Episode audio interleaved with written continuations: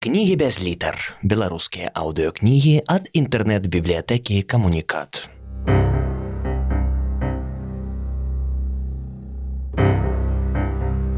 Адам Глобус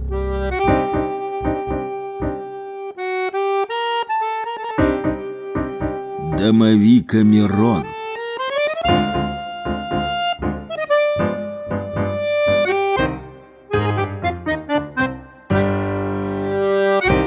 Раздел першы дамавік 1 Маладая жанчына засталася ў доме адна. Увечары настойліва пазванілі ў дзверы. Жанчына падумала, што прыйшла суседка і адчыніла. На парозе стаяў незнаёмы барадаты мужчына ў чорным скураным паліто і ў капелюшы, насунутым на вочы. Жанчына памкнулася зачыніць дзверы, але гость спыніў яе выразным жэсtam рукі ў бліскучай пальчатцы. Хто вы, што вам трэба? ледзь чутна прашаптала гаспадыня пустой кватэры.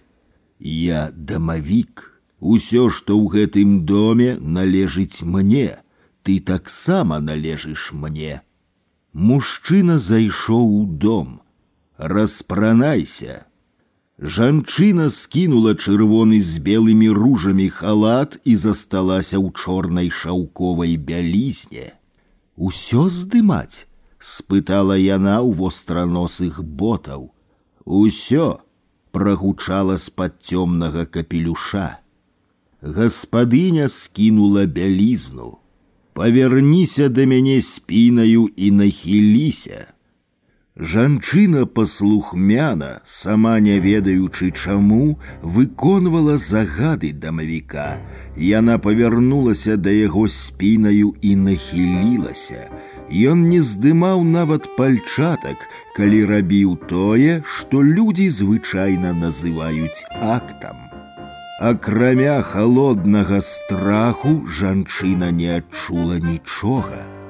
Калі маладая жанчына ў чырвоным з белымі ружамі халаце паліла тонкую цыгарету, яна была ўпэўненая, што дамавік плён яе фантазіі.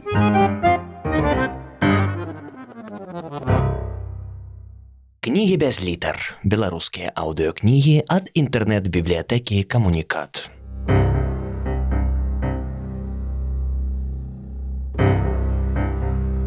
Адам Глобус.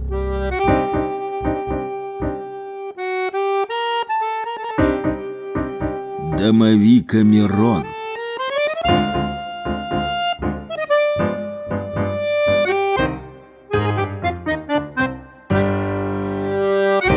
Раздел другі кадравік Жанчына прайшла доўгім калідорам і спынілася каля дзвярэй з шыльдаю аддзел кадраў, пастукала, калі ласка, пачулася з-за абабітых дэрмацінам дзвярэй.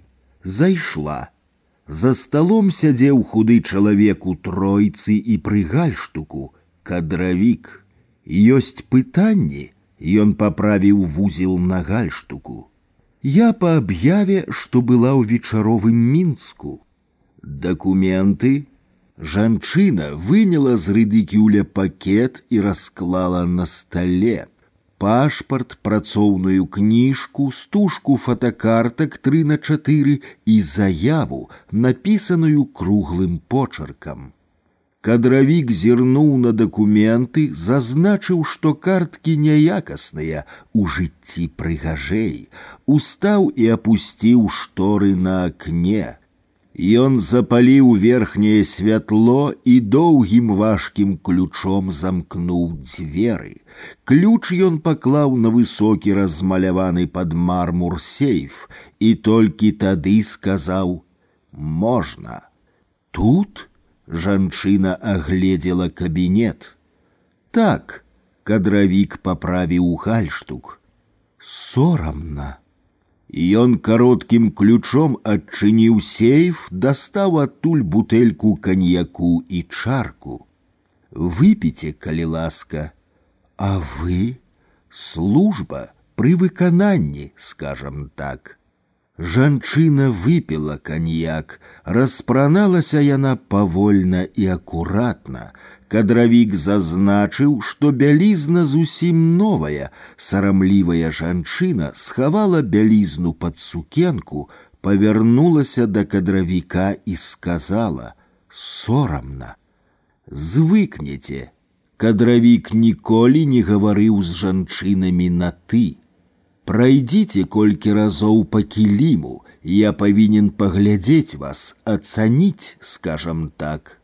Статная жанчына няспешна пайшла па кіліму. Кадравік з прыемнасцю глядзеў на яе вабныя формы і сам сабе зазначыў, што не разумее, чаму такая жанчына павінна працаваць. Можаце апрануцца, ён апусціў вочы. Жанчына бессаромна глядзела на кадравіка. Не абавязкова, сказаў ён, але я не супраць. Жанчына падышла да кадравіка і распусціла вузел ягонага гальштука. Вы атрымаеце накіраванне ў лепшую групу. Натуршчыцай жанчына працавала нядоўга, Яна выйшла замуж за выкладчыка тэхнікі жывапісу і той забараніў ёй працаваць наогул. Кадравік працягвае наліваць сарамлівым жанчынам каньяк.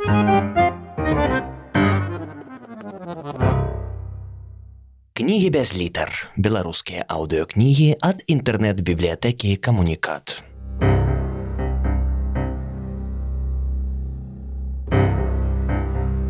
Адам Глобус.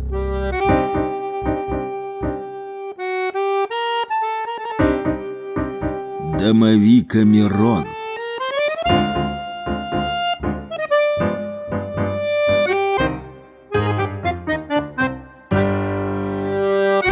Раздел третий «Водяник». Легковая машина афіцыйнага колеру мінула мост, проехала праз лес, заехала на тэрыторыю закінутага кляштара, абмінула званіцу і цагляныя выхбы разбуранага сабора, спынілася каля паруйнаванага палаца і пасігналіла. Праз імгненне за рага з'явіўся хлопец у джутавым строі. Ён адчыніў дзверцы афіцыйнай машыны, з якой выйшлі на някошаную траву дзве маладыя асобы, блондинка ды брунетка, а за імі кіраўнік. Знаёмцеся, выгукнуў кіраўнік і ўзяў хлопца пад локаць. Вадзянік, гаспадар закінутага, забытага богам і людзьмі кляштара і святой вады. А гэта мае брунетка і блондинка, імёны і прозвішчы яны пакінулі ў лесе под мостам. Пайшлі да святой вады, прапанаваў гаспадар закінутага кляштара. Чакай, кіраўнік адчыніў багажнік, дзе хавалася вялікая кардонная скрыня. Вадзянік прыхапіў скрыню і госці пайшлі па высокай траве за джутавай спінаю вадзяніка. За палацам у лагчыне стаяла на святой крыніцы лазня, збудаваная паводле праекта кіраўніка. Лазня была падрыхтаваная да ачышчэння ці забруджвання, бо ўсё залежыць ад светапогляду і веравызнання. Даведка, Кляштар заснаваны ў 15 стагоддзі на цыганскай святой крыніцы. Некалькі разоў ён пераходзіў ад каталікоў да праваслаўных і наадварот. Доўгі час у кляштары мясціўся сірочы інтэрнат, у 50-х годах нашага стагоддзя інтэрнат перавялі ў райцэнтр і кляштар канчаткова заняпаў. З 80-х на тэрыторыі кляштара жыве мужчына, прозвішча вадзянік. Блондинка и брунетка распаковали скрыню, собрали на стол, распрануліся. Яны пакінулі на сабе толькі ўпрыгожанні, бранзалеты, пярсцёнкі, завушніцы, каралі, кулоны, залатыя ланцугі, крыжы, грабеньчыкі, заколкі. Калі жанчыны разлілі па фужэрах густы каньяк, вадзянік сказаў: « не пью. Ха-ха, мовила оголенная блондинка и поправила бронзолет. Хи-хи, мовила оголенная брунетка и поправила перстенок.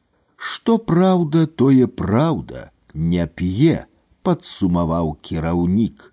Гости выпили коньяк. Музыка, сказал кіраўнік. Уключился магнитофон. Вадзянік сядзеў кутку і са смакам еў сакавітыя скрылікі кансерваванага гарбуза. Ён еў відэльцам са слойка. Горача кіраўнік расшпіліў верхні гузік сваёй афіцыйна крахмальнай кашулі. Распраніце мяне. Жанчыны спрытна распранулі кіраўніка. Танцы, танцы, танцы лазню запоўнілі кіраўніковыя воплескі. Жанчыны таленавіта затанчылі на жоўтай падлозе ў сакрэтнай лазні. Яны спакушальна пагойдвалі клубамі, плаўна выгіналі станы, сарамліва закрывалі далонямі твары. Кіраўнік змрочна піў каньяк з лімонам, а вадзянік абыякавы да падзей піў са слоіка гарбузовы марынад. Карціны загадаў кіраўнік. Жанчыны спыніліся, абняліся і старанна пачалі разыгрываць сцэны лесбіянства. Яны амаль натуралёва цалаваліся і пяшчотна лашчыліся, калі вадзянік неўпрыкмет знік са свайго утульнага кутка, на крэсле застаўся парожні слоік з-пад кансерваванага гарбуза ды відэлец у ім. Дзверы ў лазню засталіся прачыненыя. На вуліцы крулявала лета, шаравая маланка магла заляцець у лазню і спаліць яе разам з карцінамі. Так і здарылася. На папялішчы знайшлі відэлец, легкавую машину афіцыйнага колеру знайшлі толькі праз тыдзень на беразе возера свіцязь, А вадзяніка дагэтуль не беспадстаўна шукаюць, бо дзверы трэба зачыняць.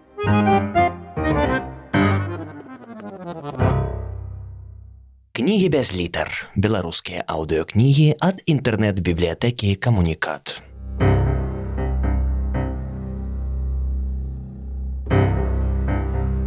Адам Глобус.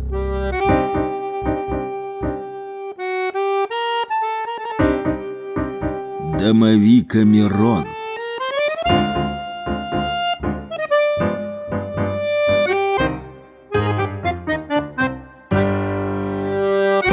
Раздел четвертый, домовик 2. Муж спаў, жонка чытала, калі ў дзверы пагрукалі, Яна паспрабавала пабудзіць мужа, але той не прачынаўся, і ён спаў мёртвым сном. Пагрукалі зноў, жонка кратком зірнула ў дзвярное вочка. На пляцоўцы стаяў і глядзеў на яе дамавік. У дамавіка быў твар добра знаёмага чалавека, чыё імя яна ніяк не магла прыгадаць. Жанчына ўскрыкнула, але муж так і не прачнуўся. Дамавік дастаў з глыбокай кішэні свайго скуранога паліто вялізную маністу рознакаліберных ключоў, выбраў патрэбныя, адчыніў замкі і зайшоў перад пакой, дзе сядзела на падлозе перапалоханая жанчына. Муж прачнецца, яна баранілася як магла не прачнецца, ён спіць мёртвым сном і можаш думаць, што ты ўдава. У перадпакоі моцна запахла вільготнай скурай. На вуліцы пэўна ліло як з вядра, бо дамавік быў ушчэнт мокры. Са скуранога крыса падалі на падлогу буйныя кроплі. Дамавік зняў капялюш, сцягнуў пальчаткі, скінуў паліто. Вастраносыя боты ён паставіў побач з наваксаванымі чаравікамі мужа. Только не тут, попросила жанчына. Тут, сказаў дамавік. Калі б у падручніку па біялогіі быў параграф дамавік, дык напэўна можна было б прачытаць такі сказ. Аднаўленне патомства ў дамавікоў адбываецца праз палавы акт. Але ў падручніку такога параграфа няма і таму тое, што адбывалася ў вітальні, назваць палавым актам нельга. Калі для жанчыны гэта і быў акт, дык для дамавіка форма дыпламатычных зносін. Ён сам так лічыў. Калі жанчына адчула задавальненне, дамавік адхінуў яе, апрануўся па-вайсковаму хутка і знік. Да самай раніцы муж праспаў як забіты. Калі муж з жонкай снедалі, тая хацела расказаць пра дамавіка і падаць гэтае здарэнне як жахлівы сон, але перадумала, бо рэўнасць можа ўзнікнуць з-за апавядання пра сон.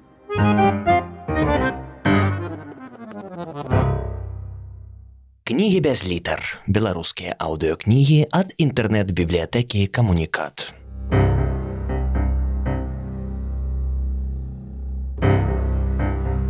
Адам Глобус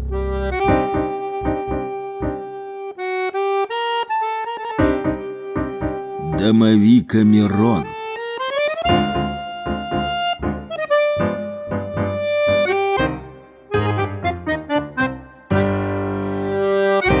Раздел пятый. Лясун.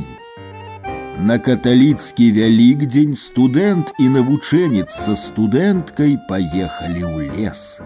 Студэнт і навучэнец неслі ў рукавох кожны па дзве 700 грамовыя пляшкі віна прамяністае, а студэнтка несла пакет з хлебам і салодкімі пліткамі. У лесе ляжаў снег, і яны доўга ішлі да паляны, дзе, як сцвярджаў навучэнец, снегу не павінна быць. На доўга шуканай паляне снегу не было. Яе засцілала леташняя трава, высушаная велікодным сонцам. Першы тост выпілі за ўваскрашэнне Ісуса Хрыста, другі за збавіцеля, трэці за любоў да бліжняга, чацвёрты за каханне. Пакуль студэнт адкаркоўваў апошнюю пляшку, навучэнец заснуў. Студэнты выпілі па глытку і заелі таннае віно салодкімі пліткамі. Бррр! покрутил головою студент. Больше не хочу. Ху, прошептала студентка. Пройдемся, прапанаваў ён. Яны ішлі па лесе, пакуль не выйшлі на паляну, дзе як і на першай не было снегу. Ён заступіў ёй дарогу і спытаўся: « Можна я цябе пацалую? Студэнтка дазволіла, Ён пацалаваў яе вельмі доўгім пацалункам і спытаўся: « Падабаецца? Калі тая сказала, што падабаецца, студэнт спытаўся: « Можна я буду цалаваць твае грудзі? Яна пачырванела як ранет і сказала: « Можна, толькі грудзі ў мяне вельмі вялікія, под кофтамі і курткамі не відаць, а так вельмі ўжо вялікія, проста жах. Студэнт расшпіліў куртку і кофту і пацалаваў сапраўды вельмі вялікія грудзі. Потым студэнт і студэнтка леглі на прагрэтую велікодным сонцам траву, не так, сказала яна, а як? спытаўся ён. Студэнтка стала на калені, схілілася і сказала: « А ты ззаду мне так больш падабаецца, бо ў мяне бліжэй да зада. Ён сказаў ёй шмат ласкавых і пяшчотных словаў, і яна сказала яму многа добрых слоў. Потым яны вярнуліся на паляну, дзе спаў прытручаны благім віном навучэнец. Студэнты дапілі прамяністае і даелі хлеб з салодкімі пліткамі. Яна заснула, ён палюбаваўся, як прыгожа, не раўнуючы тыя анёлы спяць навучэнец і студэнтка, палюбаваўся, засумаваў і пайшоў з лесу ў горад. Навучэнец прачнуўся і ўбачыў студэнтку, што спала на траве. Ён падпоўз да яе і пацалаваў. Студэнтка прачнулася, але дзеля цікаўнасці зрабіла выгляд, што яшчэ спіць. Навучэнец зразумеў, што студэнтка ўдае, быццам не прачнулася, але дзеля цікаўнасці пачаў распранаць яе. Калі ён цалкам распрануў яе і распрануўся сам, студэнтка зрабіла выгляд, што прачнулася і сказала: « не так, а я люблю так, сказаў навучэнец, калі яны пачулі чужы, не студэнтаў голас. Так нельга рабіць. Ён сеў і яна села. Яны сядзелі на траве і глядзелі на таго, хто перапыніў гульню. Перапыняльнік быў вусаты у фрэнчы з партупеяю у ботах і фуражцы з лакіраваным брылём. Так нельга рабіць, паўтарыў ён і дадаў: « Я лясун, сачу за парадкам у лесе, вы папілі і паелі, а хто фанцікі ад салодкіх плітак будзе прыбіраць, Спачатку прыбярыце, а потым мілуйцеся. Студэнтка і навучэнец пад наглядам лісуна прыбралі смецце. На праваслаўны вялікдзень студэнтка і навучэнец згулялі вяселле, а студэнта не запрасілі, бо ён не прыбіраў фанцікі.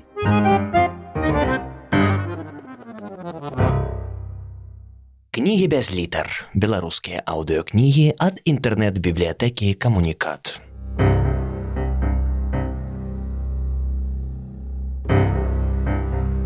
Адам Глобус.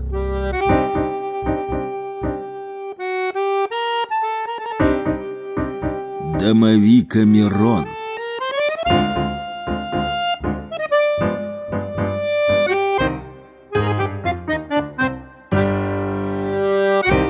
Раздел шосты. Русалка один. Муж вярнуўся з доўгае камандзіроўкі у доме ва ўсіх пакоях гарэла святло і па-святочнаму пахла печывам. Прыемна вяртацца, калі цябе чакаюць, цудоўна, калі ў доме водар печыва, добра, калі жонка цябе сустракае, падумаў ён і гучна паклікаў: Рабуня! У лазніцы шумела вода, муж пастукаў па вушаку. Рабуня! Ніхто не адгукнуўся, тады ён выключыў святло. Ой, хто тут? Пачулася праз шум вады. Запаліце святло. Муж засмяяўся, уключыў святло. Дзверы ў лазніцу адчыніліся, на кафлянай падлозе стаяла бліскуча іскрыстая жанчына. Ты мяне напалохаў, сказала яна, Я табе гэтага не дарую. Я чакала цябе, а потым ледзь не заснула. Каб зусім не заснуць, вырашыла ўзяць душ. А я чую, вода шуміць, паклікаў цябе раз, другі, ты не адгукаешся, вось і выключыў святло.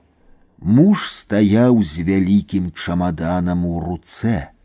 Распранайся, возьми душ, як я сумавала без цябе. Ён паставіў валізу на кафляную падлогу, зняў паліто і капялюш. Кашулю ён паклаў скрыню для бруднае бялізны. Хутчэй, паклікала яна, я так сумавала без цябе, ты сабе не ўяўляеш. Жанчына абняла і пацалавала яго. Няўжо нельга пачакаць, здзівіўся мужчына. Нельга, я і так доўга чакала. Стоячы нязручна, зручна. Іскрыстыя пырскі ляцелі на чамадан паліто капялюш. Мужчына расцёрся шорсткім ручніком, накінуў халат і выйшаў у перадпакой. Ён прычэсваўся, калі пачуў, як паварочваецца ключ у замку ўваходных дзвярэй. Калі жонка з боханам хлеба ў руках зайшла ў дом і ўбачыла знябожаны мужа ў твар, яна здзівілася і сказала: « Няўжо я цябе так моцна напалохала, Яна скінула паліто. Ведаеш, я тут усё падрыхтавала і раптам спахапілася, што ў доме хлеба няма, недарэчна выйшла. Чаму недарэчна, нармальна.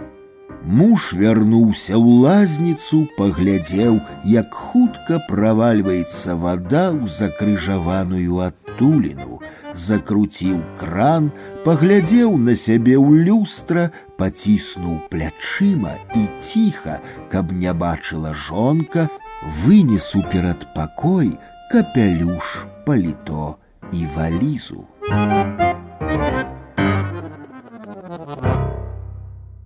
Кнігі без літар. Беларускія аўдыёкнігі ад інтэрнэт-бібліятэкі камунікат.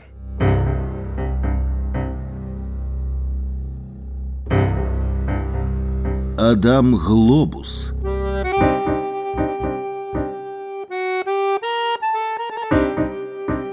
Домовика Мирон.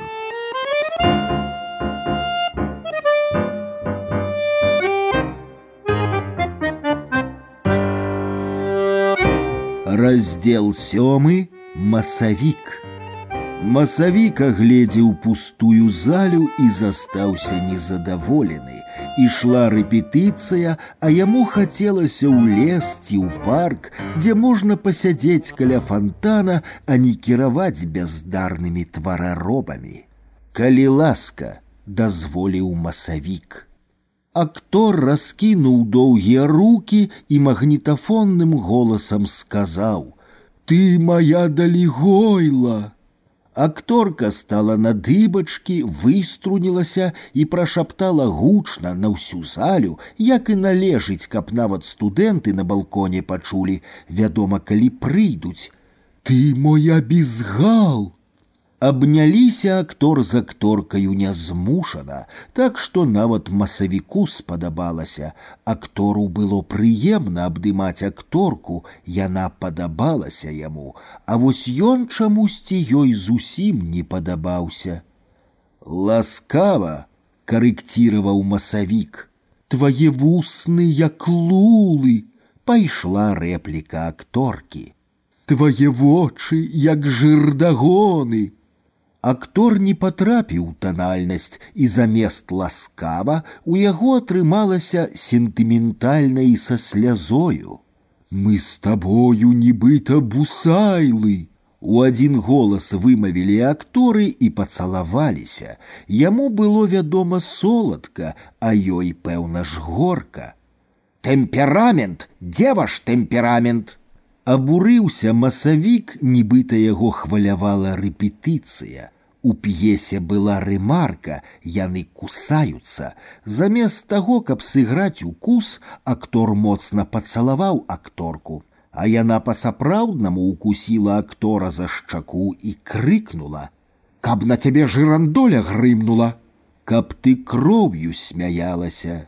Млява адказаў той і пацёр кулаком пакусаную шчаку. Выразнасць! Масавік ударыў даланёю па мяккім крэсле. Акторы разбегліся ў розныя куткі сцэны. А каб ты астыў, ты! З натуральнай злосцю атрымалася ў акторкі, бо яна кахала масавіка. А каб твою труну земля выкінула, з расейскім акцэнтам крыкнуў актор, бо ён толькі першы год іграў у беларускім тэатры і калі хваляваўся, дык быў няздатны сачыць за вымаўленнем. Жорстка трэба, жорстка і без акцэнту у нас нацыянальны тэатр, зазлаваў масавік. Нюхай, цалуй. Бе! Яна свідравала пальцам скронь. Э! Ён вываліў язык. Потым ён ускінуў кулак і рушыў на яе. Яна зазваніла зубамі. Стоп, стоп, стоп! Замахаў рукамі масавік. Акторы павярнуліся да яго і ў адзін голас сказалі: « Кадук! Масавік зніякавеў. Ты моя далігойла! Магнітафонным голосам сказаў актор і шырока раскінуў руки. Ты моя безгал! Акторка стала на дыбачкі і выструнілася. І ў гэты момант з-за недагляду рабочых сцэны опусцілася заслона.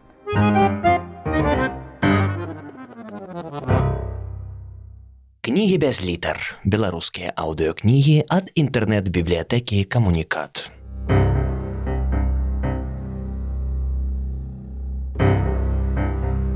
Адам Глобус.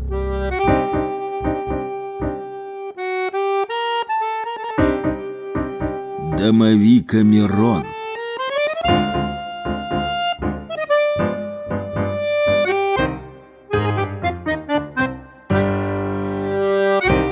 Раздел восьмы. Малы чалавек.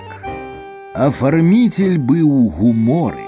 Раніца ён атрымаў ганарар за афорты да зборніка паданняў, удзень вярнуў пазыкі, а ўвечары гуляў па праспекце, спадзяваўся сустрэць знаёмага і адзначыць падзею. Ганарар як-ніяк, Вядома, можна было затэлефанаваць ці зайсці да сяброў, але тады страчвалася шчаслівая даўгачаканасць, у якую верыў афарміцель. Ён начытаўся паданняў і быў упэўнены, што лісуны, дамавікі і русалкі павінны яму аддзячыць за свае партрэты ў тоўстым зборніку. Афарміцель праходзіў каля рэстарана, калі пачуў тонкі голас – Иди ў рэстаран. Афарміцель азірнуўся, але нікога не заўважыў і пайшоў паўз рэстаранны партал. Вярніся і зайдзі ў рэстаран. Загадаў тонкі голас. Афарміцель глянуў пад ногі і ўбачыў малога чалавека, што стаяў на тратуары. Малы чалавек быў велічынёю з сярэдняга ката, калі таго паставіць на заднія лапы. На ім быў спартовы строй, а за плячыма рэч мяшок. Падабенства з катом надавалі вусы і вочы бутэлечнага колеру. Я малы чалавек. Ён падміргнуў каціным вокам. Мне даручылі арганізаваць свята ўдзячнасці. Звычайна я гэткім часам бегаю, займаюся марафонам дзеля задавальнення, а не дзеля рэкордаў як людзі.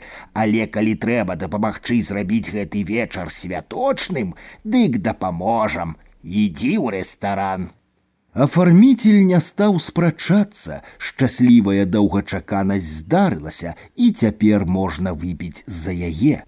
Ого, каго мы бачым, няўжо геніі ходзяць у рэстарацыі.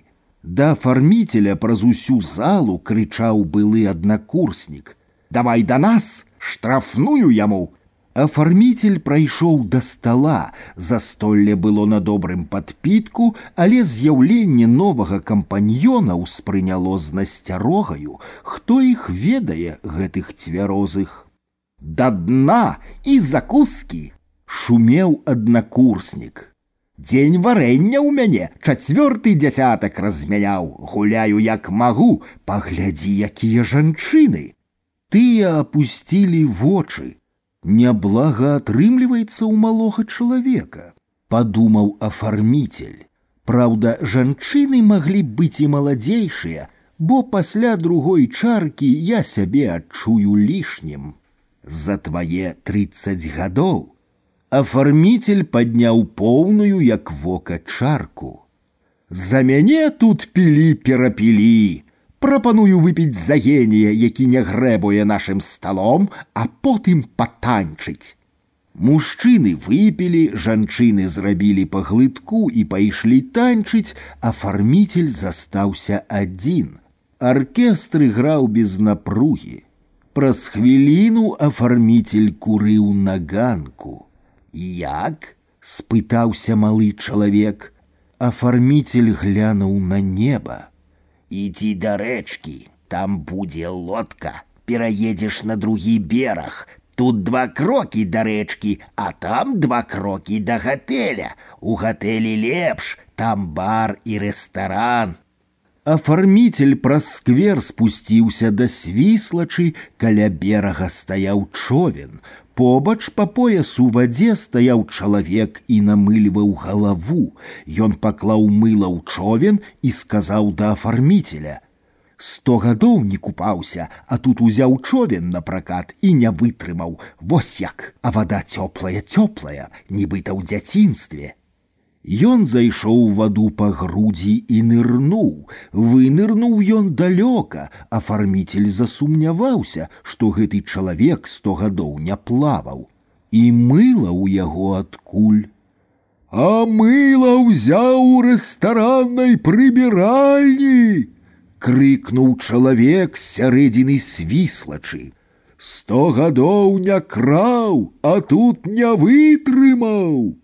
Колькі ж ты жывеш на зямлі, калі апошні раз купаўся ажно сто гадоў таму. Падумаў афарміцель. Ён спадзяваўся пачуць адказ, але чалавек выйшаў з вады і загаварыў пра іншае. Заўсёды, заўсёды так, спачатку адно захочацца, потым другое, потым трэцяе, і ні канца, ні краю. У мяне так, а ў цябе. На другі бераг хачу пераехаць. А як пераедзеш, што будзеш рабіць? Пайду в рэстаран, Дык і на гэтым беразе ёсць рэстаран. Афарміцель засумняваўся, ці варта было казаць праўду гэтаму чалавеку, і ці чалавек гэта, які сто гадоў не краў мыла ў рэстаранных прыбіральнях. Захацелася ў другі рэстаран.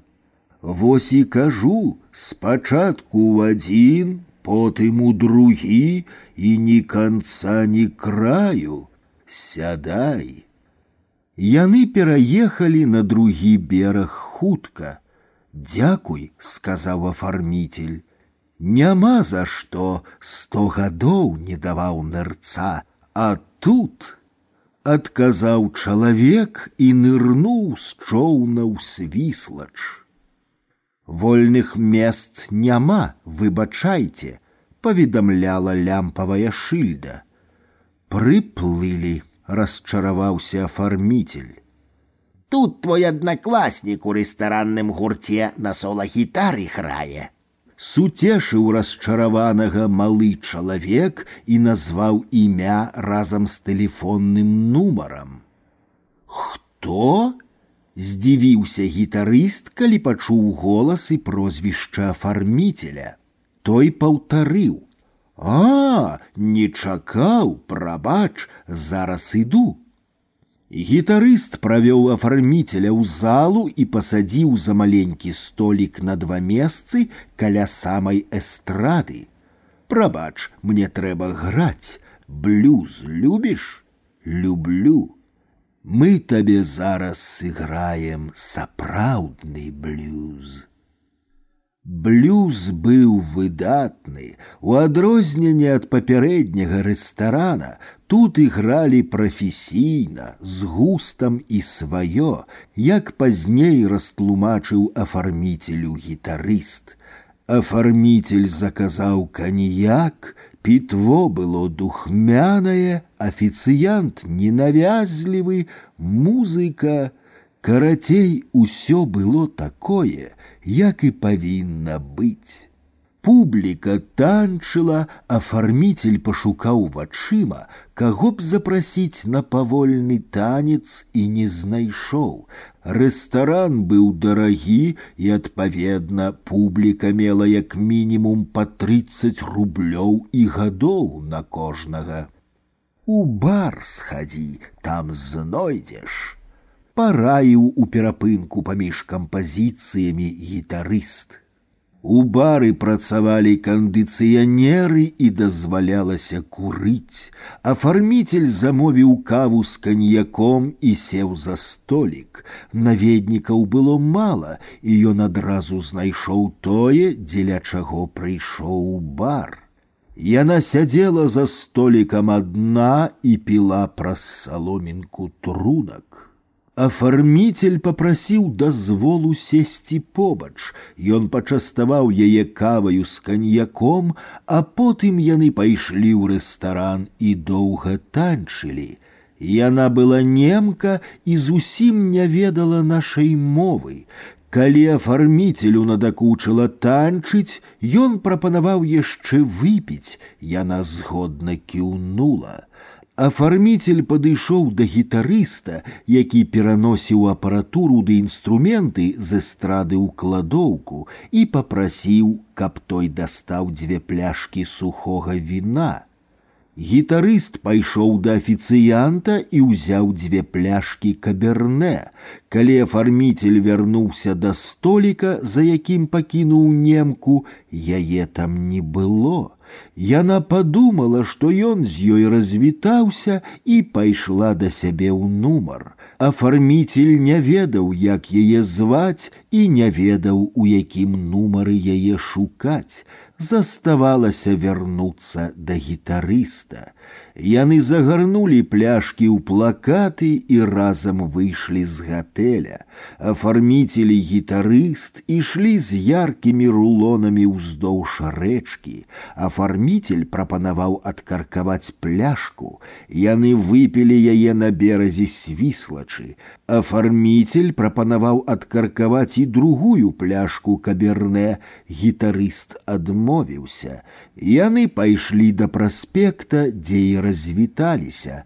Афарміцель стаяў на прыпынку, калі да яго падбег малы чалавек. Як пагуляў, Афарміцель схіліў голаў на бок і нічога не сказаў. Яшчэ не вечар, ідзі дамоў пешкі, спачатку па праспекце, а потым праз сквер на бульвар, не пашкадуеш, толькі зрабі адну фармальнасць Малы чалавек дастаў з рэч мяшка бланк і ручку. Напішы тут, малы чалавек сваё заданне выканаў, яшчэ пастаў дату і роспіс. Разумееш, паўсюль бухгалтэрыі, начальнікі, іерархія і адпаведная залежнасць. Афарміцель зрабіў усё, што прасіў малы чалавек і пайшоў дадому пешкі. Праз хвіліну яго абагнаў зусім пусты аўтобус. Афарміцель не паслухаў малога чалавека і не пайшоў праз сквер. Калі ён звярнуў завулак, яму насустрач выйшлі з двара дзве дзяўчыны. Добры вечар! павіталася дзяўчына ў малінавай сукенцы. Добры вечар, паўтарылася броўка ў сініх сандалях. Вечар добры, афарміцель спыніўся. Прабачце нам вельмі няёмка, але можа вы нас пачастуеце цыгарэтаю. Калі ласка, афарміцель прапанаваў цыгарэты.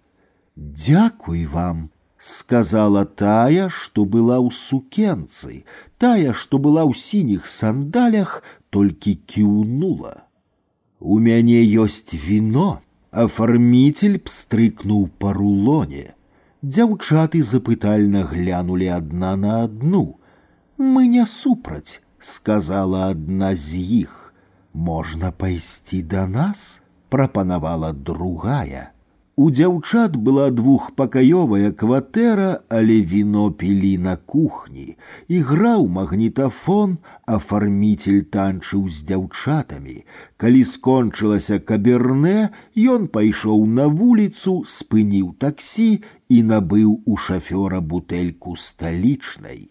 Піць афарміцелю больш не хацелася, ён і не піў, а дзяўчаты пілі з задавальненнем.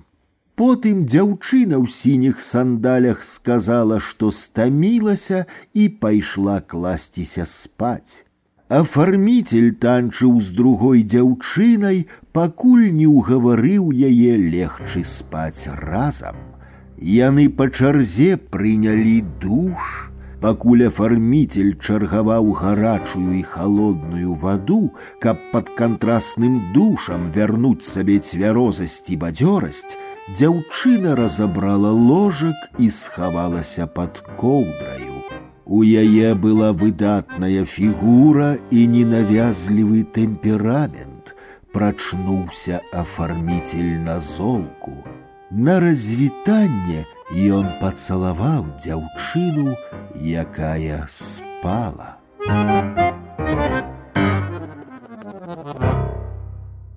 Кнігі без літар. Беларускія аўдыёкнігі ад інтэрнэт-бібліятэкі камунікат.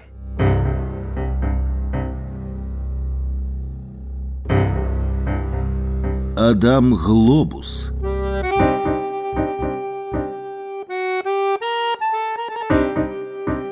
Дамавіка Мирон.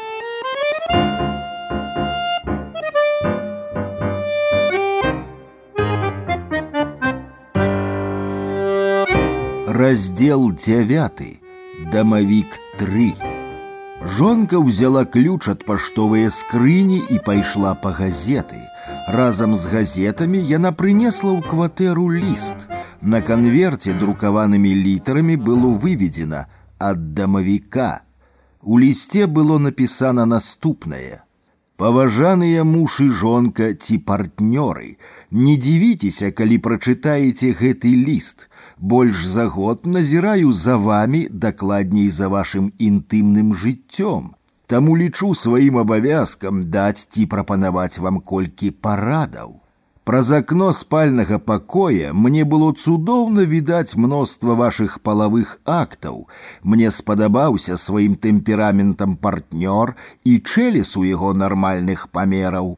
Партнёрка больш стрыманая, але таксама любіць гэты занятак. Параю вам перад тым, як непасрэдна займацца актам, поболее растягивать эротычную гульню.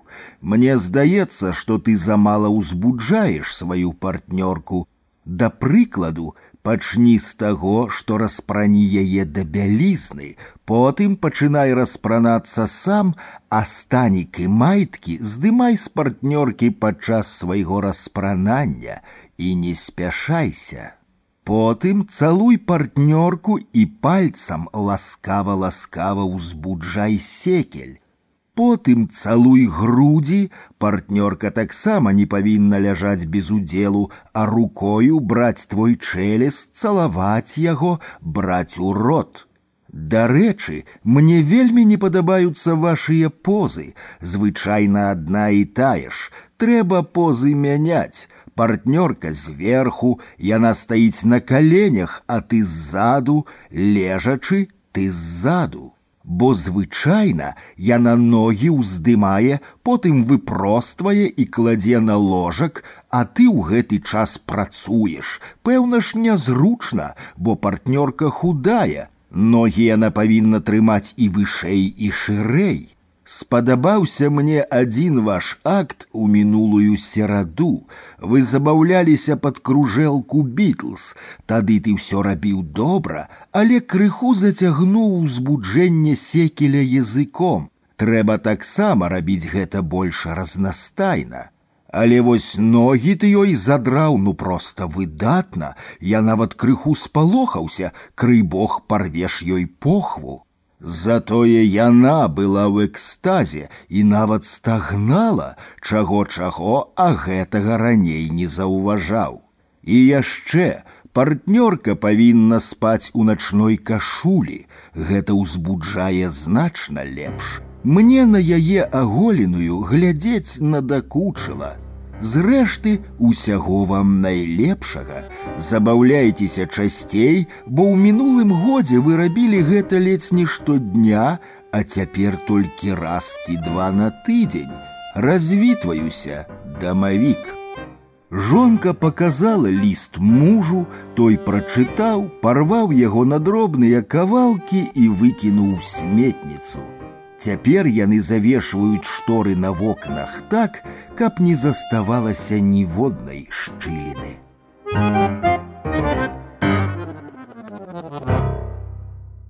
Кнігі без літар. Беларускія аўдыёкнігі ад інтэрнэт-бібліятэкі камунікат.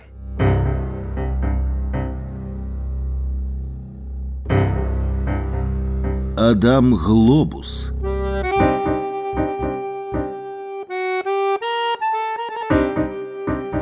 Домовика Мирон.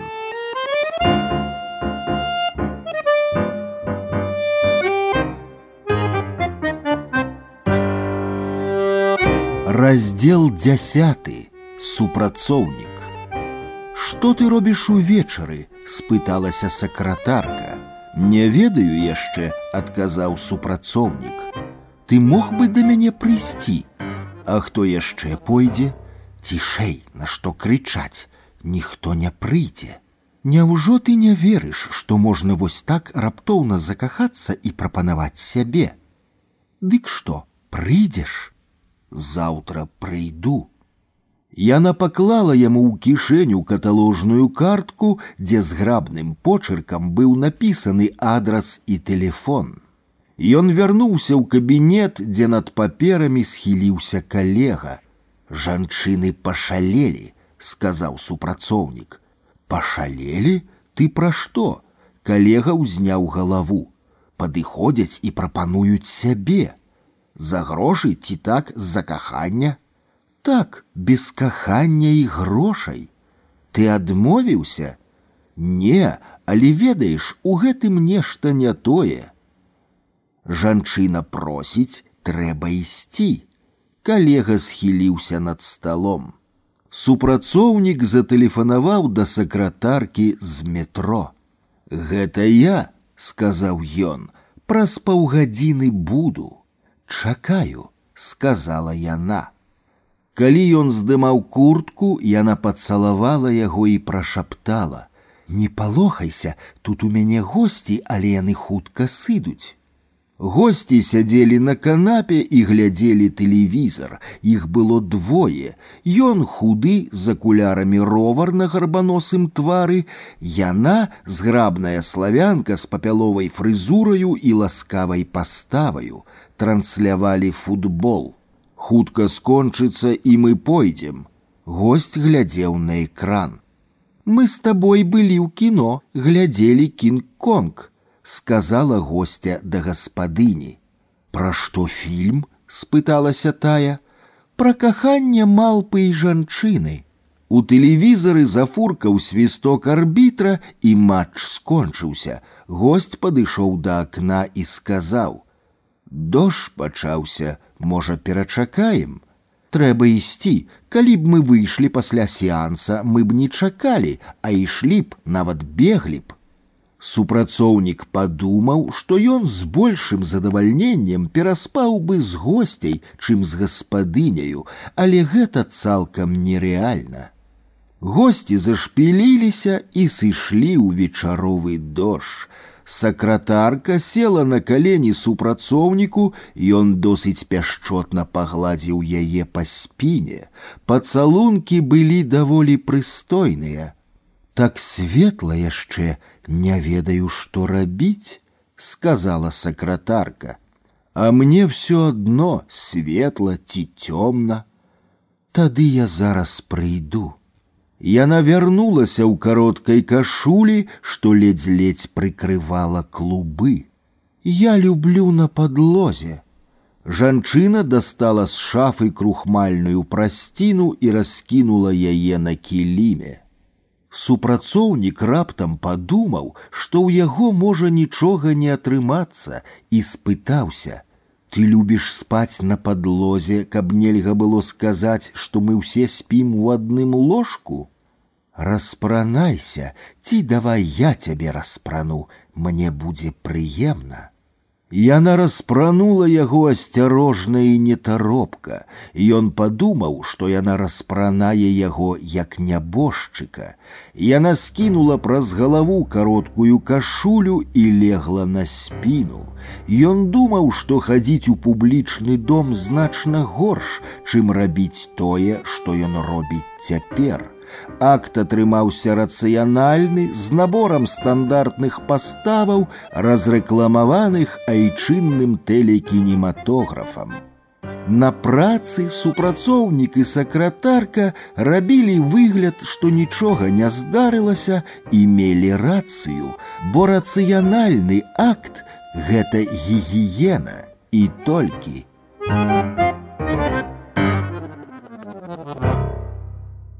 Кнігі без літар. Беларускія аўдыёкнігі ад інтэрнэт-бібліятэкі камунікат.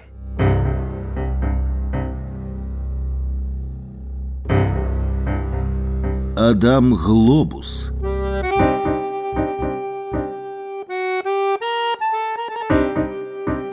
Дамавіка Мірон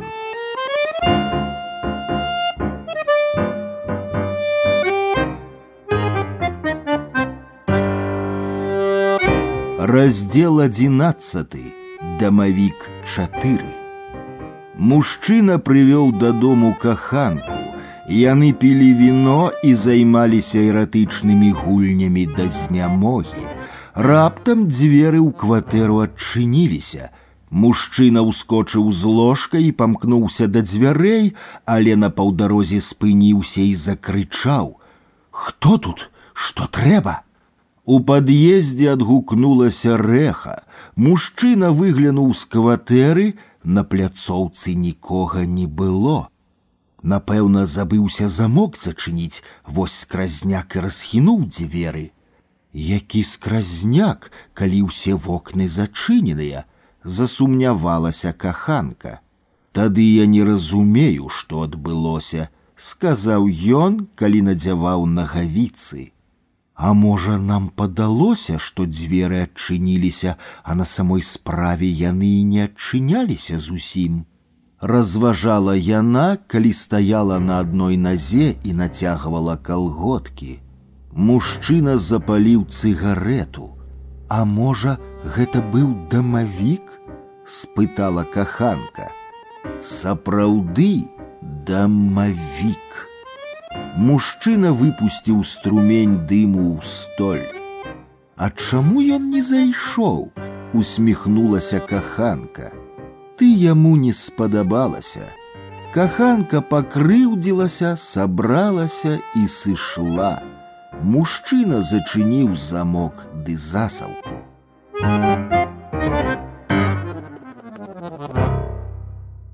Кнігі без літар. Беларускія аўдыёкнігі ад інтэрнэт-бібліятэкі камунікат.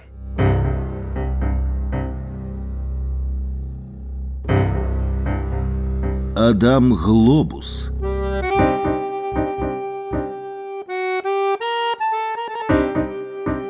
Дамавіка Мірон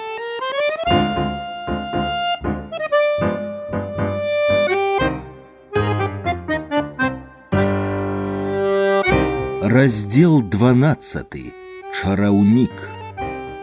На местачковай вуліцы хлопцы здзекаваліся з неразумнага антака. Антак, антак, бяжы за намі. Крычалі яны і рабілі выгляд, што бягуць. Той спрабаваў бегчы, але скалечаныя хваробаю ногі чапляліся за зямлю, і ён падаў у пыл. Хлопцы рагаталі, падымалі нябогу і крычалі: « Антак, антак, бяжы, давай вучыся, глядзі, як мы робім. Неразумны спачатку ішоў, галаву ён прытрымліваў рукою, бо тая не трымалася на шыі, падала на плячо. Потым антак, раптоўна ўцяміўшы, што ад яго патрабуюць, адпускаў галаву, размахваў рукамі і высока ўскідваючы ногі бег. Прабягаў антак тры-чатыры крокі і нібыта развальваўся на кавалкі. Галава адкідвалася на спіну, руки разляталіся, ногі падкурчваліся. Хлопец спыніўся і закрычаў: Хлопцы, не трэба, спыніцеся, ён жа заб'ецца. Хлопец крычаў, антак з астатнімі рагатаў, і ў гэты момант выскачала на вуліцу антакава маці. Што ж вы робіце, ці ж вы людзі, ці не? Кабета падняла з зямлі свайго сына і пачала абтрасаць пыл. Хлопцы уцяклі, толькі той, што прыдумаў вучыць нябогу бегаць, стаяў пасярод вуліцы. Дзякуй, што заступіўся, а то бачыш, што павыдумлялі: Хадзі сюды, нешта скажу. Хлопец падышоў, кабета ўзняла руку і дакранулася да хлопцавай стрыжанай патыліцы. Табе баліць галава, ты чуеш, як табе моцна забалела галава. Хлопец адчуў, як у яго забалела ў скронях. Чуеш? Так, ледзь выціснуў з сябе перапалоханы хлопец. Кабета паклала далонь на хлопцаву патыліцу і сказала: « А цяпер не баліць. І сапраўды перапалоханы адчуў пра халодную далонь і боль у скронях знік. А цяпер слухай, і ты так можаш рабіць, калі ў каго забаліць галава, дык прыкладзі хвораму да патыліцы і боль праз цябе пройдзе ў зямлю. Гэта самае моцнае, што я табе аддаю, а яшчэ ты так можаш лячыць маркоту, і будзеш ты чараўніком. Гэта табе моя падзяка, але чараўніком ты будзеш нядоўга, пакуль з дзеўкаю не пагуляеш. Кабета павяла свайго антака ў адзін канец вуліцы, а чараўнік пайшоў у другі. Праз тры гады пасля таго вулічнага здарэння чараўнік скончыў школу і паехаў у расійскі горад паступаць ва універсітэт. Ехала паступаць шмат местачкоўцаў, а паступілі толькі ў дваіх чараўнік ды ягоная аднакласніца габрэйка. Па дарозе ў расійскі горад з аднакласніцаю адбылося пераўтварэнне, з ірмы розенкранц яна зрабілася ірынаю стрыжонак. Пра гэты цуд ва ўніверсітэце ведаў толькі чараўнік. У інтэрнацкім калідоры габрэйка попрасіла чараўніка, каб ён нікому нічога не казаў пра яе паходжанне.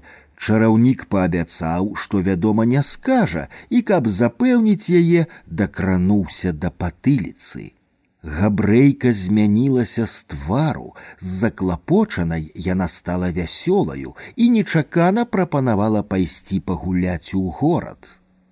Габрэйка вяла чараўніка старымі вулкамі, пакуль не звярнула ў цёмны пад'езд.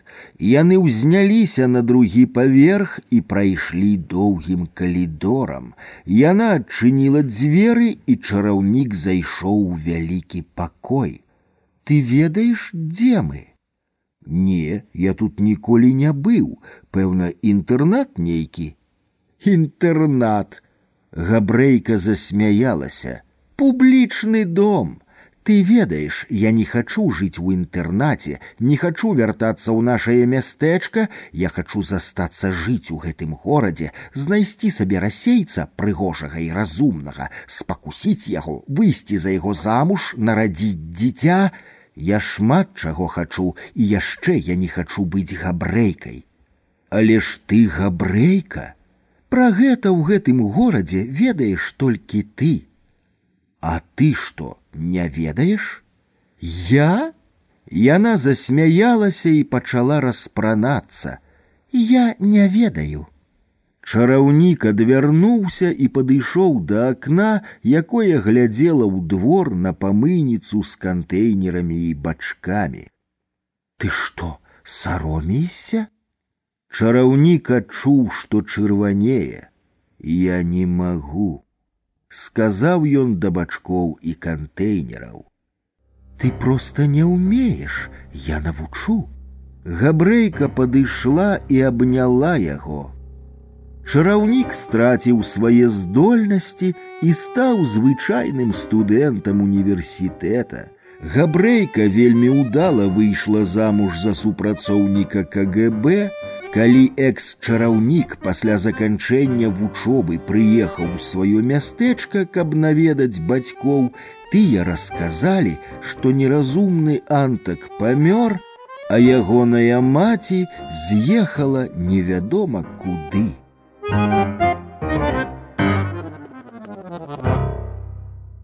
Кнігі без літар. Беларускія аўдыёкнігі ад інтэрнэт-бібліятэкі камунікат.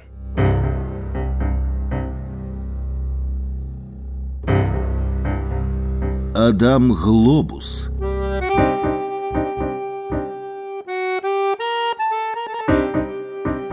Дамавіка Мирон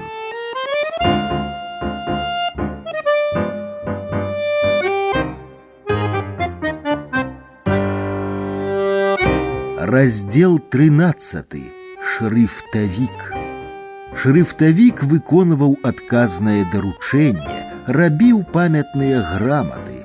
Работа ішла шпарка і майстар быў упэўнены, што хутка скончыць заказ. Але калі ён узяў літрасет, дык убачыў, што патрэбных літараў на ім не хапае.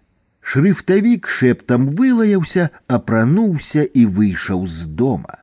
Ён абышоў усе, што ведаў крамы, дзе раней набываў літрасеты, марна. Калі шрыфтавік выйшаў з універмага Беларусь, дык вылаяўся ў голас і гучна, а калі з яго вылятала апошняе брыдкае слова, ён раптам знайшоў вырашэнне праблемы. Шрифтавік вярнуўся ў аддзел канцылярскіх тавараў, размаляваная гандлярка глядзела на майстра як мінімум цынічна. Прабачце, калі ласка, дзеравяным языком пачаў той. Я мастак і працую над афортамі, а тут раптам бачу вас і, Нават поверыць сабе не магу, вы якраз той вобраз, які доўга шукаў. Можа, калі вы не супраць, я намалюю ваш партрэт. Гэта ты сур'ёзна? Цынізм змяніўся на недавер. Вядома, сур'ёзна, дык вы не супраць, я спадзяюся. А што я буду за гэта мець? Недавер змяніўся на цікаўнасць. Звычайна натуршчыцам плацяць грошы, магу падарыць вам афорт ці акварель. Добра, потым пагаворым, а пятай чакаю на трамвайным прыпынку. Шрифтавік вярнуўся ў майстэрню, прыбраў, на сцены ён павесіў некалькі старых, яшчэ студэнцкіх эцюдаў з заголенымі жанчынамі. А пятай шрифтавік сустрэў на прыпынку гандлярку. Тая пацікавілася, ці далёка ехаць, і калі даведалася, што далёка, дык узяла мастака под руку і павяла на таксовую стаянку. У майстэрні гандлярка з вульгарнай цікаўнасцю разглядала і нават кранала старыя эцюды. І гэтыя старыя Б не сароміліся трэсці абвіслымі жыватамі перад такімі, як ты, здзіўлялася яна. У Парыжы прафесія натуршчыцы адна з самых прэстыжных. Шрифтавік дастаў з лядоўні бутэльку венгерскага рыслінгу. Мы ж не ў Парыжы, ды і наўрад ці гэтыя тоўстыя Б змаглі б там уладкавацца на добрае месца, акрамя воцату у цябе нічога няма. Рыслінг добрае віно, але ёсць яшчэ паўпляшкі гарэлкі. Сам пі воцат, а мне гарэлкі налі. Шрыфтавік пашкадаваў, што запрасіў гандлярку. Пасля трэцяй чаркі яна пачала расказваць брыдкі эпізод са свайго працоўнага жыцця.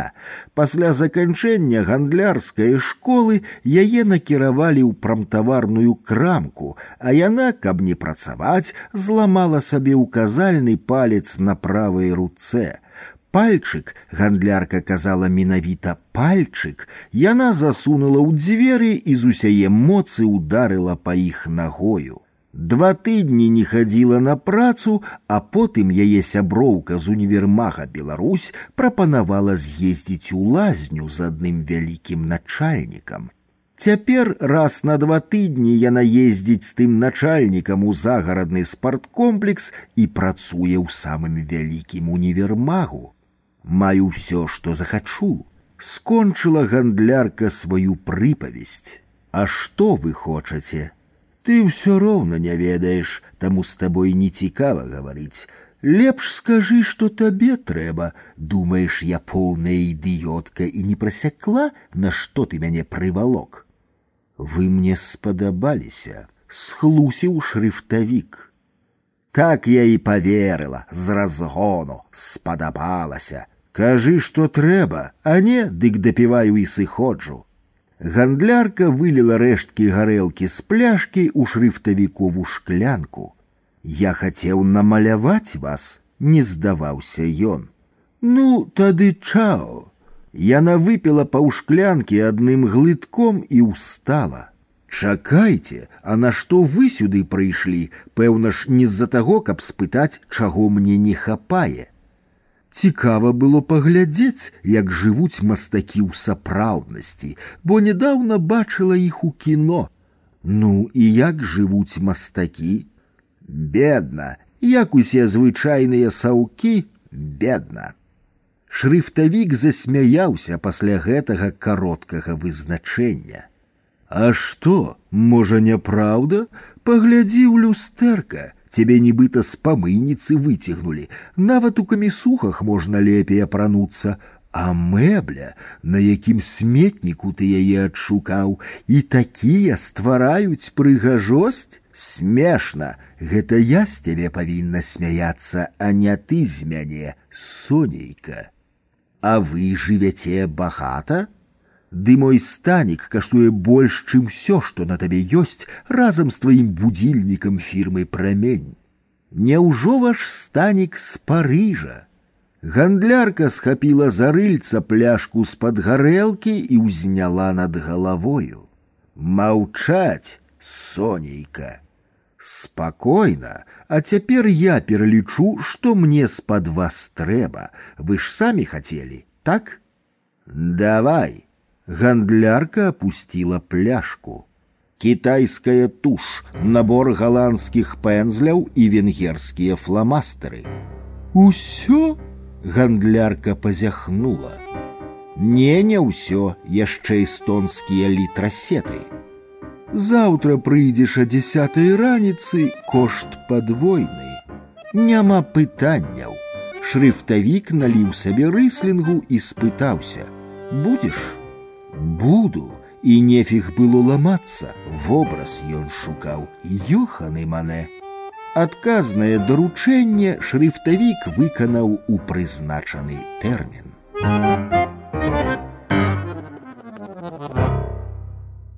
кнігі без літар беларускія аўдыокнігі ад інтэрнэт-бібліятэкі камунікат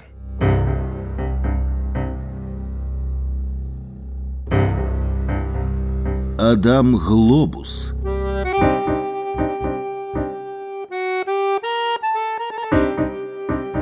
Домовика Мирон.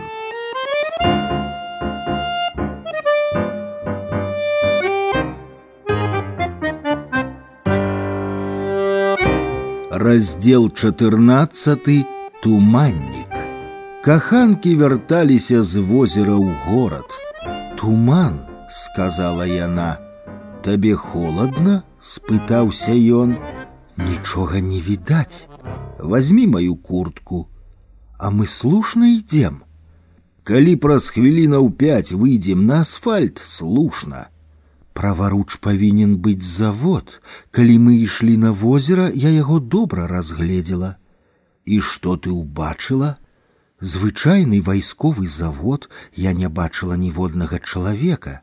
Якая драма, нават калі падыдзем да завода, дык нічога не зможам даведацца, і пільны вартавы нас можа забіць. У такім тумане ён нас заўважыць у самы апошні момант і адразу без усялякіх папярэджанняў стрэліць.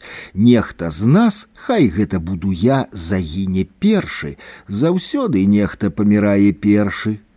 Можна пайсці ў другі бок, лепш пачакай. Ты хочешь просто на сцежцы? Я хочу не просто, а на сцежцы. Як толькі мы пачнем, адразу нехта з'явіцца. Гэта будзе матэрыялізацыя страху. Я не баюся, толькі лепш сысці са сцежкі. Каханкі пайшлі па высокай жнівеньскай траве. Тут балота, расчараваўся ён. Давай пяройдзем на другі бок, прапанавала яна. А чаму ты голіш валасы пад пахамі і на жаночым месцы? Каб табе спадабацца? Ціха, нешта жалезнае упала на асфальт. Нічога не чую. Цішэй, слухай, чуеш? Крокі набліжаюцца. Каханак перайшоў на шэпт. Нехта ідзе па сцежцы. Крокі набліжаліся, каханкі выразна чулі, як нехта прайшоў зусім побач, здаецца, працягні руку і схопіш, але яны нікога не ўбачылі. Над высокай жнівеньскай травою стаяў туман. У мяне такое адчуванне, што гэта не чалавек і што ён не сышоў, а стаіць і назірае, і ён нас бачыць, а мы яго не. А хочаш ведаць, хто гэта быў? Зноў пра пільнага вартавога? З вартавым ясна, а тут ёсць паданне, нібыта ў тутэйшых мясцінах жыве туманнік. Раз на год ён забірае чалавечыя душы да сябе ў балотнае царства, робіць злачынствы. Ішоў п'яны, упаў з моста і утапіўся. Машына ўрэзалася ў дрэва і шафёр загінуў, але кажуць, што робіць ён гэта толькі раз на год. І ты верыш? Веру, не веру, але цікава. Давай забудзем пра гэтага туманніка, я ўжо забыла. І я забыў, у цябе такія прывабныя калені каханак пацалаваў калена сваёй каханкі. А чым табе падабаюцца мае калені? Яны такія круглыя і акуратныя, а яшчэ мне падабаюцца твае сцёгны і... Каханак пацалаваў каханку крыху вышэй калена. А чым табе падабаюцца мае сцёгны? Яны светлыя, а яшчэ мне падабаецца тваё жаночае месца, якое ты так чыста пагаліла. Праз туман да каханкаў даляцеў віск машынных тармазоў і рэзкі ўдар жалеза аб камень. А я забыла, што дарога зусім побач, давай падыдзем паглядзім, можа трэба дапамагчы? Каму дапамагчы туманніку? вар'ят ідзі дапамагай ты что доктарка як ты зможаш дапамагчы адна не пойду разумна пабудь тут я схаджу чакай я не хочу заставацца адна ў гэтым праклятым тумане глядзі асфальт значыць мы слушна ішлі вуні машина хуткая дапамога чакай я адзін не падыходзь Что там? Мяне зараз выверне. Яны мёртвыя, я пойду пагляджу. Лепей не хадзі. Давай разам падыдзем. Каханкі падышлі да скарабачанай машыны. Які жах, а шафёр да цябе падобны, паглядзі і профілі валасы і нават руки. Лепш пойдзем адсюль, ты адчуваеш пах крыві, цяжка як на бойні, праўда? Слухай, а чаму гэта дарогу бетонным плотам перагарадзілі? Давай я тебе падыму і паглядзіш, што за плотам. Нічога не відаць, трава, дарога і туман. А цяпер пайшлі адсюль гэты пах крыві становіцца нястерпны. Калі ісці шпарка, праз паўгадзіны будзем у горадзе. Каханкі ледзь не беглі. А доктарка ў машыне была падобная да цябе. Гэта ты гаворыш, каб аспрэчыць сваё падабенства да шафёра. Глядзі, нехта знак аб'езд паваліў. Давай паставім. Не чапай, хай ляжыць, хай усё застанецца, як было, нібыта нас тут няма. Можа, твой туманнік і знак паваліў. Вядома, туманнік і да машыны не трэба было падыходзіць, усё роўна не дапамаглі б. Ведаеш, у маіх суседзяў на мінулым тыдні захварэла дзіця.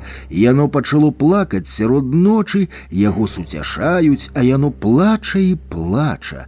А я ляжу і слухаю, як плача дзіця і як маці з бацькам яго суцяшаюць. Я магу толькі слухаць плач за сцяной. І чым скончылася? Дзіця супакоілася, я заснуў. Бачыш мост, за ім бензакалонка і тэлефон-аўтамат. Каханкі накіраваліся пад мост, туман зрабіўся густы, што цэмент.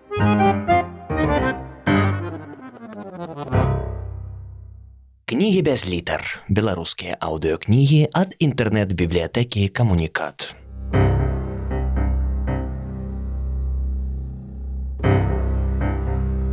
Адам Глобус.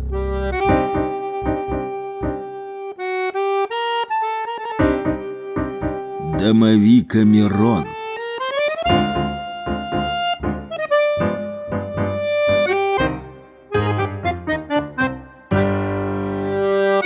Раздел 15.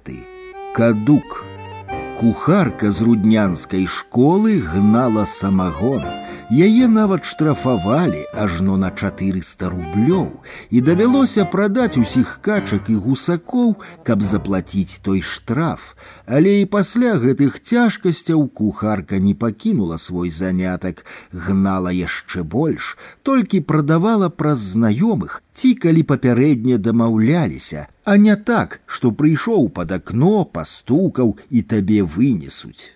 А ў вёсцы суседняй якраз раскватаравалі дрэнажнікі. Балотаў у нас мора, куды вокам не кінь балота, і дрыгва ёсць і чортавы вочы, а дрэнажнікі вядома, што за людзі на такую работу бяруць нават пашпарта не пытаюцца, Вось яны і дамовіліся з кухаркаю, што тая ў самую глухасць ночы будзе прыносіць ім па пяць літраў самагону, трохлітровы і двухлітровы слоікі, за што плацілі ёй ажно 15 рублёў.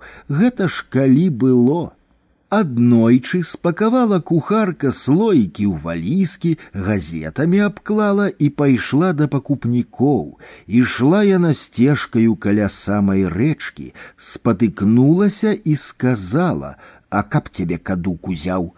Ну і пайшла далей паўзвяллю, аж бачыць, нехта на мосце стаіць. А трэба ж на другі бок перайсці. Можа, які дрэнажнік выйшаў сустракаць, Подумала, ды на мост выйшла, аж бачыць, што перад ёю не чалавек, не звер, а нешта страшнае з вялізнай калматай галавою, маленькімі свінымі вочкамі і шырокім горлам. А адзежа на тым страшыдле звычайная, што і ў дрэнажнікаў, фуфайка, нагавіцы брызентавыя, ды боты гумовыя з закасанымі халявамі. Хотела кухарка обминуть тое страшыдла, а яно дорогу заступае. Спужалася тетка, але выгляду не падае. Кажа: « Што гэта вы, мужчына, тут робіце такою парою? а страшыдла як раззявіць сваю пашчу поўную тонкіх крывых зубоў што ў шчупака і як зараве у беднай цёткі всё нутро пахаладзела і голас задрыжэў можа вы мужчына самагону хочаце дык у мяне ёсць Поставила кухарка свае валізкі на мост, дастала двухлітровы слоік і страшыдлу падала. Той зубами накрыўку капронавую сарваў, самагон выжлукціў, слоіку рэчку кінуў, вусны языком аблізаў, нібыта ён не самагон піў, а хлебны квас. Ну, то я ўжо, можа, пайду, попытала кухарка і хацела ўжо ісці, і валізкі ў руки ўзяла і павярнулася да пачвары спінаю, як чуе, што рука лапа ёй на плячо лягла а пазногці на той лапішчы вострыя, доўгія і блішчаць, што жалезныя. Што гэта вы надумаліся, мужчына, мы ж з вами незнаёмыя зусім. Азірнулася яна і ўбачыла пашчу разяўленую, дзе замест языка полымя гарыць. Ну, калі вы надта ўжо хочаце, дык можаце і гэта зрабіць, только я сама все скину, каб вы своими кипцями мне сукенку не подрали. Падрыхтавалася тетка і страшыдла падрыхтаваўся, а як пабачыла кухарка чэлестае пачвары, дык ледзь прытомнасць не страціла, бо падумала, што не зможа прыняць у сябе такі вялізны орган, не раўнуючы конскі, але другі страх, што страшыдла жыццё забярэ, перасіліў першы спалох. Узяла кухарка ў руки пачварны чэлес і як магла акуратна пачала ў сябе запраўляць і неяк заправіла, ад жаху нават болю не пачула. Больш як гадзіну трывала цётка тую любоў, а потым сілы пакінулі яе, цела абмякла, свядомасць затуманілася. А як мёртвы сон агарнуў цётку, дык раззявіў той звер пашчу на ўсё шырокае горла і праглынуў пакутніцу. Парудні доўга хадзілі розныя плёткі, казалі і на дрэнажнікаў, што гэта яны абрабавалі, сквалцілі і забілі кухарку. Казалі і па-іншаму, нібыта кухарка ўцякла з бухгалтарам, які дрэнажнікам зарплату прывозіў. Адна зусім старая баба расказвала якраз тое, што я запісаў. Кадук яе ўзяў распусніцу. Гэтая пачвара пахапала б усіх людзей, каб ёй было вольна на гэты свет з'яўляцца. Але Бог так зрабіў, што яна сама не мае ўлады над сабою, а чакае, пакуль паклічуць, не кліч кадука.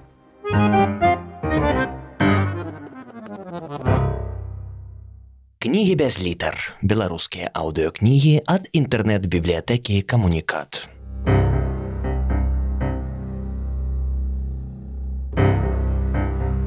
Адам Глобус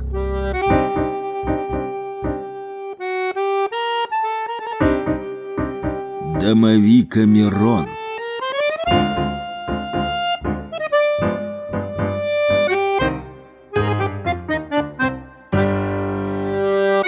Раздел 16. Телоохоўнік. Окей, значит, до столицы, а я дороги люблю. Сядешь, едешь, у мяне ўсё жыццё дорога, толькі гэта не для газеты. Я адной табе належу, як спяваюць цяпер Беларусь моя. Я больш ні-ні. Маё жыццё гэта маё жыццё. Вось каньяк бяры адкаркоўвай, дай сюды, бачу, не ўмееш. Вось так, загад выкананне, намёк выкананне. Ён падумаў, а я ўжо раблю. Хто ён, хто я, ціха, не для газеты. Вось едзем, ні ты мяне не ведаеш, ні я цябе не ведаю, любата, і знаёміцца не будзем. Суседзі, спадарожнікі мы і дастаткова. Давай сусед па маленькай, як кажуць за знаёмства. Хух, лады? Гэта ж я спамінак, брат у мяне быў, жыў, жыў і памёр. Двое нас было, я ды ён і больш нікога, ні маці, ні бацькі, ні цёткі, ні дядькі. Толькі родны інтэрнат пад мсціславам, аднаму яму належым, як цяпер спяваюць. Да войска я за братам глядзеў, я ў салдаты, ён у турму.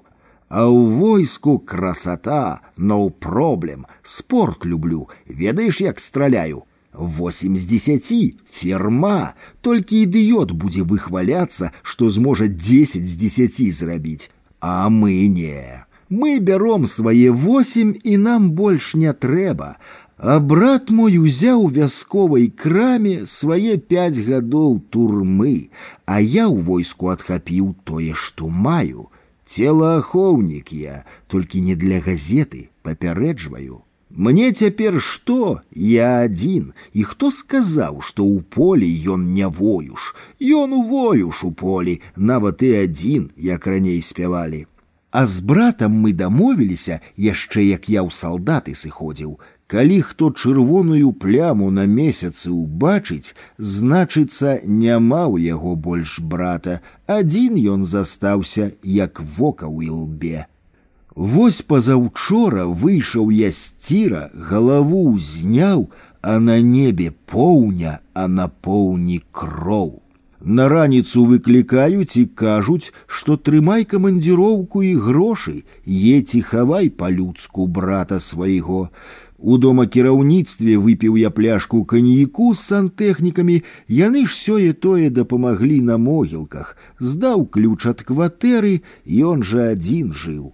И вось еду, а тут ты, так что дринк за брата майго і забыліся. Лепш пра другое, пра што два мужики павінны гаварыць, слушна пра жанчын, раскажу пра пантэру, пра манекеншчыцу, фермовая дзеўка, на часопісных вокладках яе фэйс класна глядзіцца. Ды што фэйс, там такія ногі, атам глянуць і памерці, а пастава гнуткая, што ў пантэры. Пазнаёміліся мы ў Румыніі, паехалі з візітам, а каб не сумаваць на ўрачыстых вячэрах, прыхапілі калекцыю нацыянальных строяў. А хто гарсеты дынаміткі будзе дэманстраваць? Ясна хто, дзяўчаткі, прыгажуні нашыя. І ўсе пры справе і ўдзень і ўначы, і ўсе смяюцца, і пантэра смяялася ў дзень, а ўначы я да яе, а яна мне ноу. Тады я ёй ціха-ціха кажу, што болей за мяжу не паедзе, сказаў і пайшоў свой нумар, а праз пяць хвілін тукі-тукі. І цэлую ноч быў фак-арт. Як яна прагінае спіну, як дапамагае, талент, гений, я пять разоў адлятаў.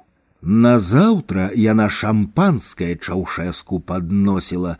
Такое жыццё, брат, а чаўшэску інтэлігентны чалавек, сціплы, мне дык вельмі спадабаўся, еўрапеец, толькі не трэба параўнанняў, а яго забілі, дзікунства. Ён у пантэры келіх узяў, па ўсім было відаць, што спадабалася прыгажуня. Гэта ж яна думала, што праз фак ёй шампанскае насіць даручылі, а на самой справе з-за твару, ног, ну і за арт, вядома. І было ў мяне з пантэрай румынскае каханне. А вярнуўся і адразу выклікаюць і пытанне задаюць, Хто гэта за мяжу больш не паедзе і смяюцца. Заклала мяне пантэра, вось табе і маеш. Ведаеш, я прыдумаў, будзеш братам маім, Акей, а як убачыш кроў на месяцы, ведай, мяне больш няма, а цяпер бай-бай.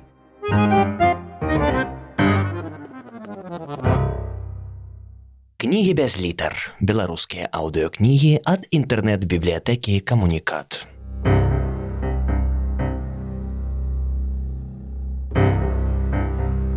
Адам Глобус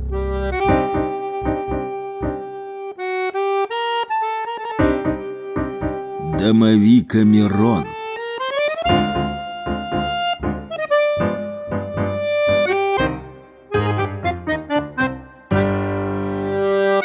Раздел 17. Эмігрант. У пятніцу эмігрант вярнуўся з варшавы ў мінск на светлым мерседесе, які падаравала яму заможная жонка палячка. Знаёмыя наляцелі як восы на цукар, абдымкі, пацалункі, балбатня, захапленне машынаю і апранахамі, жарцікі, развітанні, нарэшце пустата і самота. Эмігрант затэлефанаваў даўняму сябруку, які з радасцю пагадзіўся пабыць за рулём мерседеса. Суботу і нядзелю эмігрант прасядзеў сваёй мінскай каханкі разам з сябруком і ягонай чарговай нявестаю. У панядзелак усе чацвёра наведалі выставу, дзе каханка і нявеста дэманстравалі прывабнасць ажно з 17 фотаплакатаў. Эмігрант засумаваў, развітаўся і пайшоў пешкі да бацькоў. У аўторак ён выклікаў сябрука ўвечары. Той завёз эмігранта ў глінтвейню, што ў дварах траецкага прадмесця. Народу ў глінтвейні было шмат, і эмігрант з сябруком падселі за стол да чалавека з пераламаным носам. Той весяліў дзвюх маладзіц. Эмігрант выпіў 100 грамаў пасольскай гарэлкі, і яму захацелася пазнаёміцца з суседзямі па стале тым больш што твар з пашкоджаным носам быў знаёмы, а маладзіцы былі пэўна ж з тых, хто не прымушае доўга ўгаворваць. Я вось толькі што прыехаў з варшавы, пачаў эмігрант, і магу вам сказаць, што тут лепш, чым там. Маладзіцы натапырыліся, не раўнуючы вераб'і на марозе. Ведаю, сказаў чалавек з перабітым носам. Я нават ведаю, хто ты такі. Я таксама цябе недзе бачыў, эмігрант спрабаваў успомніць, але не здолеў. На ратушы у хіповыя часы ты на ратушы быў каралём, і нават мянушка твоя князь. Гэта ў мяне ад прозвішча, князькоў, толькі я цябе ніяк не ўспомню. Пэўна, з-за носа меркаваў чалавек са шнарам на пераноссі. А што такое ратуша уставіла адна з маладзіц. Сквер насупраць дома ўрада, адказаў эмігрант. А чаму тут лепш, чым там? пацікавілася другая. Тут мама, тата і каханне. Ціха адказаў эмігрант. А мы вось выставу фотаплаката адзначаем, паведаміла тая, што пыталася пра ратушу. А што гэта твае плакаты на выставе? Эмігрант пачаў заікацца, калі звярнуўся да суседа па стале. Мае, усе, усе. Эмігрант помаўчаў, супакоіўся і спытаўся: « А ты мог бы зрабіць мой портрет, толькі каб я на ім быў на 12 гадоў маладзейшы, каб я быў такі, як на ратушы, кароль хіпі, я далярамі заплачу. Чалавек з непрыгожым носам паглядзеў на самаўпэўнены твар эмігранта, успомніў, што ў таго былі доўгія да плеч валасы і сказаў: « Магу, дамовіліся. А цяпер, дзяўчаты, я вас запрашаю пакатацца на белым мерседесе. Вядома ж, калі фотамайстра не будзе супраць. Буду толькі рады, калі ты, князь, пакатаеш дзяўчат. У мяне яшчэ ёсць справы на вечар. Мерседес плаўна адкаціўся ад ганка глінтвейні, на якім прыпальваў цыгарету чалавек з крывым носам. Раптам шыкоўная машына дала задні ход, эмігрант высунуўся з акна. Тут толькі не фатаграфуй больш маю каханку без трусоў. Ён зноў заікаўся. У сераду эмігрант прагуляў больш за 500 дзеравяных рублёў разам са сваімі новымі сяброўкамі з глінтвейні, у чацвер раніцай ён развітаўся з бацькамі. Мама плакала, а ўначы эмігрант перасек мяжу.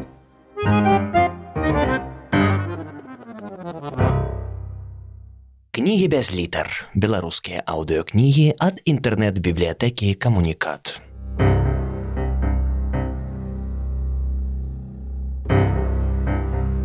Адам Глобус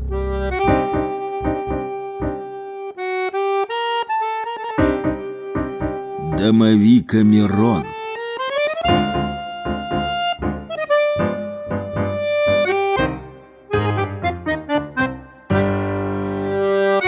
Раздел 18 Божая маці Рэстаўратар сядзеў на рыштаваннях у хрысціянскім саборы.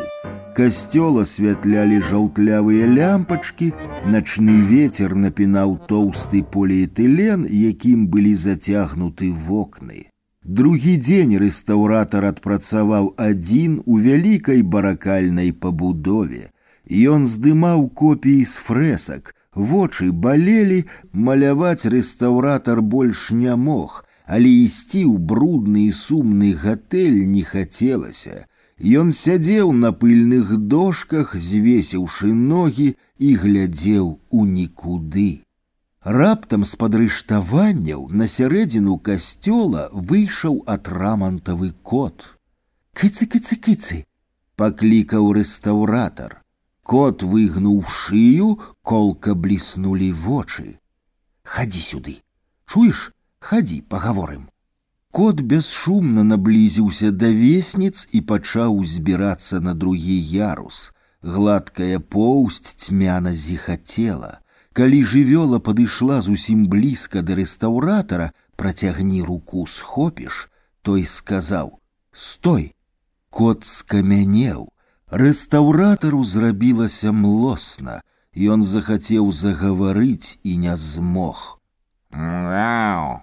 Жывёла прагнулася, нібыта каб скокнуць. Пай пайшоў прэч, чорт хвастаты. Рэстаўратар замахнуўся. Кот падаўся назад, завярнуўся і пайшоў да весніц. Рэстаўратар неадрыўна сачыў за атрамантавай спінай, пакуль тая не схавалася за рыштаваннямі. Ой рана на Івана заспяваў рэстаўратар. Моцны голас запоўніў саборную прастору. На купалу ночка мала, ой рана на Івана. Рэстаўратар нечакана абарваў спевы, убачыў, як аблокі, намаляваныя на сцяне, зрушыліся і паплылі скрозь рыштаванні. Анёл з белаю лілеяю ў руцэ ўзмахнуў крыламі і плаўна ўзняўся пад купал. Мастак пабачыў ранішні краявід, які ляжаў за саборам, тое самае мястэчка, тая самая осмужанная легким рачным туманам долина, З неба по белых облоках ішла жанчына. Божая маці! Мастак пачуў свой голас. Гэта Божая маці. Слухай, заговорила жанчына, яны прыйдуць і прагоняць цябе, Яны прагоняць, і ты паслухайся і сыдзеш, сыдзеш і вернешся, але яны не адчыняць дзверы. Зноў і зноў ты будзеш вяртацца, цябе чакаюць. Жаночая постаць растала ў аблоках. Рэстаратар прахапіўся. Бляклыя лямпачкі ледзь асвятлялі напаўразбураны інтэр'ер сабора ўспення дзевы Марыі. Праз колькі тыдняў рэстаўратара звольнілі, бо ў нерабочы час ён пачаў пісаць пано страшны суд, якое выклікала пратэсту кіраўнікоў. Калі рэстаўратар збіраў па рыштаваннях свой рыштунак, дык прыклаў далонь да намаляванага анёлавага пляча. Сцяна была цёплая. Праз год рэстаўратар, які працаваў маляром, наведаў мястэчка, дзе высіўся былы кармеліцкі сабор успення дзевы Марыі. Касцёл быў замкнёны. Гаварыць пра бачанае человек боится.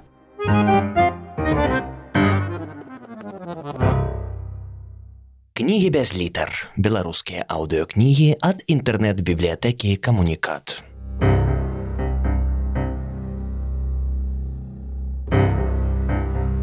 Адам Глобус.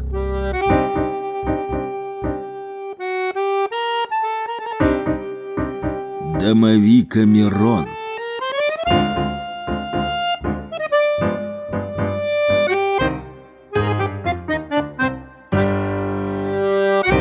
Раздел 19 бутлегер Суседу было гадоў пад 80 і жыў ён зусім адзін. Ягоная аднапакаёўка была паверхам вышэй за нашую. Яшчэ ў яго быў буфет, пэўна старэйшы за гаспадара. Запомнілася, як сусед стаяў каля буфета, мусоліў у руцэ тры рублі і гаварыў: « Яна памерла. Гэта пра жонку. Я забраў у яго грошы, адлічыў рэшту і сышоў. Я прыносіў яму малако і хлеб. Пасля інсульту ён блага гаварыў і амаль не мог хадзіць. Ад ложка да буфета, ад буфета да прыбіральні, ад прыбіральні да ложка і ўсё з адпачынкамі, усё каля сцяны а я ў свае дзесяць гадоў выконваў абавязкі перасоўныя крамы. Яна памерла. Казаў сусед кожнага разу, калі я перадаваў яму прадукты. За тое, што хадзіў у краму, я браў з яго 50 копеек. Як сусед еў, я ніколі не бачыў. Прадукты заставаліся на буфеце, мы развітваліся, дзверы ён ніколі не зачыняў, яно і зразумела.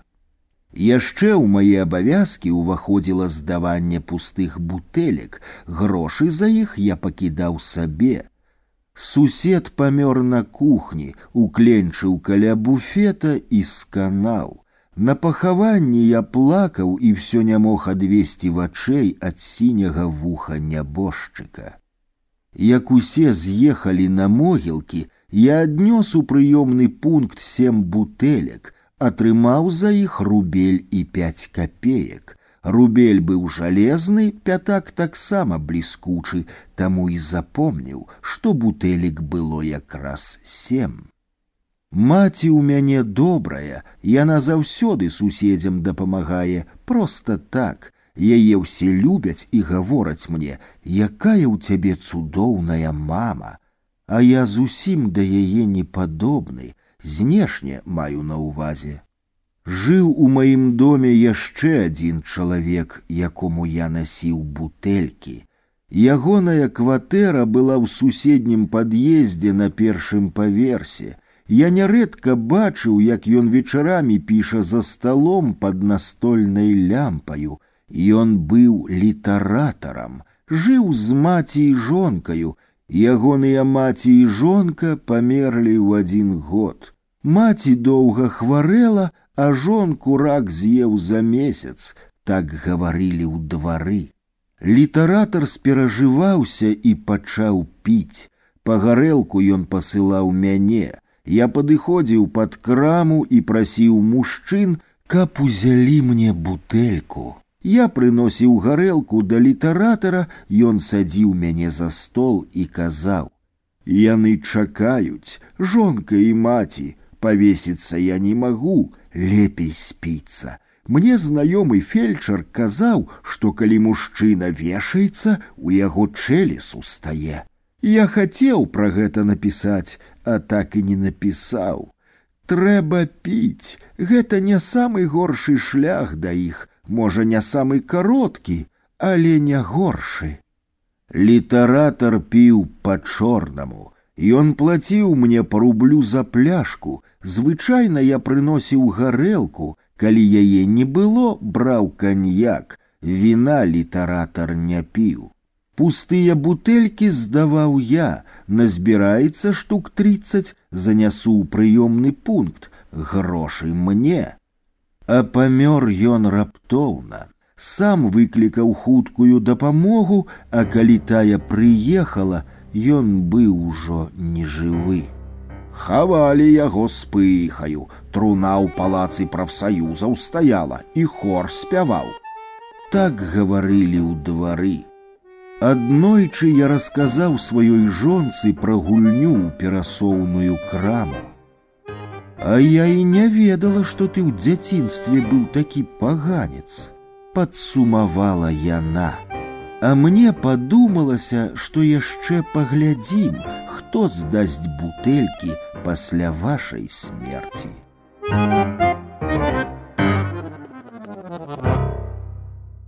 Кнігі без літар. Беларускія аўдыёкнігі ад інтэрнэт-бібліятэкі камунікат.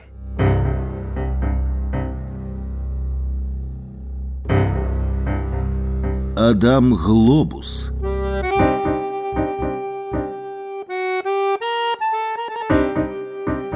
Домовика Мирон.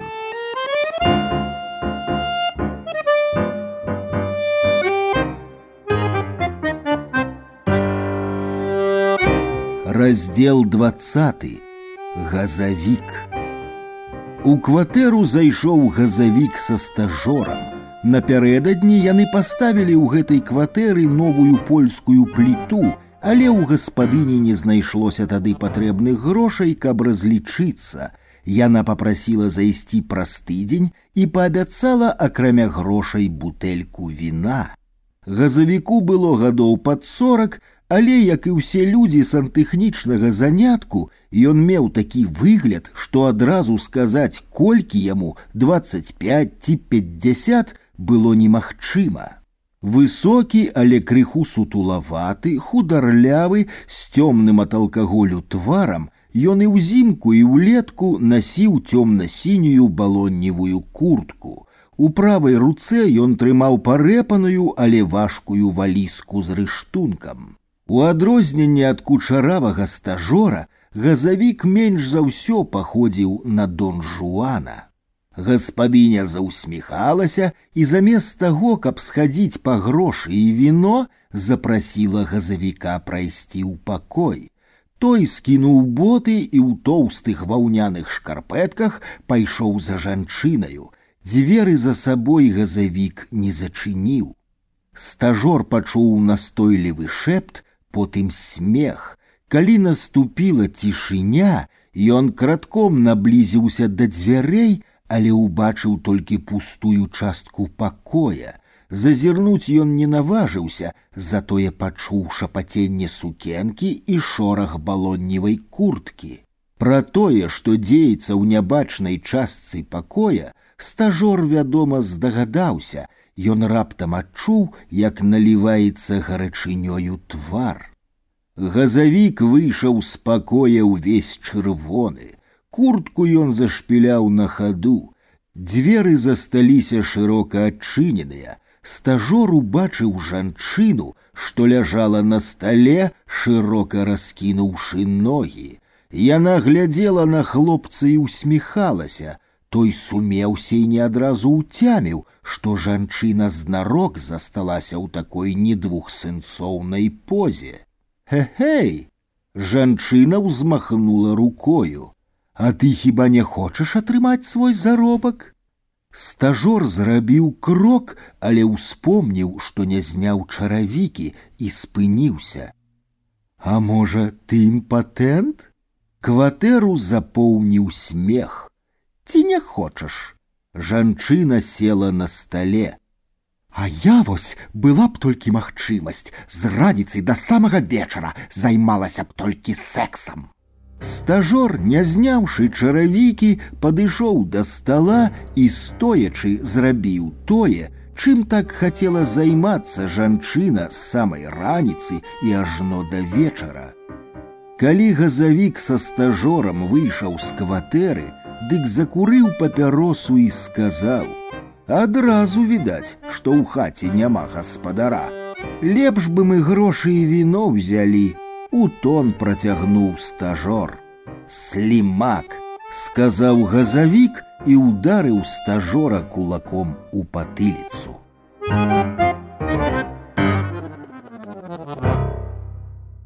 Кнігі без літар. Беларускія аўдыёкнігі ад інтэрнэт-бібліятэкі камунікат.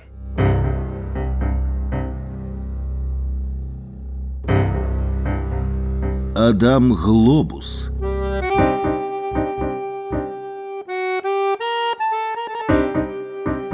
Домовика Мирон.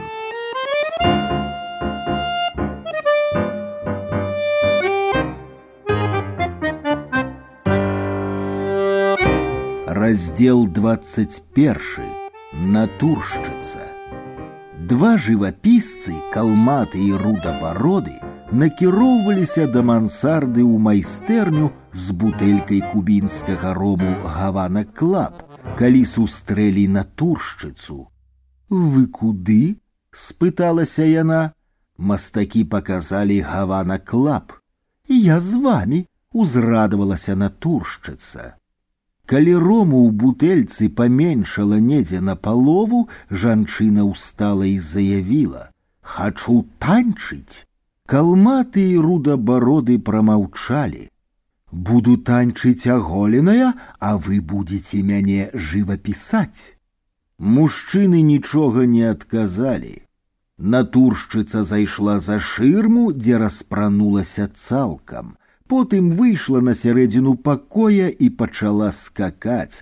Вялікае белае цела хвілін пяць лётала па майстэрні, ажно пакуль не заскавытаў дзвярны званок.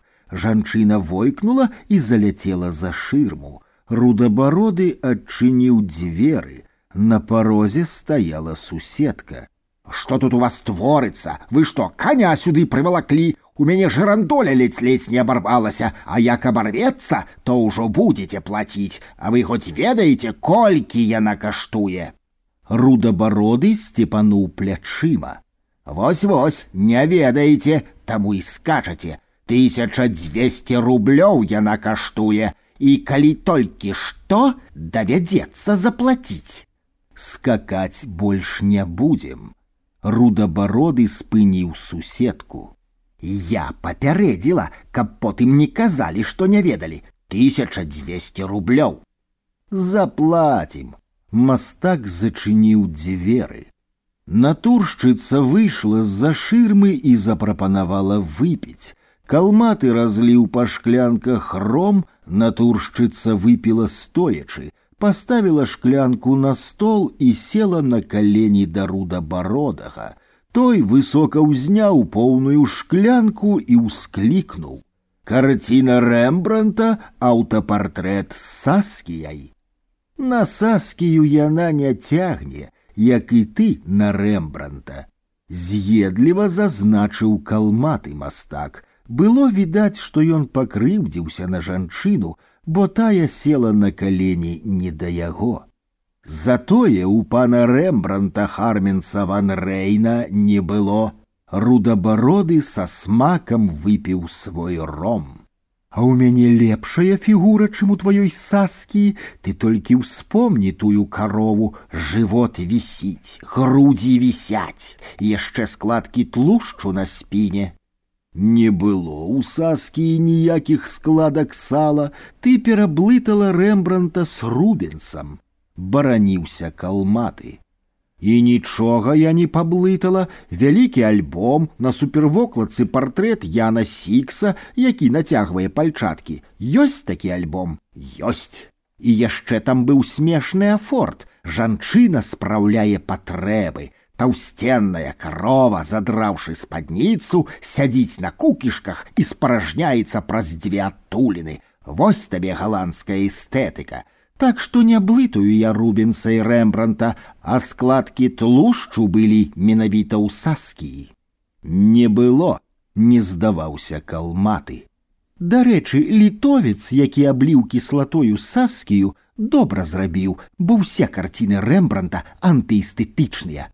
Натуршчыца пацалавала рудабародага жывапісца. Слушна я кажу, слушна, кіўнуў той. Неслушно. Калматый живописец устал. Литовец облил кислотою не саскію, а данаю, и не по эстетычных, а по палітычных матывах. Палітыка, палітыка, скрывілася натуршчыца.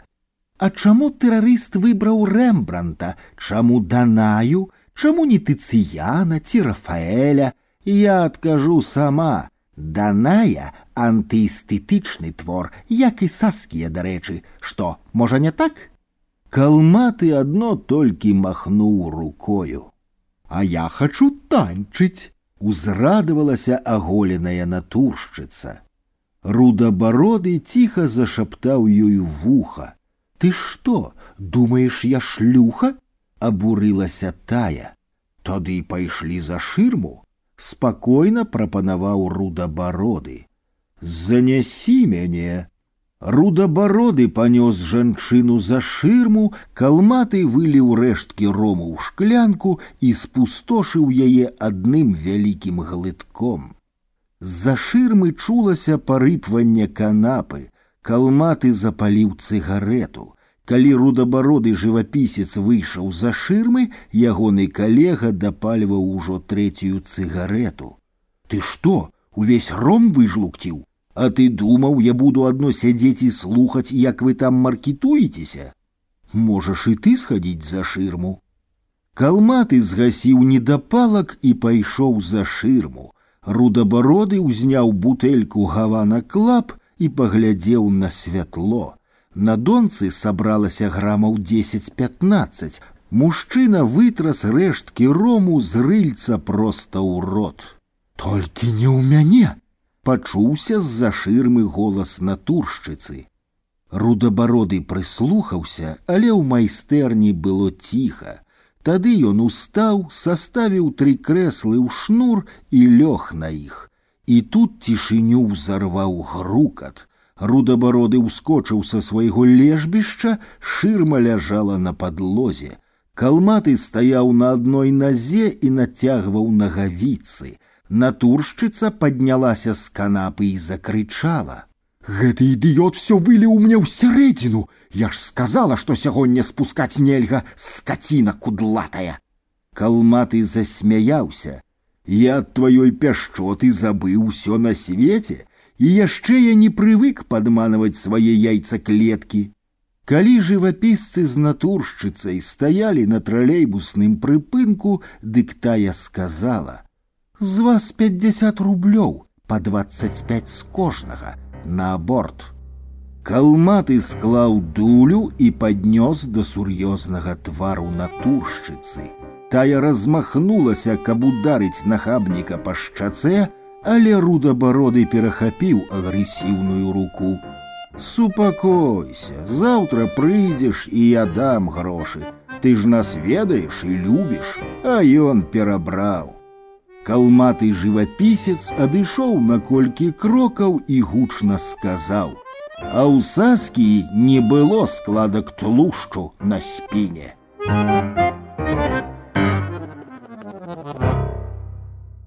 Кнігі без літар. Беларускія аўдыёкнігі ад інтэрнэт-бібліятэкі камунікат.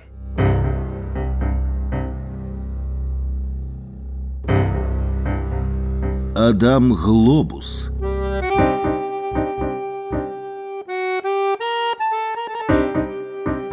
Дамавіка Мирон.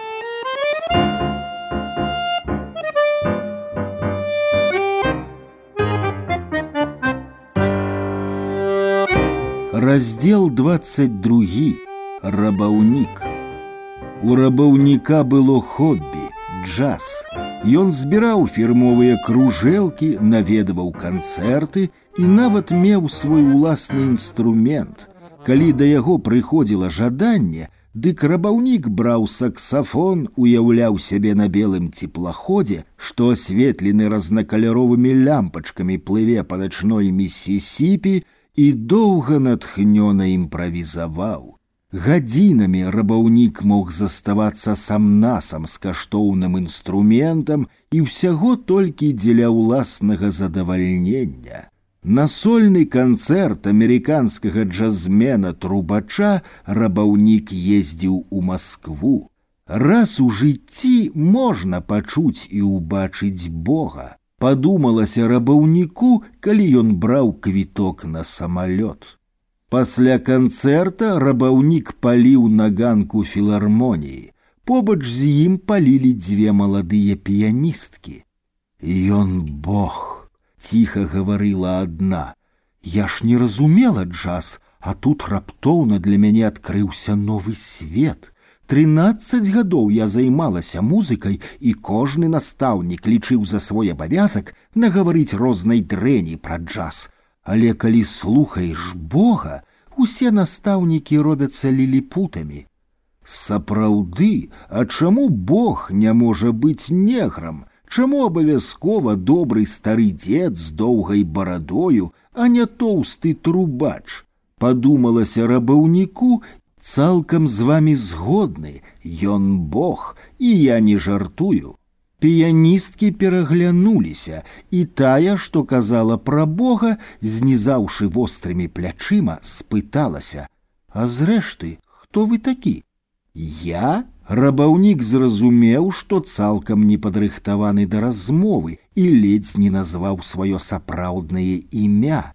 Раман я рэстарацыйны саксафаніст з гомеля, правінцыял, які мае толькі адну загану, люблю джаз. Піяністкі было відаць па тварах, страцілі цікаўнасць да асобы правінцыяла, але на развітанне адна з іх, што была ў зялёнай сукні, вырашыла ўсё ж паставіць чорны крыж на выпадковым знаёмстве. Скажите, а ў гомелі ўсім супрацоўнікам рэстарацыі выдаюць ангельскія гарнітуры ці толькі тым, што крадуць мяса. Рабаўнік зазлаваў, але выгляду не падаў. Прабачце за нясціпласць, але на мне фінскі гарнітур, а не ангельскі. Мяса я, на жаль, не магу красці, бо яно размяркоўваецца паміж кухарамі. Я краду, даруй мне Божа, толькі каньяк, і калі вы не супраць, дык у гатэлі Расія у мяне засталася апошняя крадзеная бутэлька, якую можна выпіць за джазмена. А яшчэ аднаго аматара джаза з гомеля ў вас няма? спыталася піяністка ў чырвонай сукні. З сабой няма. Ён застаўся распрацоўваць тэму радыёактыўны блюз. Тады поехали ў Россию, у дзвюх мы як-небудзь з вами справимся. Поглядим, подумаў помслівы рабаўнік. Досыць доўгае стаянне на таксовым прыпынку дазволіла яму перайграць сітуацыю, і ў выніку трыо аматараў джаза апынулася ў рэстарацыі прага. Пасля выпітага каньяку піяністкі ледзь не ўгаварылі рабаўніка выйсці на эстраду, пазычыць саксафон і сыграць радыёактыўны блюз.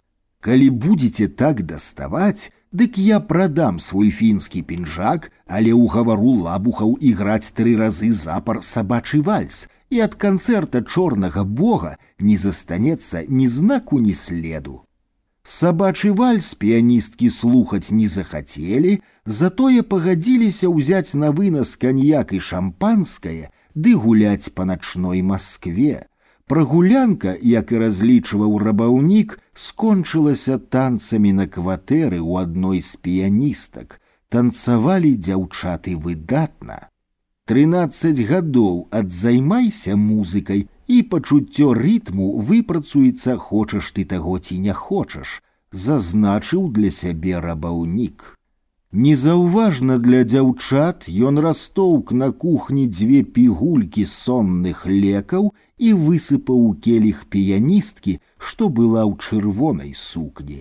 Тая выпіла разам з усімі за чорнага бога і нават не заўважыла, што смак напою змяніўся рабаўнік запрасіў яе на доўгі павольны танец. Спаць! Піяністка пазяхнула. Пайшлі, я правяду. Ён пацягнуў яе за руку.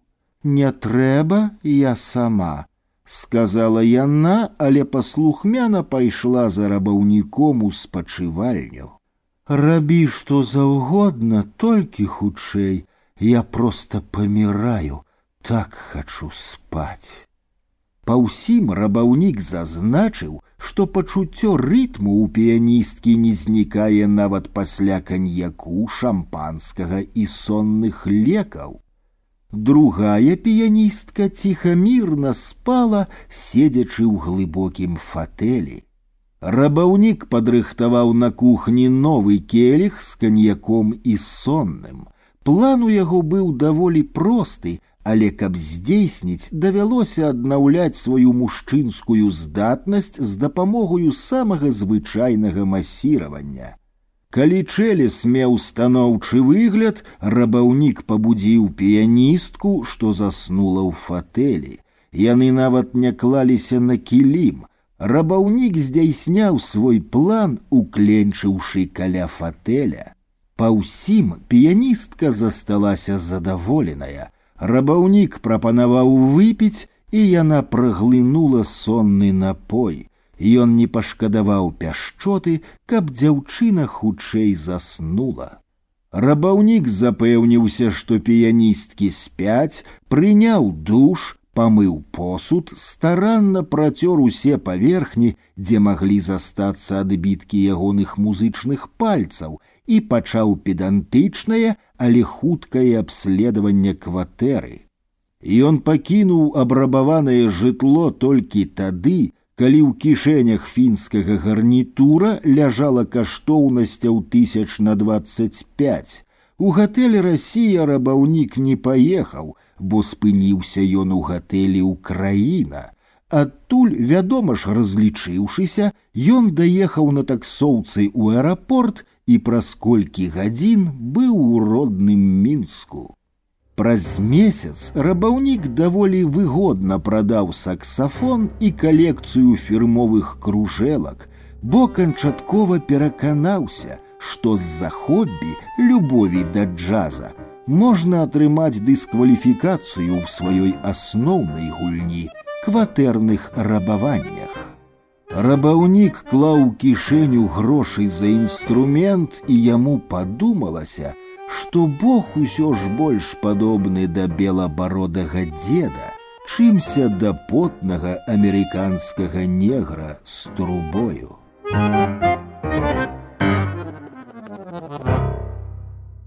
Кнігі без літар. Беларускія аўдыёкнігі ад інтэрнэт-бібліятэкі камунікат.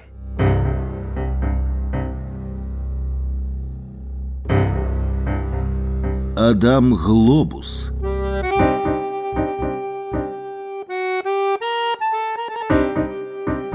Домовика Мирон.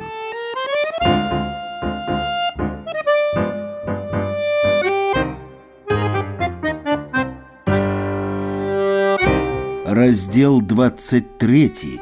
Манекеншчыца. Ну не плач, не плач. Сяброўка суцяшала манекеншчыцу, тая размазвала хустачкай сапсаваны слязьмі макіяж і ніяк не магла супакоіцца.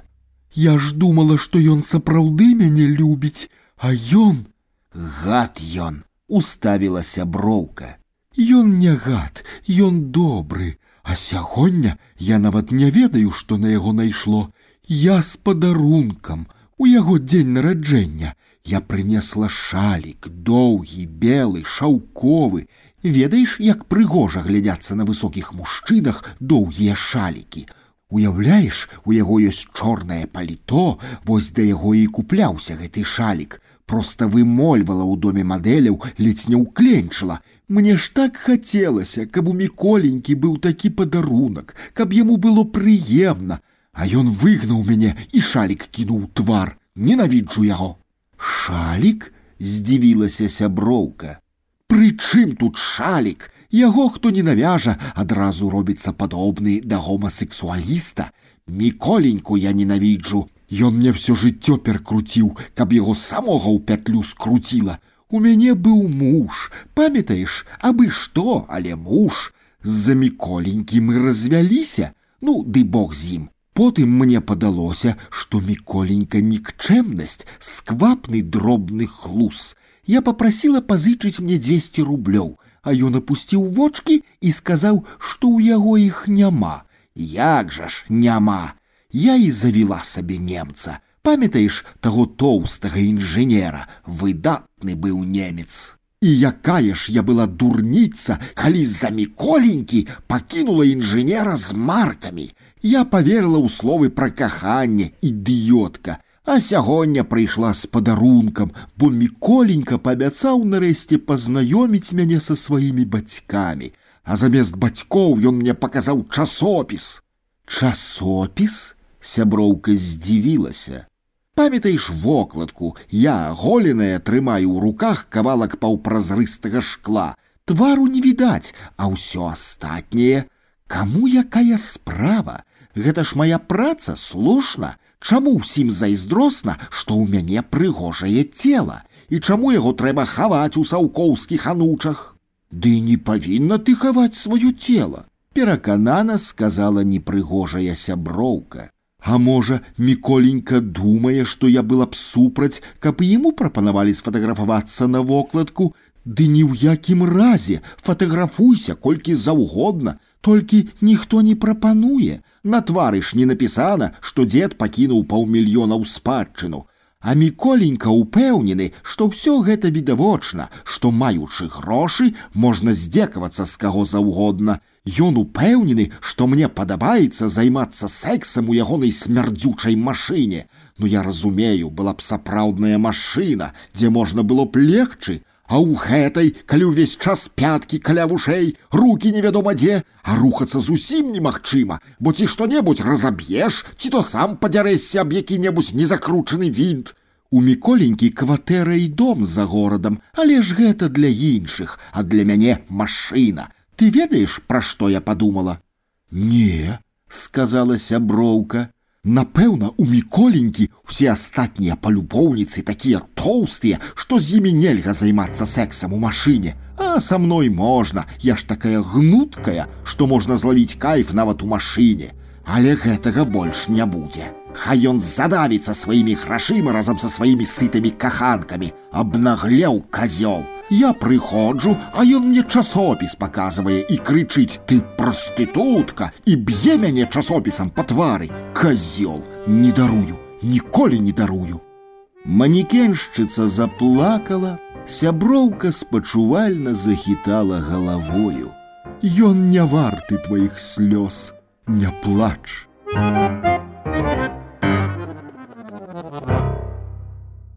Кнігі без літар. Беларускія аўдыёкнігі ад інтэрнэт-бібліятэкі камунікат.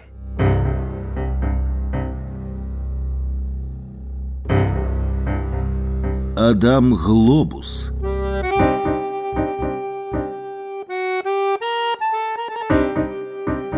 Дамавіка Мирон.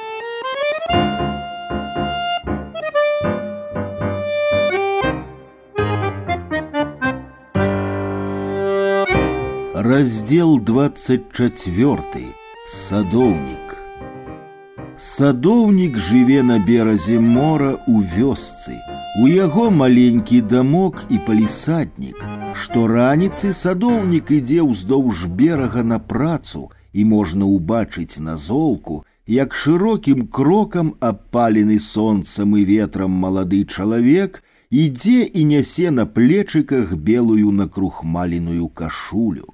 На садоўніку чорныя нагавіцы і чорныя паўчаравікі. Ніякай іншай вопраткі ён не прызнае, а белую накрухмаленую кашулю ён ускладае толькі ўвечары. А пакуль ён кіруецца да шматпавярховага гатэля, пры якім адказвае за невялічкі батанічны сад. Чаго толькі няма ў тым садзе, Даўгапёрыя грывы пампаснай травы паселі ўздоўж цэнтральнай алеі, а з другога боку прысады зараснікі гонкага шапаткога бамбуку, які адгароджвае сад ад пляжа і марскога ветру. А ў самым цёмным кутку саду каля сметніка сядзіць алейна-зялёны куст юдава дрэва, ды і навявае нядобрыя думкі, але тое цёмны кут, а ў самым светлым ружы, іх шмат яны розныя, і барвовыя і крэмавыя і колеру сырадою.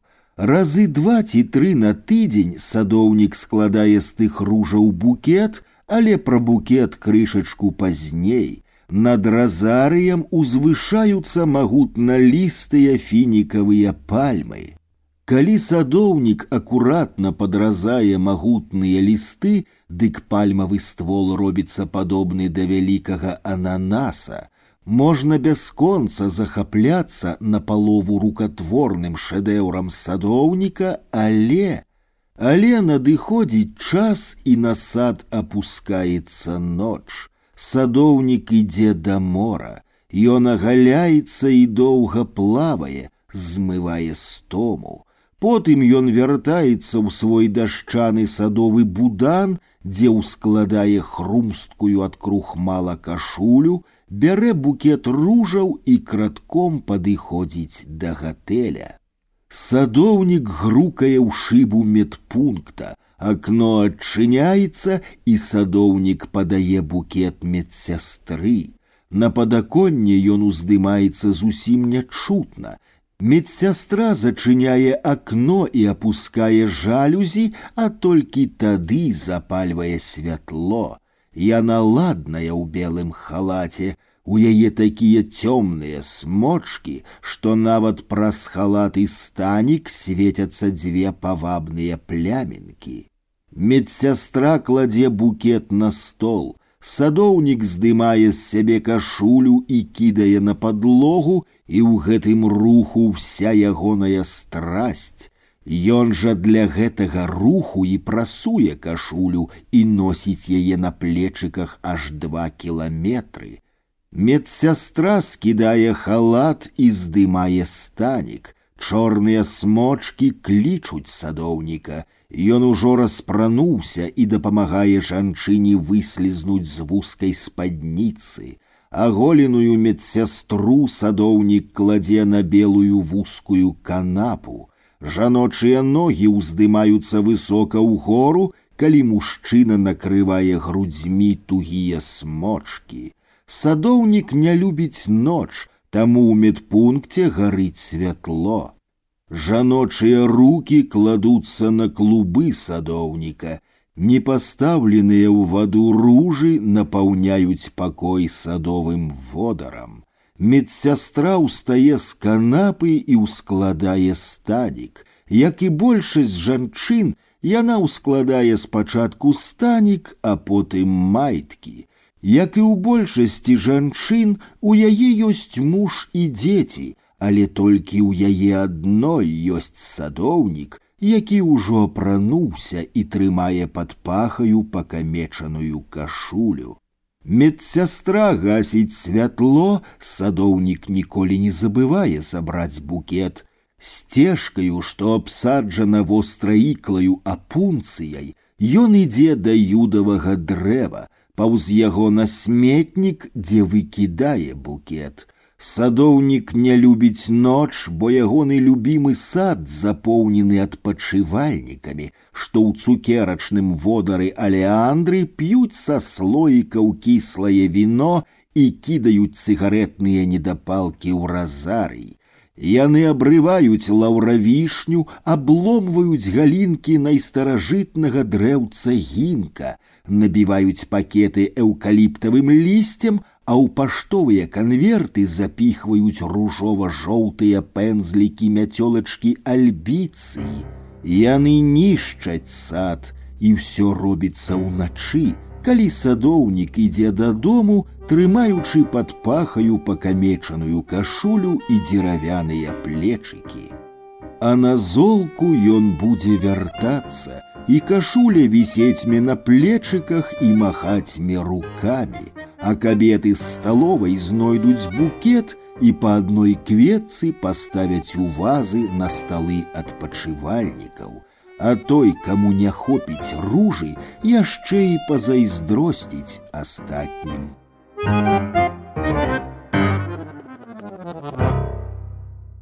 Кнігі без літар. Беларускія аўдыёкнігі ад інтэрнэт-бібліятэкі камунікат.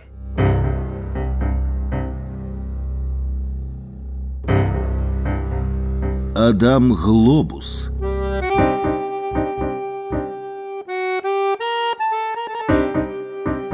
Домовика Мирон.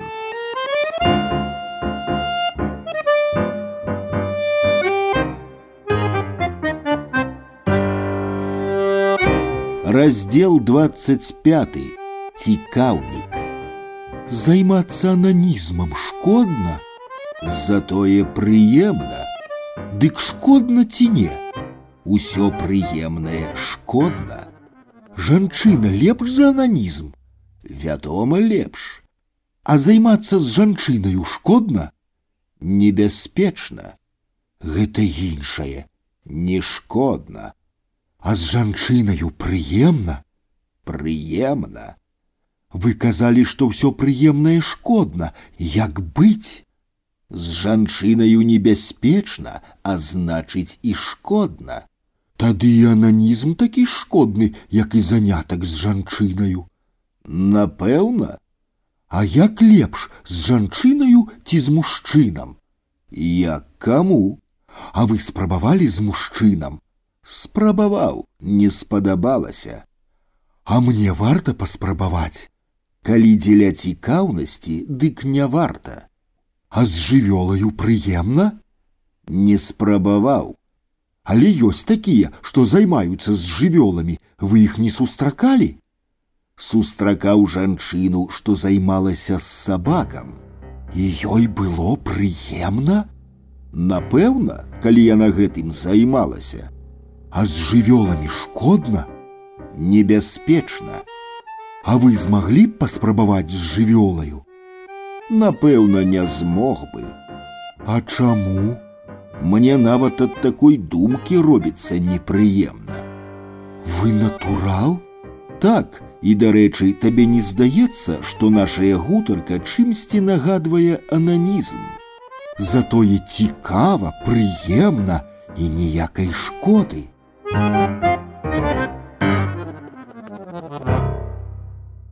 Кнігі без літар. Беларускія аўдыёкнігі ад інтэрнэт-бібліятэкі камунікат.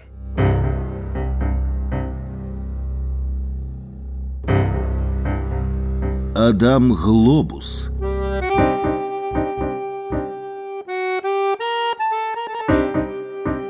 Дамавіка Мирон.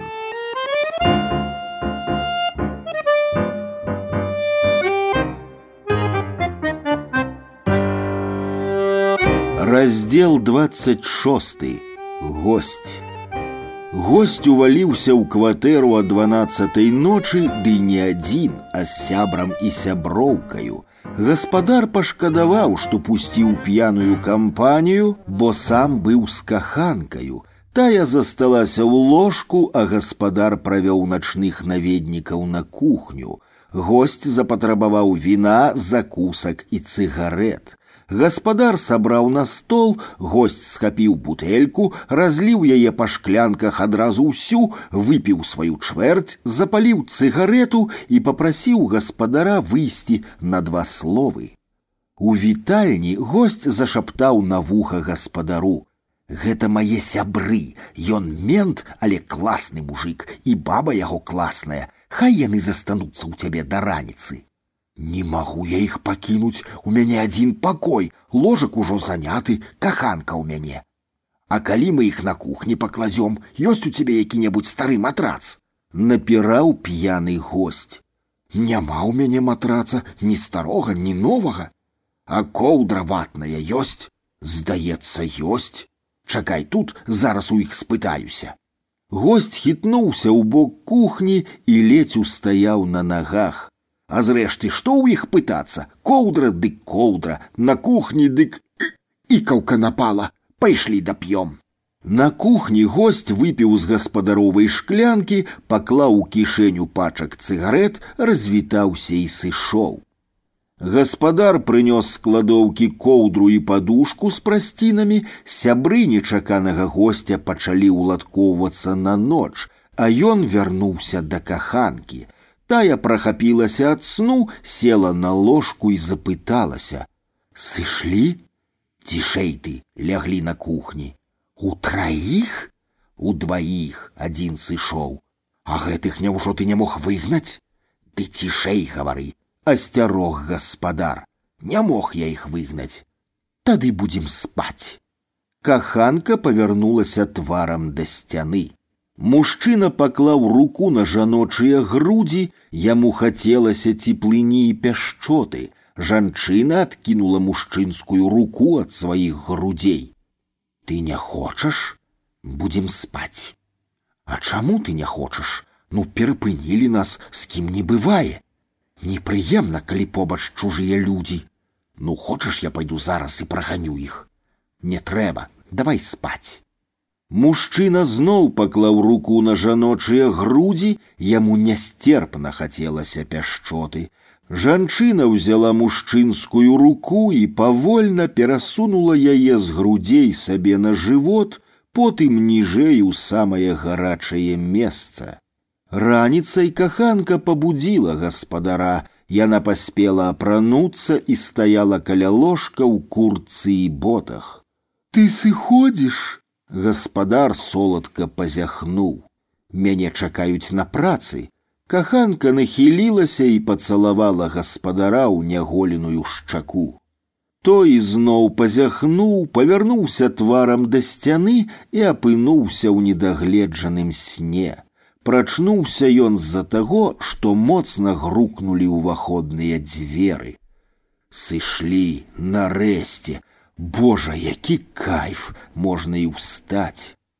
Гаспадар пайшоў на кухню, каб паставіць чайнік. Там на разасланай коўдры ляжала сяброўка начнога гостя і з неапісальным здзіўленнем пазірала на аголенага засмучонага гаспадара, які спачатку засмуціўся, а толькі потым скеміў, чым так уразіў жанчыну. Прабач, Нарэшце сказаў ён і прыкрыў рукой сваё самае мужчынскае месца. Я ж думаў, усе сышлі і хацеў толькі чайнік на пліту паставіць. Нічога страшнага, я зараз устану і пастаўлю. Гаспадар вярнуўся ў пакой і калі пачаў апранацца, дык адчуў, што яму ізноў захацелася жаночае пяшчоты. Пакуль мужчына апранаўся, дык жанчына паспела прыбраць на кухні і паставіць чайнік. А я ложак не паспеў заслаць, сказаў гаспадар, які пабачыў прыбраную кухню. Ты зараз ідзеш на працу, спыталася жанчына. Не пайду, затэлефаную і возьму бібліятэчны дзень. А ў мяне самы звычайны адгул, загул, падумаў гаспадар, самы звычайны загул, і трэба, каб ён працягнуўся. Ён разліў кіпень па кубках.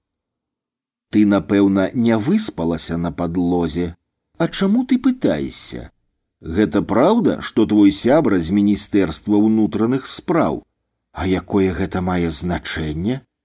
Калі ў цябе выхадны, дык можаш легчы на мой ложак і паспаць у тваёй прапанове эратычны падтэкст?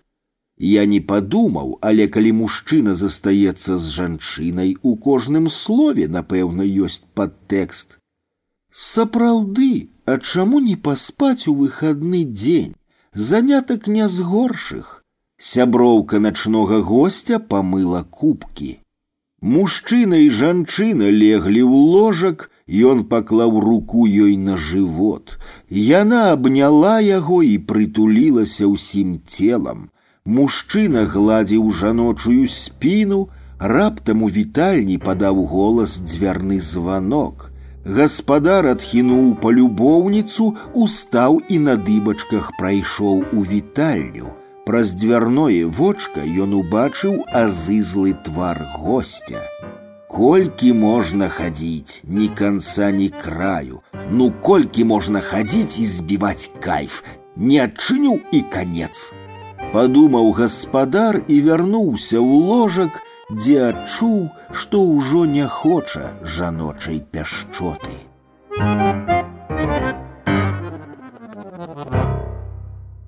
Кнігі без літар. Беларускія аўдыёкнігі ад інтэрнэт-бібліятэкі камунікат.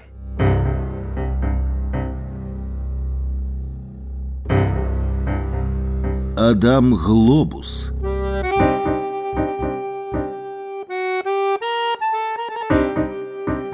Домовика Мирон.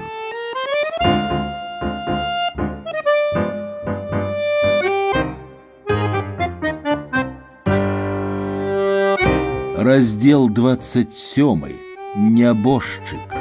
На памінкі я патрапіў выпадкова, Ну, не зусім выпадкова, бо ўсё ж ведаў нябожчыка, колькі разоў сядзелі і выпівалі за адным сталом, але і памінкі былі не зусім памінкі, бо сабраліся толькі аднакурснікі нябожчыка, ні маці, ні жонкі, ні каханкі не было за жалобным сталом. Са слоў прысутных я зразумеў наступнае.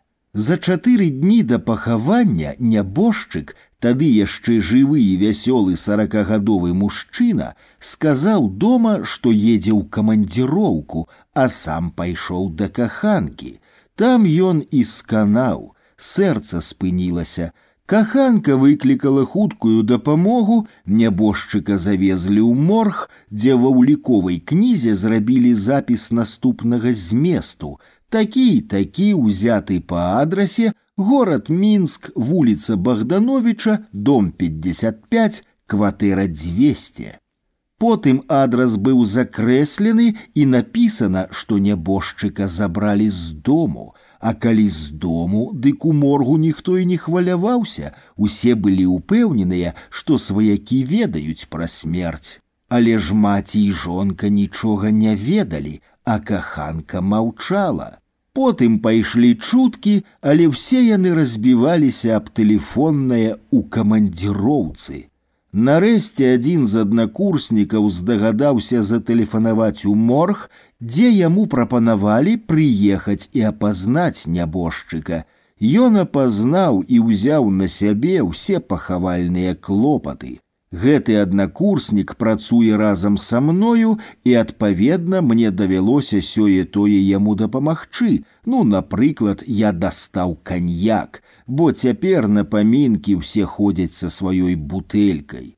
Вось так я апынуўся за жалобным сталом, за якім даведаўся, што нябожчыка забралі ў морг з майго дому, бо я жыву якраз на вуліцы Богдановича ў доме 55 и кватэра 200 знаходзіцца ў суседнім пад'ездзе. З памінак я вярнуўся позна і адразу лёг спаць. Прачнуўся я пасярод ночы, бо пачулася, як нехта гучна назваў маё імя. Я расплюшчыў вочы і ўтрупянеў. За акном нехта стаяў. Темны расплывісты твар ляжаў на шчыльна завешаных шторах. Дзякуй, што прыйшоў памянуць маю душу, даляцела з-за акна. Каб я жыў, як і раней на першым паверсе, я падумаў бы, што гэта дурны жарт якіх-небудзь падпітых знаёмцаў, але я жыву на пятым паверсе. Я ляжаў у ложку і не мог нават варухнуцца, каб запаліць святло. Падыдзі да акна, сказаў тень голасам нябожчыка. Пакуль я ўставаў і ішоў да акна, тень знік. Я рэзка адкінуў штору і быў ужо ўпэўнены, што там нікога няма, але я ўбачыў, што пад ліхтаром стаіць нябожчык. На ім быў чорны гарнітур, белая кашуля і элегантны маленькі гальштук мятлік. У мёртвым ліхтарным святле срэбнымі водбліскамі іскрылася сівая фрызура і падкручаныя цёмныя вусікі. Нябожчык глядзеў на мяне. Праз хвіліну ён нахіліў голаў, маўляў, я з вами развітваюся і рушыў у бок пад'езда, дзе была кватэра 200. Адзінае, што я вынес з гэтага здарэння, дык упэўненасць, што на саракавіны мне хадзіць не варта, хай сабе і запрасілі. Зямля пухам.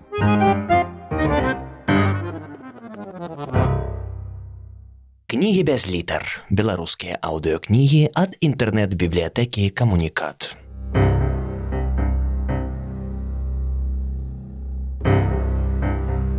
Адам Глобус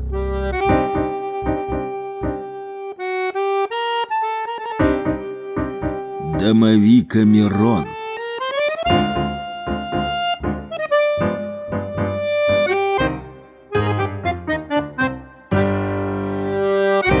Раздел 28. тусоўшчык. Журналіст чакай, у мяне ёсць што сказаць для друку. Ты мяне помніш? Гурт эксгуматор, трэш, метал, я на басе. Успомніў, гэта я. На сцэне адно, а ў жыцці зусім іншае. На сцэне завод, кайф, лом, а ў жыцці Шаноўныя, набывайце фотаздымкі, бруслі, шварцэнегер, цой, апошні здымак за дзень да смерці, рэмба, ніндзя, набывайце кошт адзін рубель. Класны занятак для рокера, лепей не прыдумаеш. Я па сем гадзін стаю ў сырым падземным пераходзе і гандлюю гэтай поганню, раблю бабкі, зарабляю на гітару, на музыку. І гэта больш сумленна, чым лабаць у рэстаране, а потым высоўвацца на тусовачным фестывалі. Кабак ёсць кабак, туды толькі ўлезь і назад дарогі няма.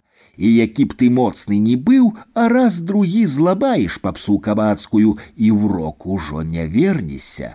Вось так вузлы завязваюцца, а я рок-н-рольшчык. Я люблю па металу загасіць, я за трэш. І не трэба крывіцца, трэш яшчэ сваё слово скажа. Краіна здрыганецца, ты ж чуў нашы каманды, бастыён, тарнада, радыяцыя. Гэта ж магіла ўсім астатнім, мы прымусім нас слухаць. Мы ўрэжам так, што ў слабанервовых галовы падлятаюць.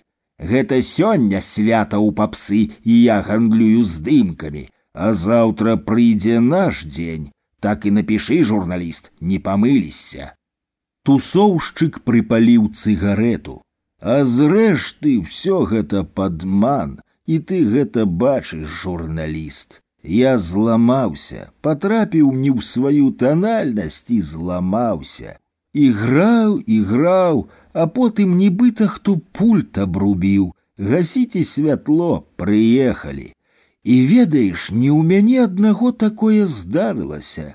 Я ж тусуюся, з тым пагавару з гэтым. Усе кажуць, што наш час прайшоў. І слушна, бо і сапраўды ўсё магутная рука адключыла наш ток і забрала таленты. І цяпер хто куды. Адны напіваюцца да адключкі, другія лётаюць па горадзе з думкаю, каго б яшчэ трахнуць трэція прыфарцоўваюць, заняліся камерцыяй. На мяне ты не глядзі, гэта часова. Не магу я адразу пайсці ў рэстарацыю, можа, пайду ў пахавальную каманду, бо лепей ужо могілкавы шапен, чым п'яная ламбада. А ёсць яшчэ і чацвёртыя, яны ў рэлігію павалакліся, Яны кляпаюць тэксты пра Хрыста і саборніка і ўпэўненыя, што робяць святую справу, а сапраўдныя вернікі чуць гэтага не могуць, абураюцца, кажуць, што ўсё гэта блюзнерства. І слушна кажуць, бо рыба павінна ведаць свой вір. Музыка гэта споведь, а не прамова ці заклік. Месца музыкі на хорах, а не на казальніцы – для музыкі галоўнае што? Каб музыка вылілася, выйшла з яго, а пачуе хто ці не пачуе, справа дзясятая. Гэта ў папсавікоў колькасцю слухачоў вымяраецца якасць прадукцыі, а ў рокераў кайфам. Але паэт памірае ў табе раней, чым ты гэта заўважаеш. Так і музыка. Ты яшчэ перабіраеш струны сваімі хуткімі пальцамі і не чуеш, што ўласна музыкі няма. І трэба ўжо ісці прадаваць абразкі брусалі, а ты все яшчэ катуеш інструмент. Як адчуў я сваю няздатнасць, дык думаў, павешуся ад крыўды, прайшло. У падземным пераходзе скразнякі яны мяне крыху астудзілі. Магіла магілай, але не сапраўдная. Нашто Бога гнявіць, нават калі яго нямашака. А з тым стаю, гандлюю, на людзей гляджу, на піва зарабляю і, як дзіця, спадзяюся на заўтрашні дзень. Вось і ўсё журналіст. А пісаць ці не вырашай сам. Пішы, пакуль здатнасць не адабрала. Зрэшты, усе там будзем.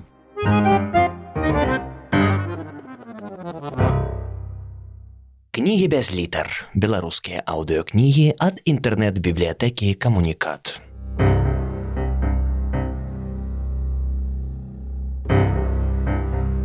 Адам Глобус.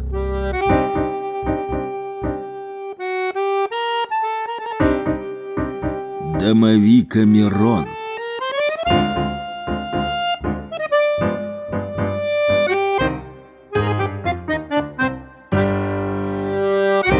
Раздел 29. Освятляльник. Темра чорна падаю. Чаму так темно? Дзе рубільнік нарэшце. Дед трымае сярнічку, а енчык выхоплівае з чарноцця газоўку, патрэсквае, запальваецца кнот. Дед папраўляе яго і накрывае шклом. У хаце цёпла пахне печкай і хлебным мякішам. Матылёк б'ецца ў тонкае шкло газоўкі. Вось і ноч на дварэ. Голас у деда сапраўдны, ён не скажоны мікрафонам і ўзмацняльнікамі. Які дед, які кнот, я стаю на стадыёне за сцэнаю, мне зрабілася блага. Падаю, темраць суцэльная. Голас нечы знаёмы дядькі Антака. Чакайте, чакайте, осторожно, зараз, зараз. Раз, два, три. Успышка, рэзь уваччу, адвярнуцца, схавацца, закрыць твар руками. Вось і ў нашай хаце лямпы дзённага святла. Антакаў голас асцярожна расплюшчыць вочы, спачатку левае, Антак стаіць на зэдліку і пакручвае малочна-белую трубку. «Осторожно, не упади!» Голос деда. Зэдлік хістаецца, дядька падае. Лямпа гасне. Я падаю, гэта я падаю на стадыёне, за сцэнаю. Я Добра, што на зямлю, трава мяккая, высока ў небе пражэктары холодныя, сцюдзёныя, стадыённыя. Твары яны засланілі пражэктары, контражур. Не пазнаць хто, нехта свой, напэўна, ціха, цёмна. Антакаў голас. Вось вам і лямпы дзённага святла. Пабіўся, гэта дед. Здаецца, не. Трава мяккая, стадыён, гук. Пятьдесят тысяч слухачоў крычаць на стадыёне. Канферансье вітае іх, стадыёна ціхае, каб узняць новую хвалю крыкаў, як толькі з'явіцца першы саліст. Шум бубнач пачынае. Трэба расплюшчыць вочы, трэба ўстаць, боль, ён леваруч, сэрца. Вось так на стадыёне памерці за сцэнаю на зямлі. За што, Божа, за што такая сабачая смерць? Удар па шчацэ. Не трэба. Ноч поле я ляжу на саломе каля бурта з бульбаю, а надо мною вераснёвы млечны шлях, яркі, святочны, удар па шчацэ. За што? Ноч, лес, я хлопчык, мне дзесяць гадоў, іду праз лес. Над вершалінамі жнівеньскі млечны шлях набліжаецца рокат матацыкла, фара, я ўправа, яна ўправа, я ўлева, яна удар, боль. Я на пяску лясной дарогі, а ціхае рокат матацыкла. Рокат стадыёна, іх тысячы і тысячы. Яны прыйшлі слухаць і глядзець на куміра, на свайго ўлюбёнага матылька, што будзе пырхаць у рознакаляровым святле, будзе трапятацца, пакуль не спаліць крылцы ў хуткаплыннай вядомасці. Матылькоў шмат, а лямпа адна, фанатаў безліч. Кумір выбіваецца з натоўпу і ляціць на вясёлкавае святло, на сцэну і згарае. Колькі іх было і будзе, а натоўп не ведае, што за сцэною ў цемры стаіць войска, якое запальвае зоры, якое стварае зоры, якое стварае абразы, лепіць куміраў, колькі зорак запаліў я. Маё цело ляжыць за сцэною ў цемры, над ім схілілася доктарка. Тело памірае, я бачу яго дзіўна. Яно выпрасталася на траве, доктарка пасылае майго памочніка па хуткую дапамогу, а шоу машына працуе як адладжаны мотор. Канферансье есть сало, ён закусвае свае сто спірытусавых грамаў. Саліст прычэсваецца перад люстэркам, піратэхнік паліць, целаахоўнік сочыць за ўзбуджаным стадыёнам. Журналіст ідзе да майго мёртвага, напэўна, ўжо мёртвага цела, Ён спявае тихо сам сабе, отряд не заметил потери бойца. Цынік ён спявае на імперскай мове, ён жартуе, ён Ён спалохаўся і хаваецца за цынізм.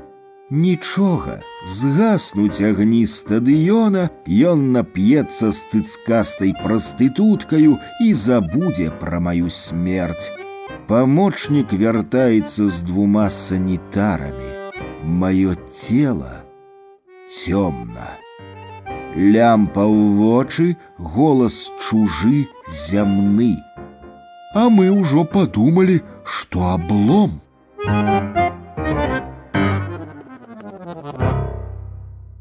Кнігі без літар. Беларускія аўдыёкнігі ад інтэрнэт-бібліятэкі камунікат.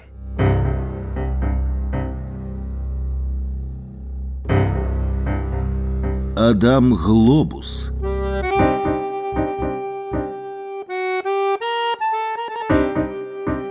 Домовик Мирон.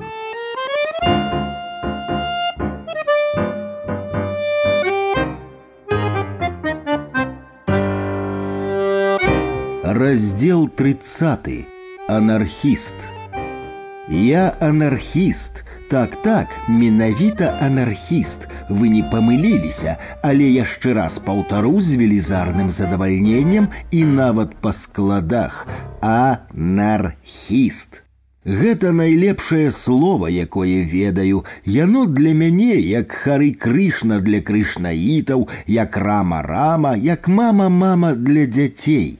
Яно вызначае мяне і я вызначаю яго. Я мастак-анархіст, мой лозунг выбух зменіць свет. Я працую ў стылі выбух арт. Ну, напрыклад, збіраю старыя балончыкі з-пад аэразольных фарбаў, раскладаю вогнішча, закідваю ў яго балончыкі, чакаю. Выбух, акт творчасці, па якім у мяне застаюцца сведкі, рэшткі ўзарваных балончыкаў, Выбітна выкананы твор, акт, хэппінінг, перформанс, усё разам. А каб я быў чалавека нелюбам, дык узрываў бы бомбы, гінулі б людзі. Але такое не па-мастацку, яно занадта пахне палітыкай, а палітыка асабіста для мяне патыхае гноем. Натуральна, а чым яна яшчэ можа патыхаць, калі ў выніку палітычных акцый з'яўляюцца палі, засланыя нябожчыкамі, а спалітызаваныя партыйныя творцы пачынаюць апяваць краявіды пасля бітвы. Гэта ж маральнае калецтва. Вам ясна, я шизафренік. Маё месца ў псіхіятрычнай лякарні а я і не адмаўляю тых фактаў, што быў там і не адзін раз. Мастацтва, хай вам і банальна вымагае ахвяраў. Адна з ахвяраў наведванне псіхіятра. Доктар, а калі ўзарваць лякарню? Психіятр усміхаецца, выдатная ідэя ў цябе рашковіч. Нашая клініка мне абрыдла не менш, чым табе. Давай разам распрацуем план і прызначым дату. І я думаю, хто з нас большы вар'ят, толькі ў такім накірунку думаць няма сэнсу, хто больш, хто менш не вызначаецца, няма шаляў. Усе вар'яты і хто больш і хто менш, але доктар не анархіст, ён пакінем за кадрам. Адзіны добры ўспамін пра лякарню я знайшоў там лабарантку і сапраўды падумаў, чаму мне не завесці лабарантку. У доктара вунь колькі памочнікаў, медсёстры, санітары, практыканты, а ў мяне хоць бы лабарантка, а то ж нічога. Я падумаў, калі сядзеў на складзе бялізны і глядзеў на маленькую жанчынку, што адлічвала мне прасціны ды ручнікі. Яе звалі Элеанора. Нават сугучча ёсць паміж лабарантка і Элеанора. Ці можа мне так падаецца, напэўна, падаецца, Але я падышоў да яе і абняў нязграбна, так няўдала атрымліваецца, калі ты доўга не абдымаў кабет. Яна паспрабавала адхінуцца, але я не пусціў і пацалаваў яе, і яна ціхла і нічога не сказала, калі я распрануў яе. А тады Элеанора была зусім схуднелая, ключыцы тырчаць, грудзей дык зусім няма, жывот праваліўся, жах, але я такі самы быў, ткні павалюся. Паслалі мы коўдру на падлозе, леглі, прытуліліся, і тут похва у Элеаноры зусім вузкая, як выявілася, Моя лабарантка аж ускрыкнула, калі мы разам прыладжвалі мой не такі ўжо і вялікі балончык. А потым пайшло лягчэй ды лягчэй, ды так пайшло, што я запар тры разы выбухнуў.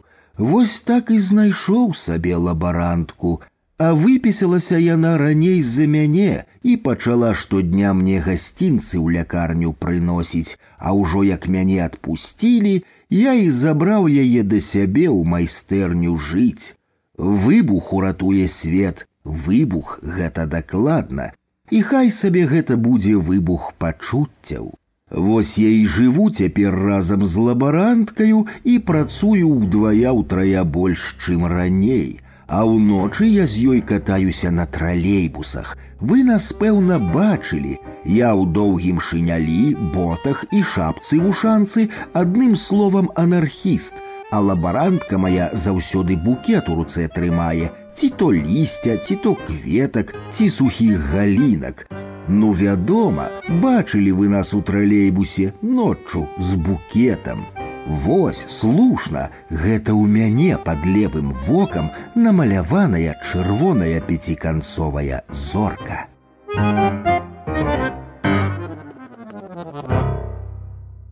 Кнігі без літар. Беларускія аўдыёкнігі ад інтэрнэт-бібліятэкі камунікат.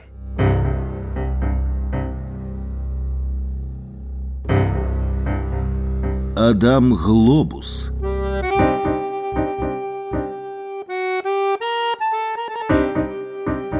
Домовик Мирон.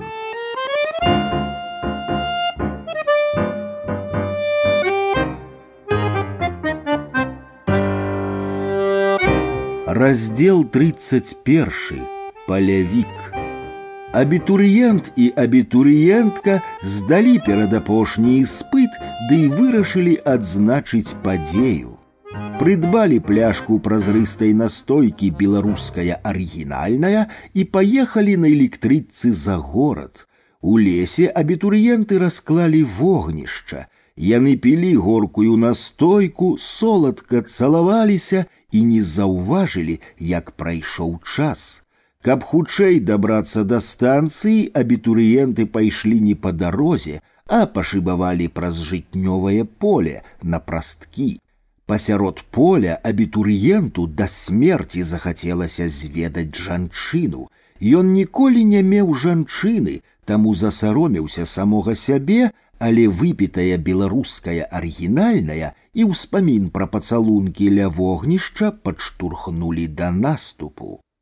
Ён нязграбна блытаўся ў трох словах, пакуль прапанаваў спыніцца і адпачыць. Абітурыентка не адказала, але калі той на зямлі разаслаў сваю марынарку, яна пакорліва апусцілася на калені. Хлопец і дзяўчына пажадалі зрабіць тое, што ім хацелася ўтварыць у лесе. Абітурыентка занервавала, бо сяброўкі папярэджвалі, як толькі мужчына ўвойдзе ў цела, з'явіцца боль, і ўсё адно ёй страшэнна жадалася, каб менавіта тут, на полі зараз неадкладна тое і здарылася. Дзяўчыну здзівілі памеры чэліса ў эрэкцыі, Яна раптам забаялася, што не зможа прыняць яго ў сябе, што ёй будзе страшна балюча. І разам з гэтым яна хацела падабацца хлопцу, які гэтаксама баяўся за сваю няўклюднасць і недасведчанасць у інтымных справах. Абітурыент з абітурыенткаю валтузіліся ў жыце, яны спрабавалі хутчэй здзейсніць наканаванае, але нічога ладнага не атрымлівалася. Яны не ўмелі мілавацца, ні яго, ні яе ніхто не навучыў мастацтву цялеснае любові. Яны адно ведалі, што павінна адбыцца надзвычайная падзея, таму працягвалі валтузню на пакамечанай марынарцы. Нарэшце хлопец здагадаўся дапамагчы свайму чэлісу рукою і зрабіў рызыкоўны рэзкі рух, ды пачуў, як праваліўся ў апякальную глыбіню. Жанчына выгнулася насустрач мужчынскай сіле, мужчына адхінуўся ад жанчыны. Ад выгляду крывавых рагаў на жаночых сцёгнах і клубах яму зрабілася зімна з мяне выцечаўся кроў упэўнена прамовіла абітурыентка і пачала абцірацца хусткаю як ты пойдзеш пераадольваючы млосць выціснуў з сябе абітурыент уздзену нагавіцы і пайду Яна ўжо зашпіляла гузік на джинсах, калі зусім побач зашамацела жыта і пачуўся гучны пранізлівы свіст. Абітурыенты павярнуліся на гук і пабачылі мужчыну ў белым шаўковым строі з зялёнай кашулі ды жоўтым саламяным канацье. Ён высока ўзняў тонкі драўляны кій, так дырыжор узнімае палачку за імгненне да ўверцюры і сказаў: « Вы, як бачым, ладны лапік жыта выкачалі і трэба вас пакараць але улічваючы умовы пакаранне будзе няцяжкае каля вашых ног ляжыць камень возьмите яго і вынесеце з поля ды кіньце каля дарогі я палявік і страшэнна не люблю камянёў што ляжаць на палях па гэтых словах палявік упаў жыта да гары тварам і па полі разышліся хвалі такія кругі ідуць па ціхай вадзе калі кінеш камень. Абітурыент узяў на руки цяжкі, як падняць валун і, пахістваючыся, рушыў да дарогі. Абітурыентка ішла следам і несла перапэцканую марынарку.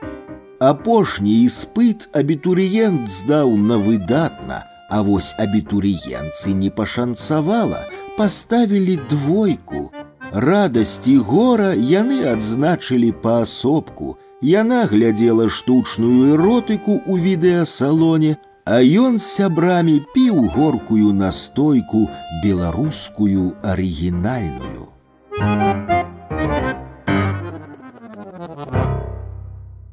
Кнігі без літар. Беларускія аўдыёкнігі ад інтэрнэт-бібліятэкі камунікат.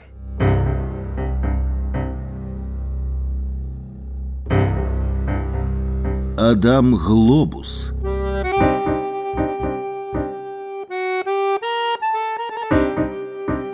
Домовика Мирон.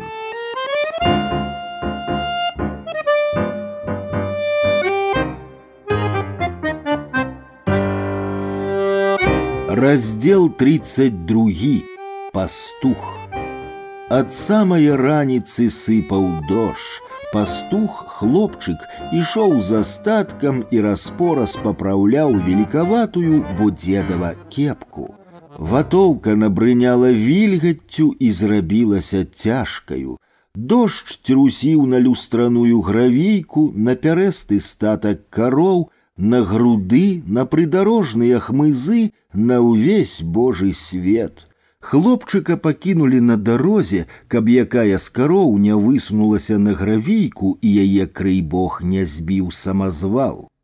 У ватоўцы ляжаў пачак прымы і запалкі. Пастуху закарцела папаліць, але ён саромеўся старых цётак, якія абавязкова скажуць ягонай бабе, калі ён толькі запаліць. Хлопчык быў якраз у тым узросце, калі пачынаюць паціху паліць у зацяг, але калі яшчэ год ці два саромеюцца рабіць гэта на вачах старэйшых.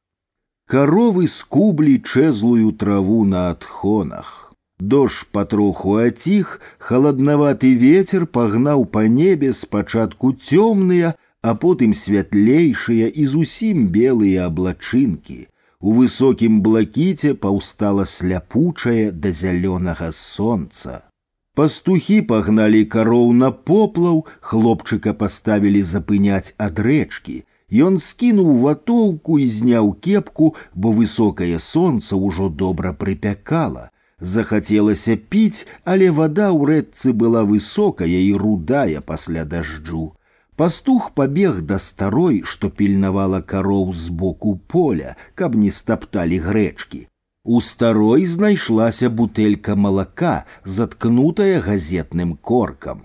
Хлопчык выпіў палову, падзякаваў і пайшоў было да рэчкі, але праз колькі крокаў спыніўся, каб яшчэ раз сказаць дзякуй за малако. Старая кабета стаяла на ўскрайку чырвонага поля грэчкі тварам да хлопчыка. З-пад доўгае чорнае спадніцы паміж расстаўленых босых ног на нізкую траву з шалёсткім шумам падаў іскрысты струмень. Хлопчык пачырванеў, як зачараваны. Ён не мог адвесці вачэй ад зіходкага струменя, што ляцеў на зямлю і рассыпаўся на дыяментавыя драбочкі. Чаго стаў, ідзі, старая ўжо я, загаварыла кабета. Ці ж ты сам так не робіш? Раблю, адказаў пастух і павярнуўся да яе спінаю. Увечары зноў сабралася на дождж, і калі прыгналі статак у вёску, дык пастух адразу пабег на балота да хлапцоў, што клалі вогнішча, каб паспець да дажджу расказаць пра тое, як старая рабіла стоячы і нават спадніцу не задзірала. Пачаў накрапаваць дождж, пастух дабег да вогнішча, але так нікому і не распавёў, пасаромеўся.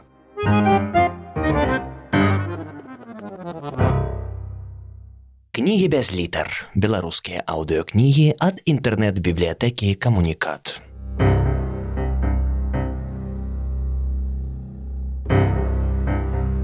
Адам Глобус.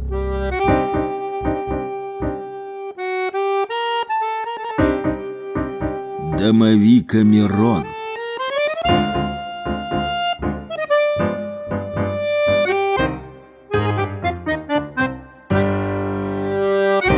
Раздел 33. Карэспандэнтка. Прывітанне. Адразу попрашу, абавязкова і неадкладна прачытайце мой ліст на тэлевізіі. Ён шмат каго папярэдзіць і прымусіць задумацца над уласнымі паводзінамі. Справа ў тым, што я пастаянна займаюся мастурбацыяй, сексам сам насам. Першы раз я задаволіла сябе ў 14 гадоў, Мяне заўсёды вабіла ўласнае цела, я любіла стаяць перад люстэркам і разглядаць свой твар. Уключала музыку, рухалася і назірала за адбіткам, прыдумала распранацца і танчыць аголенай. Само па сабе атрымалася і гэта.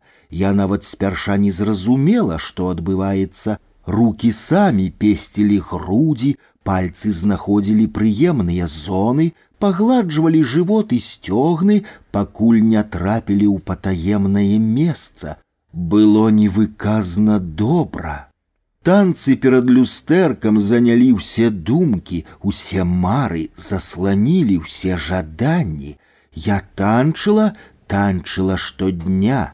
Мне шестнадцать гадоў, я даволі прывабная дзяўчына і шмат хлопцаў выказваюць мне сімпатыі. У мяне больш чым дастаткова знаёмых мужчын, але ў адрозненне ад іншых дзяўчат застаюся цнатліваю. Калі толькі можна так гаварыць пра чалавека, які штодня з замілаваннем глядзіць люстэрка.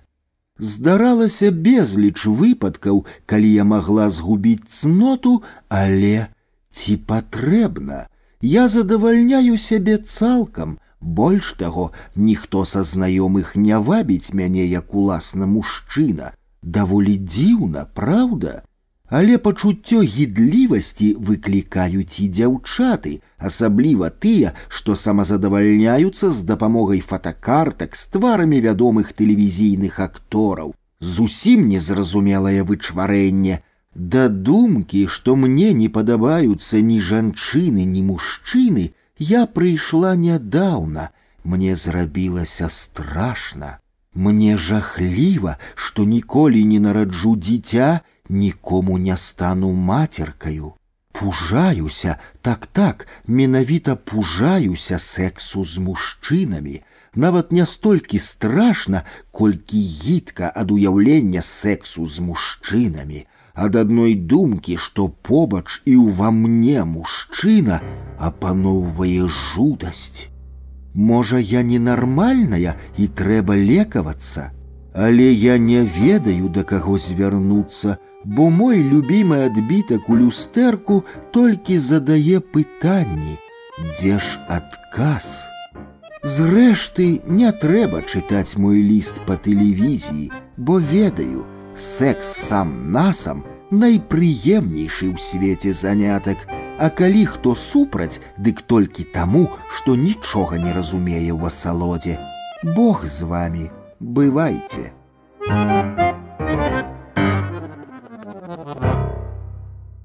Кнігі без літар. Беларускія аўдыёкнігі ад інтэрнэт-бібліятэкі камунікат.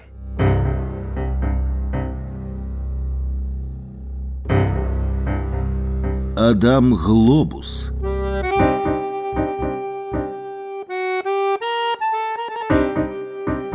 Дамавіка Мирон.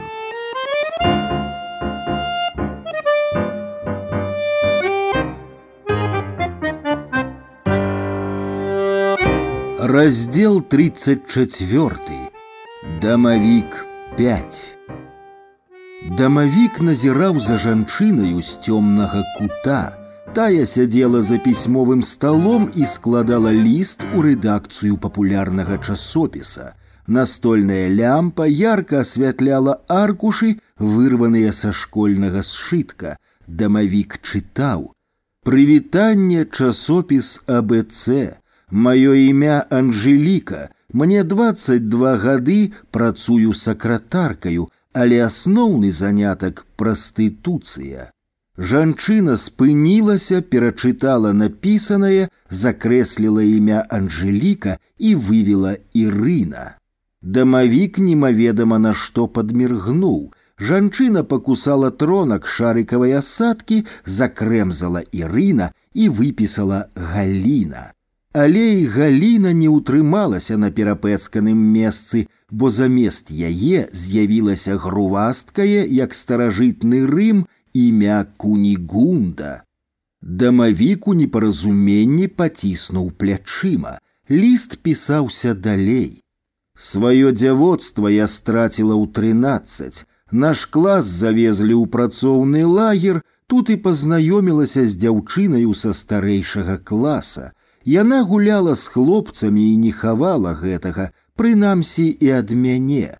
Шмат разоў і мне прапаноўвалі пагуляць, заняцца сексам, але я ўсё адмаўлялася, пакуль старэйшая сяброўка не сказала, што я дэбілка, бо секс гэта зусім не балюча, а наадварот, вельмі прыемны занятак, да якога раней ці пазней, а прыходзяць усе нармальныя людзі.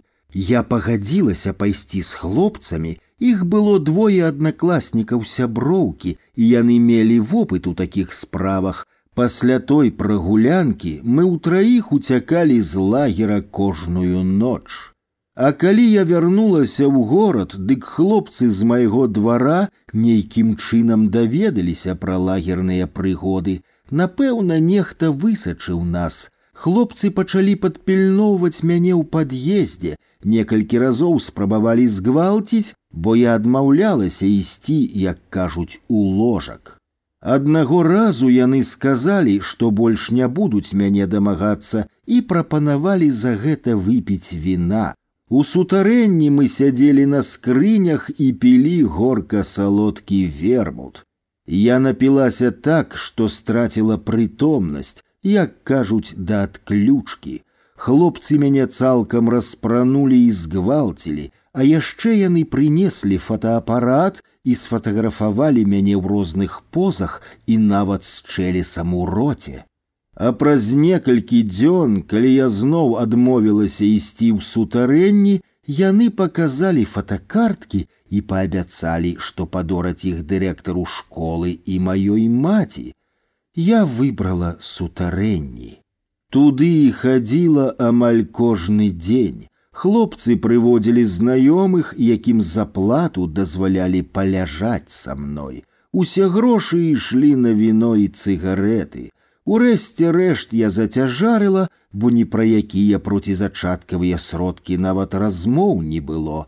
Давялося рабіць аборт. Пакуль я хадзіла па гінеколагах, маё месца занялі іншыя дзяўчаты. Спачатку я страшэнна ўзрадавалася такой акалічнасці, але праз месяц другі зразумела наступнае.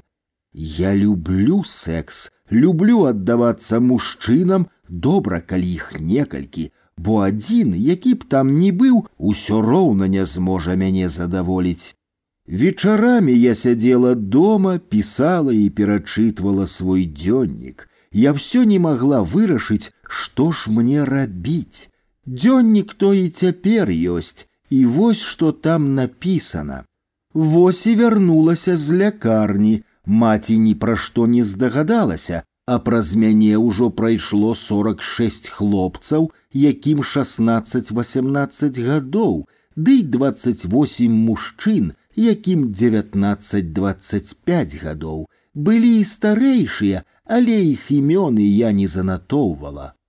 Жанчына пачала перачытваць ліст ад самага пачатку. Яна шчыльна заштрыхавала з чэлесам у роце і напісала з бутэлькай віна колькасць чалавек, што прайшлі да аборту, павялічылася ўдвая.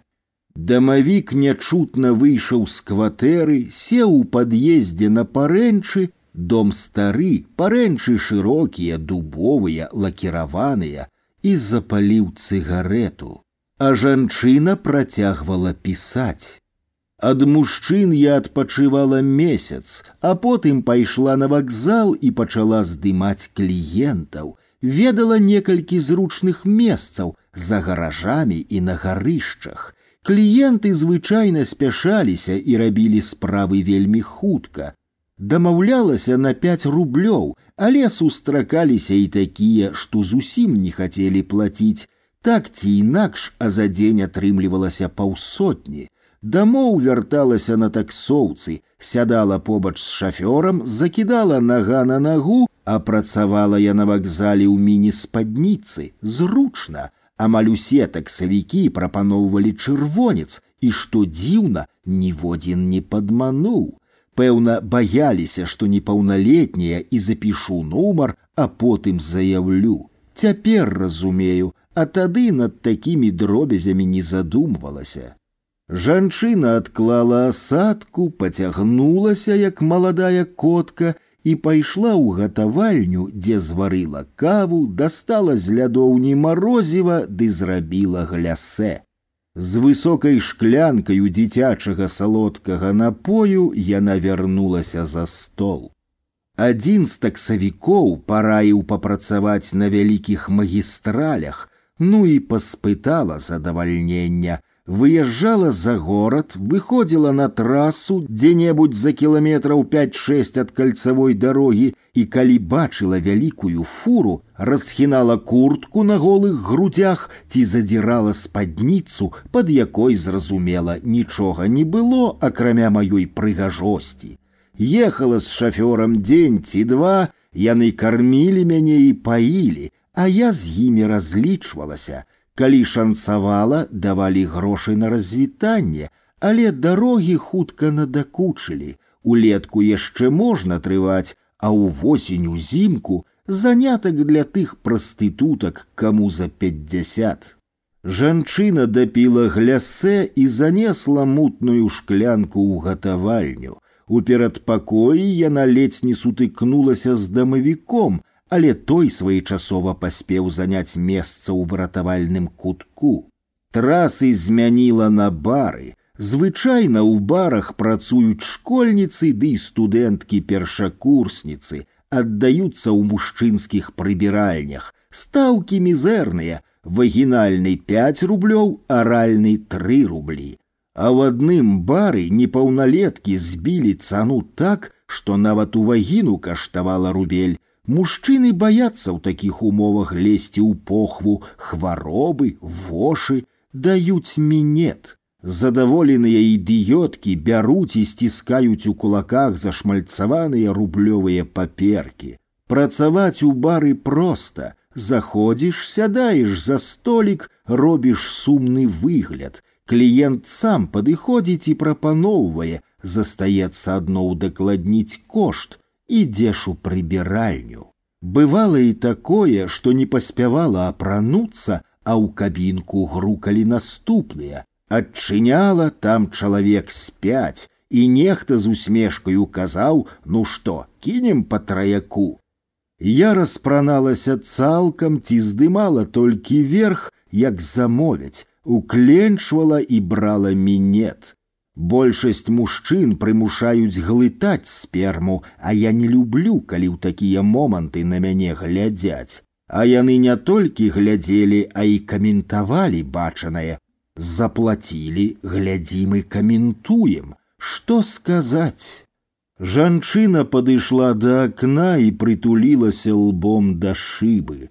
У цемры прабразгатаў асветлены трамвай з чорнымі постацямі самотных пасажыраў. Жанчына вярнулася да ліста. Працаваць у бары проста, але рызыкоўна. Аднойчы малалетнія канкурэнткі мяне пакаралі, працавала ў вузкай неутульнай кабінцы, раптам дзверы зрываюцца з завесаў, мяне хапаюць за валасы, кліент некуды знікае. Мяне цягнуць праз пісуары да рукамыйнікаў і кідаюць на слізкую падлогу.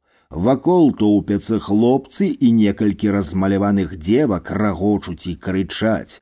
Я ў адных калготках сяджу на падлозе і не магу ўцяміць, што адбываецца. Мяне пачынаюць біць, як кажуць, качаць нагамі. Потым гвалцяць, я нават не крычу, баюся, што яшчэ горш будзе, заб'юць. Падлога мокрая, смярдзючая, а яны, каб не ўпэцкаць нагавіцы, падкладаюць сабе пад калені маю сукенку сукі. Жанчына закрэсліла слова сукі. Мяне выцягнулі на вуліцу і кінулі на тратуары, аголеная з папарыванымі апранахамі пабегла да чэзлых хмызоў, дзе плакала і адзявалася ў мокрыя лахманы. Там і чакала ночы, каб дадому дайсці, каб людзі. Дамавік выйшаў з цёмнага кута на сярэдзіну пакоя і сказаў: « Добры вечар, дзяўчыначка. Жанчына здрыганулася, азірнуцца яна збаялася. Дамавік падышоў да стала, сабраў спісаныя аркушы, склаў іх у стос, які парваў на дробныя шматкі. Жанчына было памкнулася ратаваць паперы, але спалох не пусціў. Любіш мужчын? спытаўся дамавік, калі ўвесь стол быў засыпаны белым смеццем. Люблю, прошаптала перапалоханая. Разбяры ложак, бо забыўся, калі апошні раз ужываў падушкі. Жанчына паслухмяна выканала загад. Такой ночы, як была з дамавіком, жанчына не бачыла нават у снах. А ў снах яе любілі і мядзведь, і конь, і нават слон, чым і выклікалася найвялікшая асалода. Пад раніцу дамавік сышоў. Жанчына бачыла праз акно, як ён сеў у пусты асветлены трамвай. Лісты ў рэдакцыю папулярнага часопіса АБЦ жанчына больш не складала.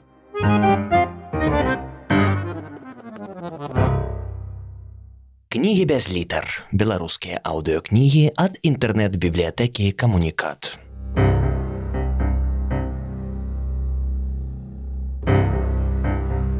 Адам Глобус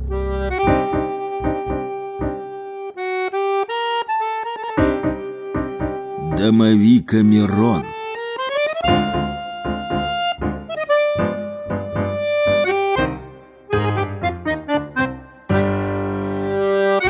Раздел 35 худ худ увечары яго можна ўбачыць на небе калі ён ляціць вогненны чалавек птах як за ім чырвоны след застаецца дык ведаеце золата ён нясе гаспадарам а як след на небе сіні хлеб у яго руках раней худ у вёсках жыў на гарышчах хаваўся а цяпер і ў горад можа завітаць, любіць худ мастакоўскія мансарды. Вось адзін жывапісец расказваў такую гісторыю.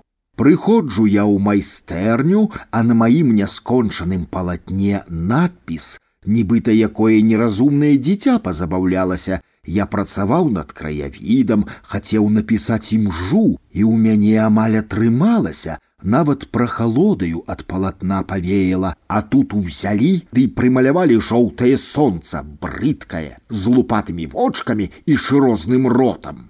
А яшчэ і надпіс занадта жмурна, які ж ты мастак. Я хацеў пайсці паскардзіцца ў пастарунак, а потым падумаў, Можа, знаёмыя няўдала пажартавалі, Бог з імі падумаў і замазаў надпісы і сонца. А калі на другі дзень у мяне з лядоўні ўсе яйкі ды брыкет масла зніклі, дык я расказаў знаёмаму і пра лядоўню і пра малюнкі. Знаёмы сказаў, што гэта худ і параіў спячы яечню і паклікаць яго наступнымі словамі. Худ, худ, хадзі сюды, пачастунак ёсць, яечня твоя любімая. Каб не крыўдзіць знаёмага, я паабяцаў, што так і зраблю, а сам падумаў: мой знаёмы вар'ят, самы звычайны, але і я не лепшы, вярнуўся ў майстэрню, спёк сабе яечню і мяркую. Вось возьму зараз і клікну хута. А што будзе, ды нічога не будзе. Паставіў паніву з верашчакаю на стол і кажу: « Худ, худ, хадзі сюды, не паспеў дагаварыць, як адчыніліся дзверы на гарышча. Я ж там свае палотны хаваю, ну і розны рыштунак, каб у майстэрні вальней дыхалася. Выходзіць да мяне пачвара. Чалавек не чалавек, птах не птах.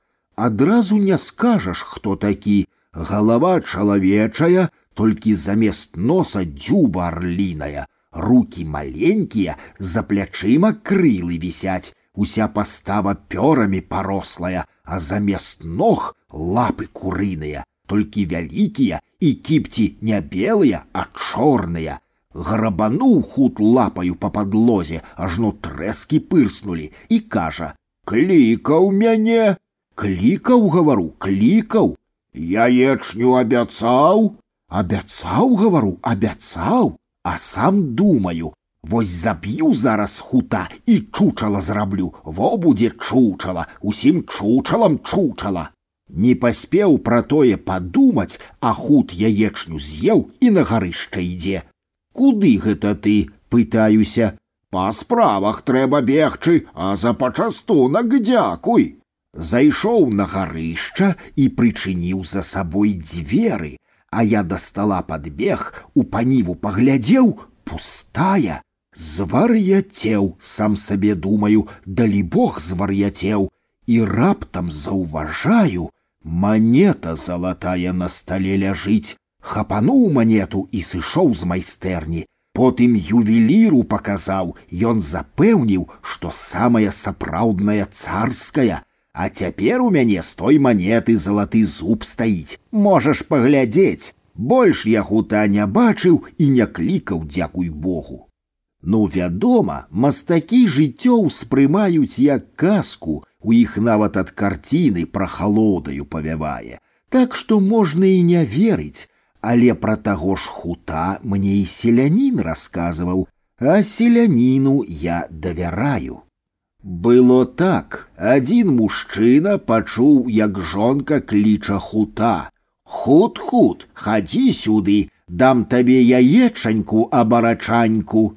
А калі жонка сышла па ніву пакінуўшы, дык мужчына з'еў яечню, а худ раззлаваўся, бо падумаў, што знарок з яго здзекуюцца.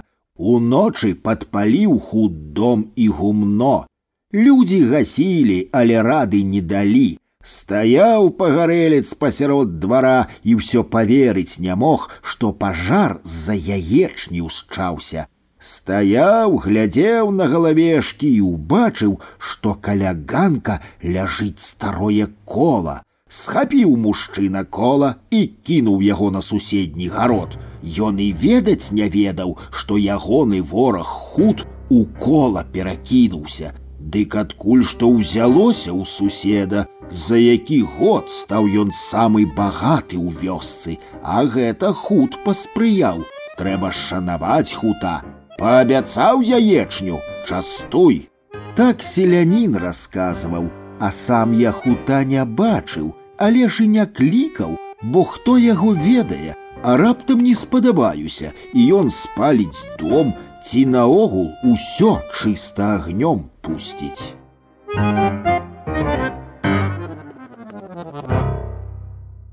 Кнігі без літар. Беларускія аўдыёкнігі ад інтэрнэт-бібліятэкі камунікат.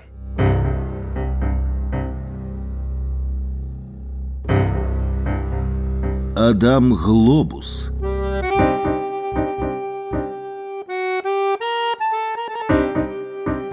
Дамавіка Мирон.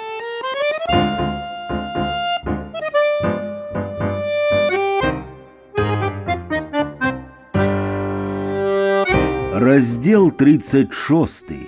Дворовик. У бары мужчына замовіў адно гарэлку.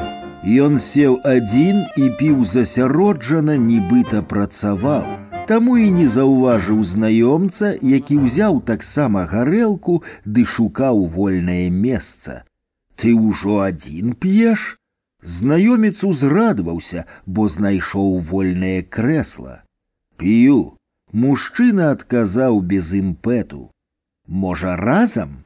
Знаёмец сеў, наліў сабе поўную чарку і, не чокнуўшыся, выпіў, а потым дадаў: « Ты з твару змяніўся, можа, што здарылася, а я не ведаю, можа, хто памёр? Ніхто не памёр, а шкада, лепш бы ён здох. Хто? здзівіўся цікаўны знаёмец. Хто, хто, конь у паліто, вось хто, сядзі, пі. Ты перабраў, можа табе і піць не трэба, га? Добра, добра, налівай, вып'ем раскажу.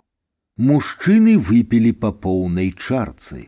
Бяда ў мяне, тыдзень таму саджуся раніцай у свой опель і такое адчуванне, што на ім чужы паездзіў. Ты ж ведаеш, як я да свайго опеля стаўлюся, як да жонкі, а то і лепш, і не хаваю гэтага. Лялька ў мяне была, а не машына, а тут бачу, брудная і бензіну ледзь-ледзь да запраўкі даехаць засталося. Хто, што, невядома.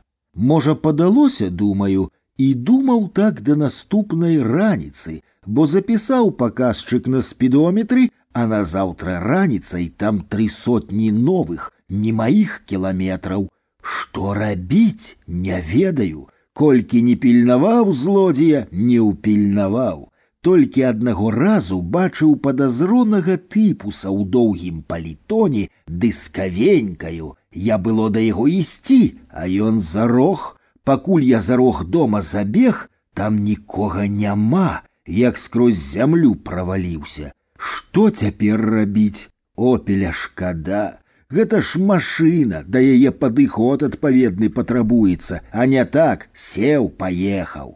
Не сумуй, давай нальем і скажу, што трэба рабіць з канём у паліто. Мужчыны звонка чокнуліся і выпілі. Ты толькі не думай, што я чакануты, пачаў знаёмец бо гэта дваравік катаецца на тваім опелі.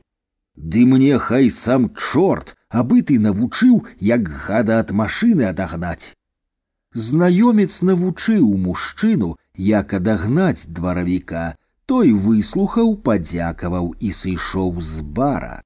Дома ён узяў парафінавую, бо васковай не было свечку, сярнічкі ды папяровы абразок. Паўночы мужчына праляжаў на падлозе свайго любімага опеля. Ён ужо нават пачаў паціху клясці знаёмца з ягонай навукай, калі пачуў, як асцярожна адчыняюцца опелевы дзверцы. Мужчына раптам забыўся на ўсё доўгае навучанне і замест таго, каб запаліць свечку і асветленым абразком напужаць дваравіка, схапіў таго за горла. І гэта было памылкаю, бо ўдар жахлівага цяжару забраў свядомасць.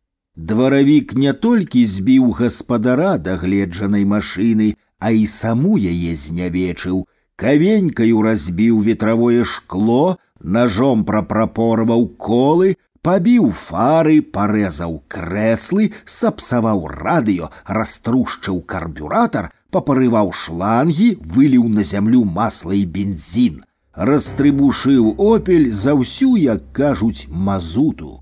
Мужчына, як толькі ачомаўся, адразу заявіў пастарунак, але злачынцу колькі не шукалі, а так і не знайшлі. Так што рапараваўся опель за кошт гаспадара.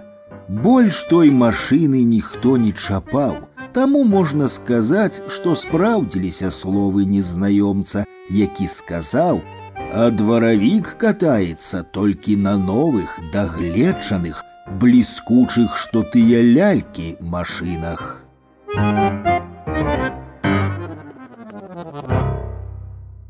Кнігі без літар. Беларускія аўдыёкнігі ад інтэрнэт-бібліятэкі камунікат.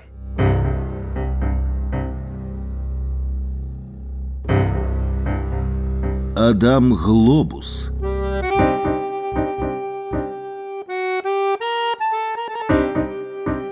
Домовика Мирон.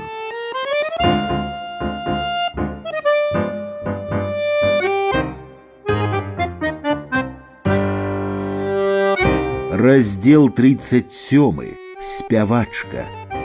У спявачкі быў слабы голас. Яна мела філасофскую адукацыю і густ – Выкшталцонасць дапамагала выбіраць тэксты песень, а густ маскаваў слабіну вакальных даных. Таму спявачка даволі паспяхова записывала кампазіцыі на радыё. Музыку яна прыдумвала сама, а вось іграць запрашала музыкаў з рок-гуртоў і кансерваторыі.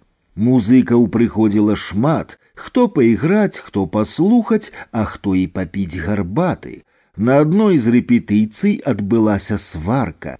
Спявачка не пагадзілася з партыяй, што прапаноўвала віяланчылістка, а тая некаб саступіць пачала ўпірацца і настойваць на сваім варыянце. На бок віяланчылісткі стала яшчэ і скрыпачка. Тады спявачка попрасіла іх пайсці з кватэры.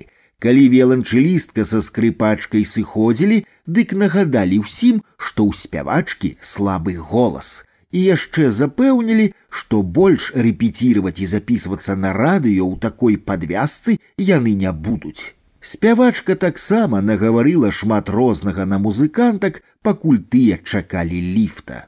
Музычны крытык, які тым часам піў гарбату, вырашыў суцешыць пакрыўджаную. Ён дастаў з валізкі ды паставіў на стол бутэльку віна. Спявачка і крытык выпілі партвейн, Яна супакоілася, а ён узбудзіўся, бо захацеў перайсці ад тэарэтычнага суцяшэння да практычнага. Крытык пагладзіў сваё зарослае рыжай шчэццю падбароддзе і сказаў: « У цябе выдатны густ.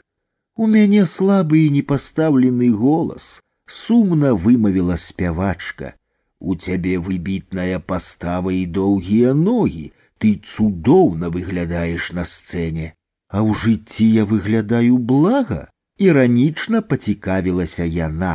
Калі ты побач, дык ногі мне падабаюцца ўдвая больш, чым на сцэне.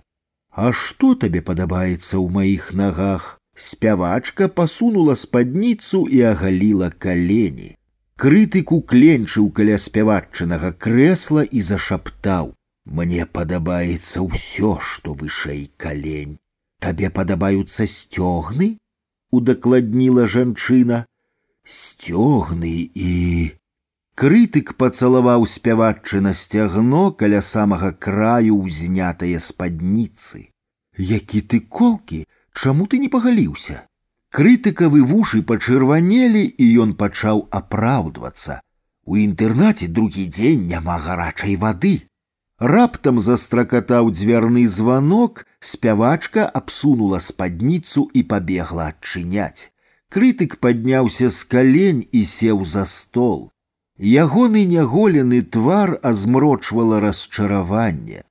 У кватэру ўляцела запыханая круглавокая жанчына, менеджер спявачкі. Ты прогнала скрипачку и виолончелистку? Яны потэлефанавалі и заявили, что не будут выступать с тобой. Я месяц шукала их, а ты порепетировала тыдзень и прогнала. Нават со мной не параілася, дзе я новых знайду, проговорила менеджер на адным дыханні. Яны упартыя, тупыя і няздатныя да імправізацыі. Упэўнена баранілася спявачка. У цябе ўсе тупыя і няздатныя ні на што, але я табе дарую. Что ты даруеш, хіба я нешта кепскае зрабіла? Праз тыдзень запіс, дзе мы возьмем музыкаў. Ты прынесла выпіць, уклініўся ў спрэчку музычны крытык. Як ты здагадаўся, здзівілася менеджер. Убачыў у тваіх круглых вачах. Крытык падышоў да менеджера, запусціў руку ў яе валіску і дастаў пляшку гарэлкі, не раўнуючы, як чараўнік дастае труса з цыліндра. Рыльца тырчала, спявачка сапсавала фокус. Менеджер, крытык і спявачка пілі да дзвюх гадзін ночы, бо як скончылася пітво, дык крытык схадзіў на таксовы прыпынак і прынёс яшчэ. Нарэшце спявачка сказала, што хоча пайсці легчы, Музычны крытык шырока пазяхнуў і таксама выказаў жаданне паспаць. Менеджер нічога не казала, адно хітнула галавою ў знак згоды. Леглі на канапе ў траіх. Менеджер каля сцяны, крытык пасярэдзіне, а спявачка ўладкавалася з краю. Не люблю мужчын, гучна прашаптала менеджер. І я не люблю, азвалася спявачка. Музычны крытык хацеў быў сказаць, што і ён не любіць мужчын, але змаўчаў. Спявачка выцягнула з-пад коўдры руку і пачала пяшчотна лашчыць валасы менеджера. Крытык ляжаў нерухома і не ведаў, што казаць і што рабіць. Тым часам менеджер прытулілася да яго ўсім целам, але толькі дзеля таго, каб зручней было лашчыць спявачку. Можна палашчыць твой нос, спыталася спявачка ў менеджера. Вядома, табе падабаецца мой нос? І нос, і вочы, і спіна, і грудзі, але я не магу дацягнуцца з-за гэтага крытыкана. Музычны крытык скінуў з сябе жаночыя руки і злез з канапы. Вычварэнкі, мачалкі, лесбіянкі, ідыёткі, мармытаў ён. Пайшоў прэч. На дзіва цвяроза крыкнула спявачка. Крытык запаліў святло і пачаў апранацца. Жанчыны селі на канапе. Спяваччына рука ляжала паміж сцёгнаў менеджера. Можа, і яго дарма выганяю, пацікавілася спявачка ў сваёй партнёркі. Ты ўсё правільна робіш, і я цябе люблю. Музычны крытык гучна ляснуў дзвярыма. Ён крочыў па пустых вуліцах і абдумываў зласлівы артыкул пра спявачку. Крытык меў музычную адукацыю і абсалютны слых, Таму ён быў перакананы, што мае права напісаць пра слабы вакал. А ў падтэксце ён вырашыў адзначыць лесбіянскія схільнасці так званай зоркі сучаснай сцэны. Крытыку давялося доўга грукаць у замкнёныя інтэрнацкія дзверы, якія так і не адчыніліся. Тады ён намерыўся залезці ў свой пакой на пятым паверсе па балконах. Ён лез, як лазіў шмат разоў з балкона на балкон і думаў пра артыкул. Калі б ён сарваўся і упаў на асфальт, дык апошнія словы былі б такія: У спявачкі слабы голас. Бо менавіта так пачынаўся ягоны зласлівы артыкул у спявачкі.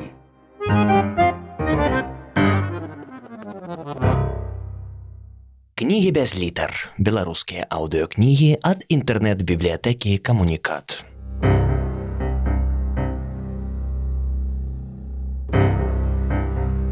Адам Глобус.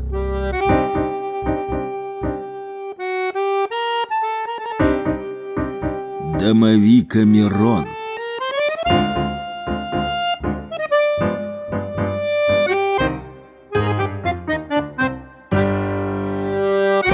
Раздел 38. Экскурсантка. Гід правёў групу ў двор мірскага замка. Экскурсанты вышнураваліся паўколам. Гід пачаў дундзіць завучаны тэкст пра каштоўнасць старажытнага помніка дойлідства. Нават інтанацыйная амплітуда і акцэнтацыі ў гідавым дундзенні былі завучаныя, Адна з экскурсантак адышла ад групы і праз незачыненыя дзверы апынулася ў велізарнай залі. Экскурсантка азірнулася, а потым хуценька пашыбавала праз усю залю да цёмнага прагалу ў сцяне. Замак стаяў на рэстаўрацыі, якая цягнулася больш за дзесяцігоддзе, і па стану помніка было відаць, што да заканчэння яшчэ далёка. Праз прагал экскурсантка трапіла ў невялікі пакой без вокнаў, з яго ў доўгі калідор, на які выходзіла шмат дзвярэй. Тут яна спынілася, нібыта выбірала, у які бок лепш пайсці. Выбар спыніўся на сходах у самым канцы калідора. Засыпаныя друзам сходы вывелі на другі паверх, у прасторную залю з растрыбушаным камінам. Па залі гулялі скразнякі. Экскурсантка знізала плячыма, яе пачала біць дрыготка. Раптам яна схапілася за жывот і скурчылася, нібыта лялька, зламаная напалам. Трымаючыся сцяны, экскурсантка прасунулася з каміннай залі ў невялічкі светлы пакой, дзе спешкам зрабіла тое, што называюць малой і вялікай патрэбамі. Замест гігіенічных сурветак яна скарыстала навюткую насоўку. Экскурсантка таропка ўсцягнула майткі і калготкі, аправіла спадніцу, зірнула на зробленае, уздыхнула з палёгкаю і пакінула светлый пакой. З кожным крокам да экскурсанткі вяртаўся яе заўсёды ўпэўнены і разам з тым крышачку меланхалічны выгляд. Калі яна вярнулася да групы, гід якраз скончыў дундзенне, і нехта з прысутных наважыўся вымавіць нясціплае пытанне: А дзе прыбіральня? Гід бадзёра паведаміў, што мірскі замак не адрапараваны і ў прыбіральню ўсе пойдуць на аўтастанцыі, праз якіх паўгадзіны, бо экскурсія працягваецца. Няўжо нельга патрываць? Спыталася экскурсантка адразу ва ўсёй групы і фанаберыста ўскінула галаву.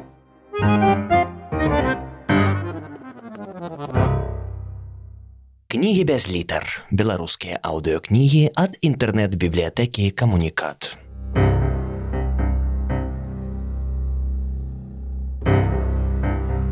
Адам Глёбус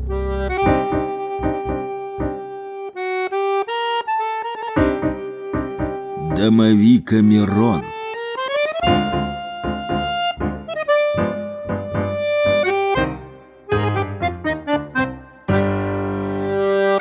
Раздел 39.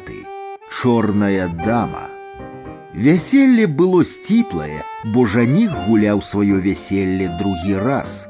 Ладзілі банкет у цеснай двухпакаёўцы, што месцілася ў дзевяціпавярховіку на ўскрайку горада. Мужчын за сталом назбіралася ледзь не ўдвая больш, чымся жанчын, таму самаму маладому хлопцу з кампаніі давялося пазавіхацца перад тым, як ён апынуўся на вуліцы з сястрою нявесты. Яна была значна старэйшая за хлопца, але яе прыгажосць проста ўражвала. Чорная сукня пасавала да вялікіх персіянскіх вачэй, прыгажосць была д'ябальская, і таму канкрэтна сказаць, хто каго выбіраў на банкеце, ці ён яе, ці яна яго немагчыма. Сам для сябе хлопец назваў жанчыну чорная дама і не памыліўся, бо здарылася неспадзяванае. Чорная дама прыняла запрашэнне пакінуць банкет з радасцю, чым і здзівіла хлопца.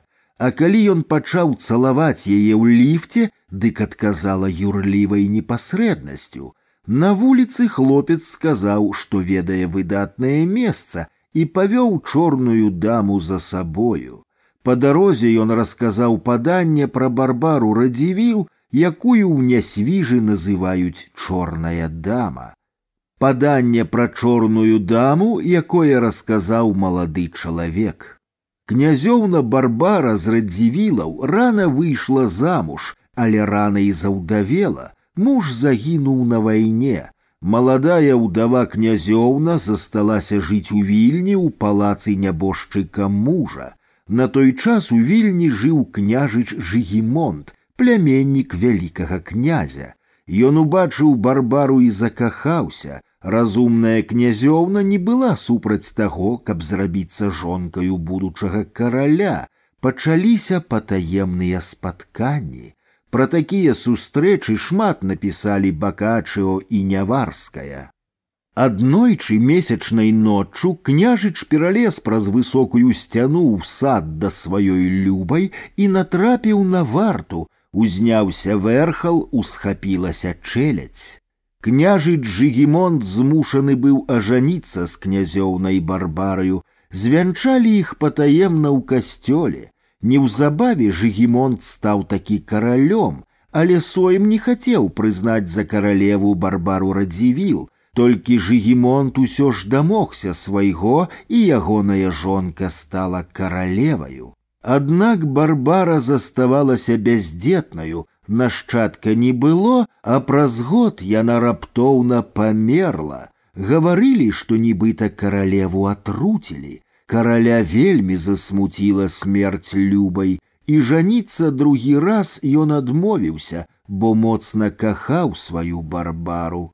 Прыдворныя запрасілі чарнакніжніка з Англіі, каб ён выклікаў дух каралеўны які загадаў бы каралю ажаніцца. І вось аднойчы ўночы ў залю, дзе сядзеў жыгімон з гасцямі, увайшла дама, апранутая ва ўсё чорнае. Кароль кінуўся да яе з крыкам басенька, моя любая басенька.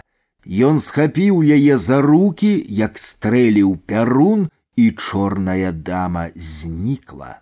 Пасля дух барбары ў выглядзе чорнай дамы з'явіўся ў нясвіскім замку. Казалі і такое, што калі ўзыдзе месяц, а поўначы ў замку з'яўляецца чорная дама. Яна нібыта спрыяе закаханым і заступаецца за бяздетных жанчын, а на каго чорная дама зірне, таму выпадае шчасце. Выдатным месцам, куды хлопец прывёў сваю чорную даму, быў ельнік, што стаяў за кальцавой дарогай. Паміж ельнікам і полем была нешырокая паласа, парослая высокай і мяккай травою. Так можна было легчы і адчуць рамантычную вусцішнасць. Напэўна, тое і адчувалі чорная дама з маладым чалавекам пад месячным святлом. І раптам хлопец пачуў, што жанчына зусім не ў жарт пракусіла яму ніжнюю губу. Але ён імгненна забыўся на боль, бо быў заняты вызваленнем цяжкіх грудзей са станікавага палону. Акрываўленымі вуснамі ён цалаваў шыю чорнай дамы і адначасова спрабаваў сцягнуць калготкі з жаночых клубоў. Жанчына адказала рэзкім супраціўленнем і паведаміла, што ёй нельга. Малады чалавек пачаў гарачым шэптам угаворваць даму, Ён абяцаў, што не будзе глыбока заходзіць, што зробіць усё акуратна, а калі яна нязгодная ў першую адтуліну, дык ён не супраць паспрабаваць і ў другую. Чорная дама пагадзілася на варыянт з другой адтулінай. Малады чалавек задаволіў сябе цалкам, а жанчына стомленым голасам сказала, што ёй не вельмі падабаецца генітальны акт, апраналася чорная дама страшэнна павольна, і хлопец ужо збіраўся выказаць незадаволенасць, як здарылася неверагоднае. Чорная дама хістанулася, і звабнай намацальнай жанчыны ўтварылася клубчастая аблачынка, што атрутна патыхнула сераю. Аблачынка хутка ўзнялася ў зорнае неба і растала, Малады чалавек разгублена азіраўся, нібыта шукаў светку, але здзіўленне і разгубленасць яшчэ павялічыліся, бо ён убачыў, што стаіць пасярод пусткі, заваленай будаўнічым смеццем, што святочная адзежа парваная і ў гразі. Нельга столькі піць. Падумаў хлопец, каб нейкім чынам замацавацца ў рэальнасці, і ў голас паўтарыў: нельга напівацца на чужым вяселлі.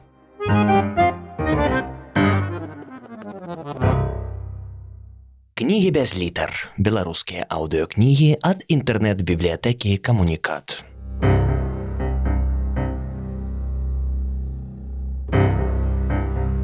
Адам Глобус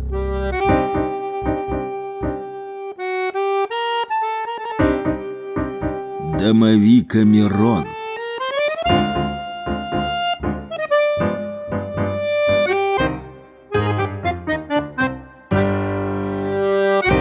Раздел сороковы фронтовик Яны пілі ў трох, сядзелі за гастраномам на пластыкавых скрынях і разлівалі па шклянках моцны ахдам. Хлопцы адзначалі вяртанне фронтавіка, той адслужыў паўтара года ў Афганістане і вось вярнуўся цэлы і вясёлы, чым не свята. Дваіх паклаў, яны з нажамі, а я з пасам. Франтавік выхваляўся і паклаў. Гаварыў ён падоўгу з гонарам і амбітнасцю. Ягоныя сабутэльнікі не служылі ў войску, бо адзін хадзіў у студэнтах, а другі, як перакананы хіпі, паміж войскам і вар'ятняй выбраў вар'ятню, таму франтавік лічыў, што абавязаны выхваляцца. І траіх магу пакласці, працягваў ён. Канчай заліваць. Студэнт перапыніў афганскага героя. Што ты там вякнуў шчанюк? Франтавіковы вочы заблішчалі дурным агнём. Не трэба, хлопцы, вяла азваўся хіпі.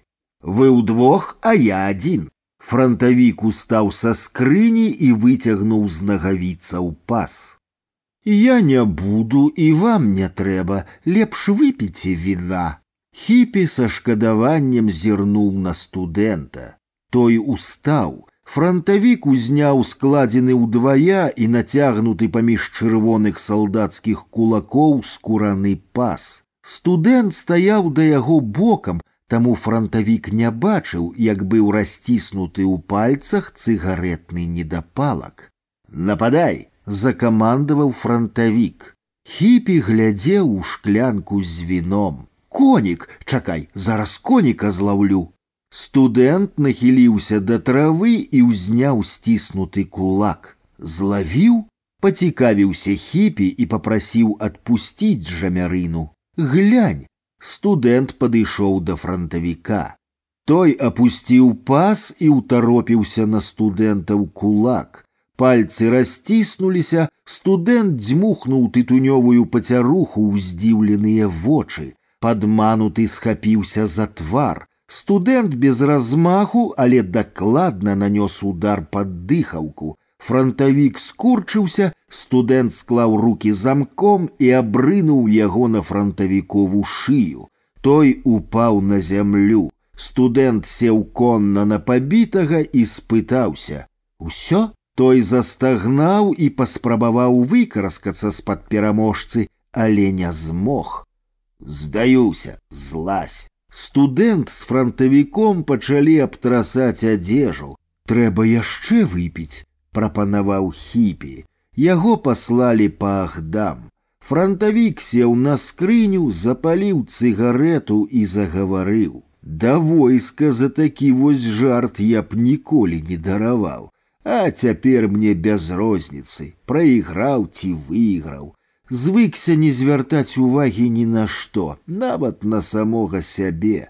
Абыякавасць мой нармальны стан, нават калі запсіхую, дык толькі вонкава агрэсіўны, а ў душы ўсё роўна спакойны.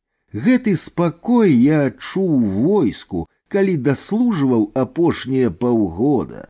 І сон гэтыя паўгода мне сніўся той самы спакойны сон Нібыта іду я ў краму, купляю бутэльку таннага мацаванага віна і плаўлены сырок. Заходжу ў пад'езд, сядаю на падлогу каля батарэі, п'ю з рыльца і закусваю сырком. І ўсё, і найвышэйшы кайф зайсці ў пад'езд і выпіць. Больш нічога не трэба. Вярнуўся хіпі, Хлопцы разлили по шклянках вино и чокнулись.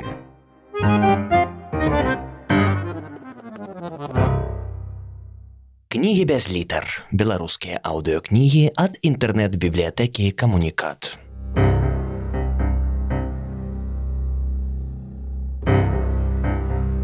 Адам Глобус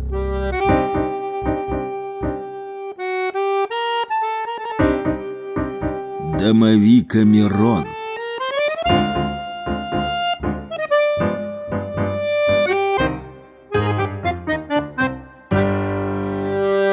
Раздел 41. Лифтовик. Жанчына зайшла ў ліфт і націснула кнопку з лічбаю 6. 666 знак д'ябла, якое глупства у нашае ліфтавае стагоддзе думаць пра д'ябла, разважала яна. Ліфт спыніўся, жанчына павярнулася тварам да дзвярэй, але тыя не рассунуліся. Засела, ліфт зламаўся, далі бог, мільганула ў жаночай свядомасці. Што рабіць? Чакаць, пачула яна за спінаю і ўкамянела. Схамянуўшыся, жанчына паспрабавала азірнуцца, але дужыя прахалодныя руки не дазволілі. Закрычу, папярэдзіла яна. Крычы, на крык збягуцца людзі, многа людзей. Яны ўзломяць дзверы, ты плачучы пачнеш расказваць, што ў ліфце цябе спрабавалі згвалціць, але кабіна будзе пустая і ўсе падумаюць, што ты ўцякла з вар'ятні і трэба як мага хутчэй вярнуць лекарам іхнюю пацыентку. Цябе пачнуць супакойваць, але не са спачуваннем, а запаслівасцю, са страхам у душы. Суседка з 345 кватэры, гэты цэнтнер жывое вагі са злосным сабачкам на руках, выкліча брыгаду санітараў. Ты паспрабуеш вырвацца ўцячы і зробіш яшчэ горш. Цябе прывяжуць да насілак, ты назмагаешся на 40 дзён палону ў вар'ятні, так што выбірай, або ты зараз зробіш усё, што я загадаю, або трапіш у лякарню. Гэй, хто там ліфт трымае? Разляцелася па пад'ездзе. Жанчына пазнала нахабны голас суседкі з кватэры 345. Пазнаеш голас? Пачула яна за спінаю задаволены шэпт. Пазнаю. А зараз я далічу да трох і забрэша яе сабака. Раз, два, не трэба. Позна, тры. Злосны брэх разляцеўся на ўвесь пад'езд. Што вам трэба? вымавіла жанчына праз слёзы. Крышачку пяшчоты. Прахалодныя дужыя руки ўзляцелі па жаночых сцёгнах. Пераступаючы з нагі на нагу, жанчына зняла майткі. Яна падпарадкавалася упэўненым рукам, развяла ногі, нахілілася і ўбачыла, як мыскі яе пантофляў адрываюцца ад падлогі. Ліфтавая кабіна хістанулася, заскрыгаталі тросы, рытмічны грукат заскакаў па пад'ездзе. На першым паверсе каля сініх паштовых скрынак стаяла кабета з кватэры 345. У яе на руках сядзеў лупавокі сабачка, побач пры самых ліфтавых дзвярах курыў мужчына з зямлістым тварам. Ён трымаў за руку дзяўчынку школьніцу. Зноў ліфтавік гуляе. Мужчына выкінуў цыгарету. Пры дзецях мог бы і памаўчаць. Важна кіўнула кабета ў зямлісты твар. Дзяўчынка школьніца запытальна паглядзела на мужчыну, той схаваў вочы.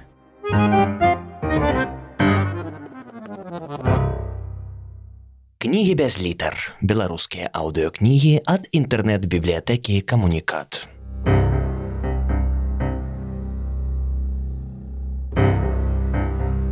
Адам Глобус.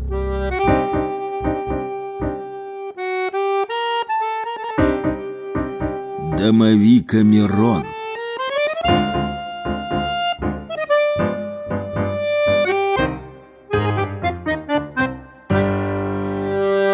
Раздел 42. Пажаднік. Юнак стаяў на тралейбусным прыпынку под ліхтаром. У шырока адкрытых вачах плыла смуга алкагольнай асалоды. З цемры да юнака наблізіўся пажаднік у светлым плашчы.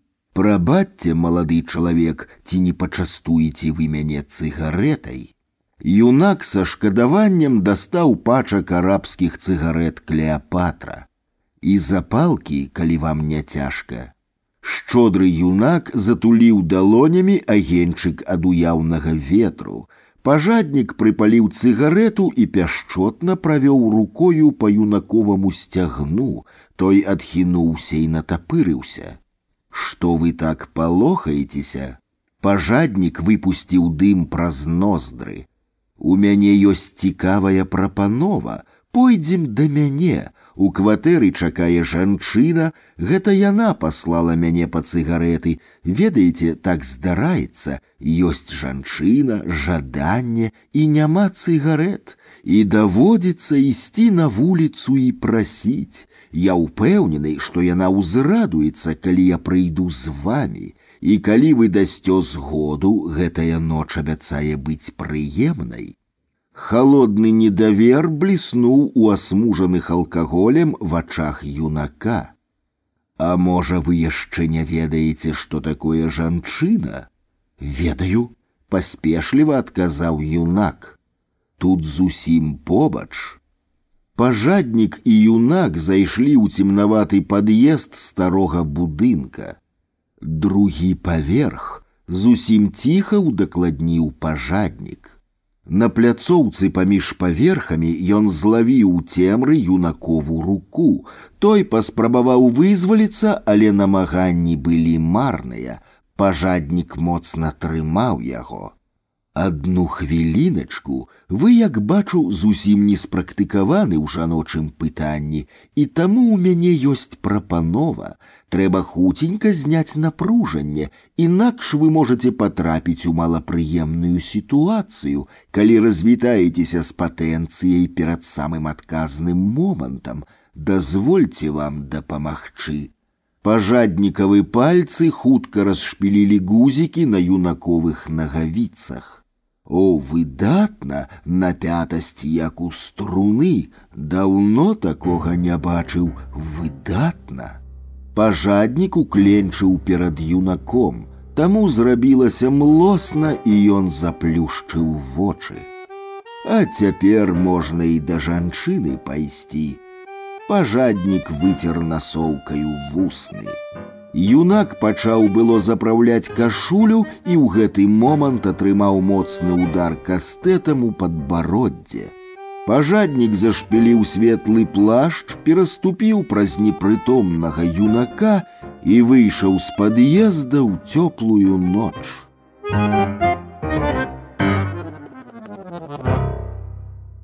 Кнігі без літар. Беларускія аўдыёкнігі ад інтэрнэт-бібліятэкі камунікат.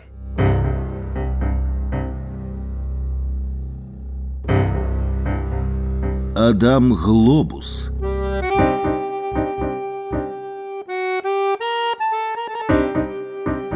Дамавікамерон.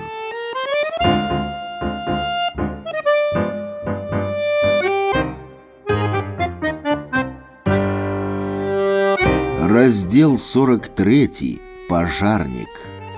Пожарник хроп на раскірэку тапчане, поўня асвятляла сыты твар. Фуражка з небліскучай кукардай ляжала побач з тэлефонным апаратам. Тэлефон раптоўна ўскінуўся траскучым звонам. Пажарнік ускочыў так, нібыта яму ўсадзілі з размаху шыла ў бок. Пажарная! пракашляўся ён у слухаўку. Я вячэру сабрала, можна прынесці, прапанаваў цёплы голас. Нясі, магла б і не тэлефанаваць. А раптам ты на выездзе. Кінь дурная, яшчэ накаркаеш, нясі хутчэй, а то кішкі марш іграюць. На далёкім канцы паклалі слухаўку. Пажарнік надзеў фуражку, запаліў настольную лямпу і прамармытаў пракураныя вусны. Фу ты нуты, чэрці гнуты. Праз нізенькія дзверы ў пакой зайшоў шафёр. На ім, як і на пажарніку, спраўна сядзела гімнасцёрка і галіфе, толькі на цалкам лысай галаве не хапала фуражкі з кукардаю. Лахудра есть і нясе, шафёр баднуў лысінаю паветра. Вядома, меланхалічна адказаў пажарнік.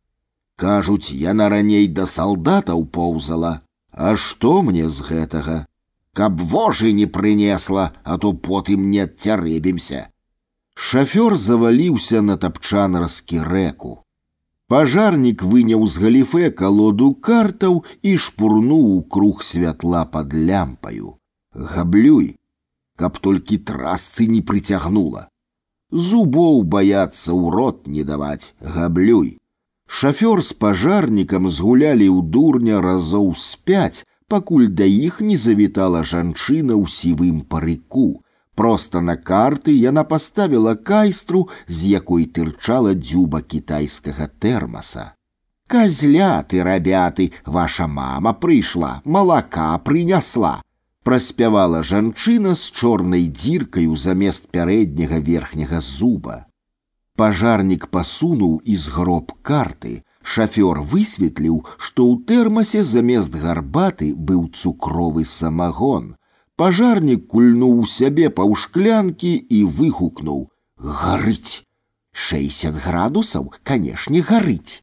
Начная гостя падаравала прысутным дзіравую усмешку. Пасля другой порцыі самагону пажарнік зняў фуражку, а пасля трэцяй расшпіліў гімнасцёрку і прапанаваў шафёру пакінуць памяшканне. Той не стаў спрачацца, а хуценька пайшоў за нізенькія дзверы. Пажарнік з жанчынаю ў сівым курчавым парыку добра такі ўладкаваліся на тапчане, калі пачулі такое. Засунь ёю дупу! Над голымі каханкамі ўзвышаўся шафёр у гімнасцёрцы. Сваё галіфе ён акуратна расклаў на стале. Пажарнік з неахвотаю перапыніў распачаты занятак. Ён лёг на спіну і заклаў руки за галаву. Жанчына села на яго і схілілася так, каб шафёр мог зрабіць тое, што прапаноўваў пажарніку. Нацешыўшыся, пажарнік, шафёр і жанчына селі дапіваць самагон. Кітайскі тэрмас хутка апаражніўся, шчарбатая начная гостя сышла. Нутро гарыць, паскардзіўся пажарнік. Вадою патушы. Параіў шафёр і бадануў паветра спатнелай лысінаю.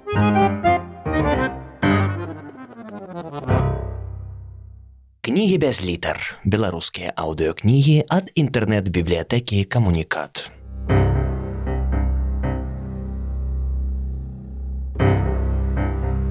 Адам Глобус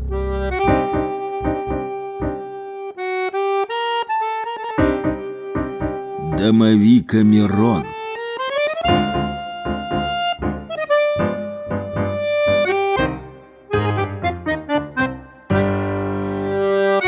Раздел 44. Тенявік. У букіністычнай краме я гартаў беларуска-нямецкі слоўнік і знайшоў спісаны аркуш паперы. Вось што я прачытаў. Яго заўжды прыніжалі. Адразу як мы сабраліся, каб стварыць клуб аматараў фантастыкі і прычыкільдаў ён, па нявымаўленай нікім дамоўленасці з яго зрабілі апошняга чалавека, яго адсунулі, адпіхнулі, заштурхнулі ў цень.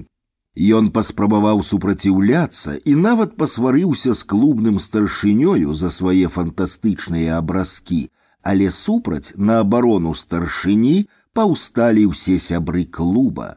Так атрымалася, што ценевіку раз і назаўсёды адмовілі ў публікацыях.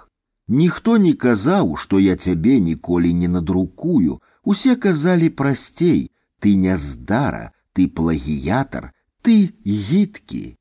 Калі што і даручалася гэтаму нябогу, дык толькі самая няўдзячная праца, схадзіць на пошту, пасварыцца з электрыкам ці прыбіральшчыцаю, і нават малапрыемныя даручэнні давалі яму неахвотна. А калі на рахунку аматараў фантастыкі з'явіліся сямізначныя лічбы, а на прэзентацыю нашага часопіса былі запрошаны міністры культуры і фінансаў, дык старшыня напярэдадні сказаў ценевіку, што ягонае прозвішча не значыцца сярод сяброў клуба, казалі ценявік заплакаў.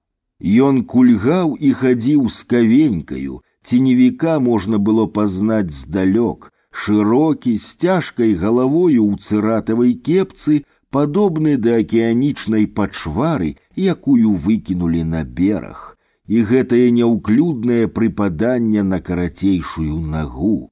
Толькі вось спачування ценявік не выклікаў, Нават калі яму даручылі прадаваць састарэлыя газеты, і ён сядзеў каля метро з пачкам пажоўклай мукулатуры, ва ўсёй каржакаватай постаці ценевіка прамалёўваўся нязломны каркас. Ён абапіраўся на самшытавую кавеньку, на рукаяці, у якой ашчэрвала пашчу львіная галава.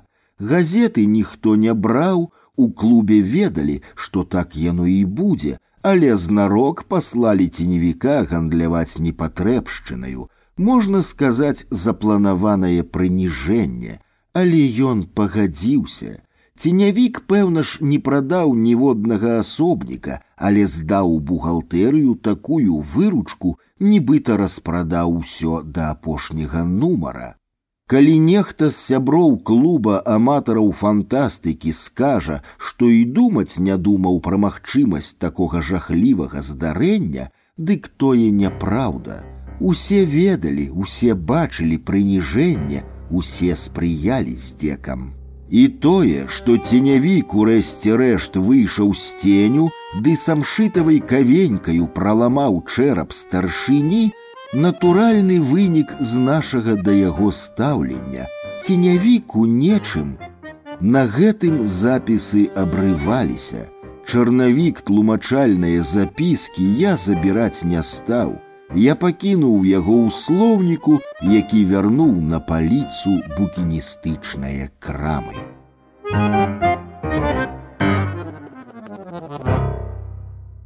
Кнігі без літар. Беларускія аўдыёкнігі ад інтэрнэт-бібліятэкі камунікат.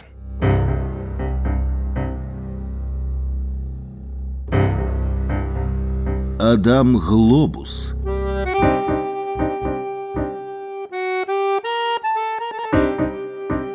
Дамавіка Мирон.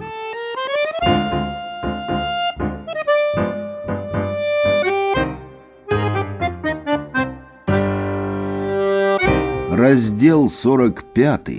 Паэт. Паэт у 33 гады нарэшце выдаў за ўласныя грошы зборнік вершаў.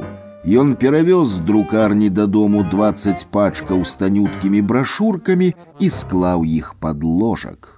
З таўсценнай этнаграфічнай энцыклапедыі Беларусі ён дастаў прыхаваныя 500 рублёў і разгубіўся, бо зразумеў, што ён адзінокі чалавек, што сяброў няма, што жанчыны, з якімі зрэдку і сустракаўся, зусім не адпавядаюць урачыстаму моманту ягонага жыцця, што знаёмыя і суседзі проста не зразумеюць, з якой нагоды пасярод тыдня ладзіцца свята. Паэт ліхаманкава гартаў даведнік, пакуль не спыніўся на прозвішчы журналісткі, Тэлефанаваць не хацелася, але і заставацца аднаму не хацелася таксама. У мяне свята выйшла з друку першая кніга, і я прабачце, але я вас не помню, пачуў паэт. Ён змоўк і намерыўся пакласці слухаўку, але замест гэтага набраў поўныя грудзі паветра і працягваў. Паэт выдаў кнігу і мае права запрасіць жанчыну на свята. Праз хвіліну яны дамовіліся, дзе і калі ўбачацца. Паэт з журналісткаю сустрэліся ў тэатральным скверыку. Мяне прывяла сюды прафесійная цікаўнасць, паведаміла яна замест прывітання. Ён падаў жанчыне танюткую брашурку сваіх вершаў. Віншую, журналістка зрабіла кніксэн. Што не раблю адны памылкі спрэс. Паэту згадаўся ўласны радок. І як будзем святкаваць, журналістка перахапіла ініцыятыву. Трэба ўзяць спиртное, вяла прапанаваў аўтар кнігі. У камісійнай крамцы яны ўзялі Наполеон. Журналістка зателефанавала дамоў і попрасіла мужа, каб ён забраў сына з дзіцячага садка а на пытанне, дзе піць каньяк, прапанавала сесці ў дваровай альтанцы, зрабіць паглытку і вырашыць, куды ісці далей. Праз якія паўгадзіны парожняя бутэлька паляцела ў хмызы за альтанкаю. Ёсць дарога, няма ў той дарогі канца ды і пачатку. Ап'янелы паэт успомніў другі радок. Мне трэба ў прыбіральню, журналістка паднялася. Я правяду, паэт устаў. Яны ўзяліся за руки і пайшлі праз хмызы да гаражоў. Ідзі, а я пагляджу, каб ніхто не ішоў, прапанаваў ён. Можам разам пайсці. Яна зазірнула ў паэтавы вочы. За гаражом журналістка спрытна ўскінула спадніцу і прысела на кукішкі. Паэт стаў тварам да гаражнай сцяны. Узбуджанасць замінала яму, і журналістцы давялося доўга чакаць паэта. Яна ўжо зусім не з прафесійнай цікаўнасцю назірала за мужчынам, які спраўляў патрэбу на аблезлую сцяну. Паэт зашпіліў нагавіцы і прапанаваў пайсці да яго дамоў. Журналістка апусціла вочы ў знак згоды. Яны селі ў тралейбус, дзе паэт адчуў няёмкасць, бо ў нагавіцах меў больш плоці, чым звычайна, калі ездзіў грамадскім транспартам. Яму стала зусім ніякавата, калі сутыкнуўся твар у твар са знаёмым тэлеаператарам, і каб выйсці з недарэчнай сітуацыі, паэт не прыдумаў нічога лепшага, як запрасіць яго ў госці. Тэлеаператар узяў ды і пагадзіўся. Дома паэт выставіў на кухонны стол прыхаваную на чорны дзень гарэлку. Пасля другой чаркі ён сумам заўважыў, што тэлеаператар спадабаўся журналістцы. Яна колькі разоў тэлефанавала дадому, і яе голас рабіўся падчас размоў з мужам лагодны да прыкрасці. Ад выпітага паэт заблажэў і пайшоў у прыбіральню ванітаваць, а калі вярнуўся на кухню, дык не ўбачыў удзельнікаў імправізаванага свята паэзіі. Ён узяў са стала перапэцканы ў тлушч зборнічак і ледзь не заплакаў, пабачыўшы на вокладцы колца следу ад чаркі. З кніжкаю ў руцэ, трымаючыся за сцяну, паэт пайшоў класціся спаць. Ва ўласным ложку ён убачыў аголеную жанчыну, у якой паміж раскінутых сцёгнаў цямнела мужчынская галава. Паэт нават не адразу пазнаў у каханках тэлеаператара з журналісткаю. Ён не стаў спыняць эратычны занятак, а вярнуўся за непрыбраны стол і пачаў перачытваць свае вершы. Паэт заснуў, седзячы за сталом, а калі прачнуўся, убачыў хлопчыка, які сядзеў насупраць і з апетытам еў печыва. Паэт быў амаль упэўнены, што сон працягваецца, але галасы ў перадпакоі вярнулі ў рэальнасць. Зараз пойдзем, казаў прыкры жаночы голас. Гаварыць будзем дома. Голас незнаёмца меў незадаволеную афарбоўку. Зусім недарэчна паэт адчуў узбуджанасць, бо згадаў раскінутыя жаночыя сцёгны і мужчынскую галаву паміж імі. Тата, дядька прачнуўся! закрычаў хлопчык, крошкі пячэння пасыпаліся з поўнага рота. Дзверы грукнулі, бразнуў замок. Чарговы радок усплыў у паэтавай памяці. Ён абышоў пустую кватэру, вярнуўся на кухню і памыў посуд. Спляжаны зборнік паэт парваў напалам і выкінуў смецце. Ой. Кнігі без літар. Беларускія аўдыёкнігі ад інтэрнэт-бібліятэкі камунікат.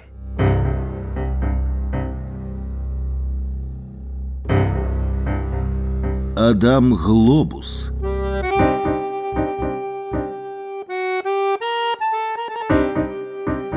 Дамавіка Мирон.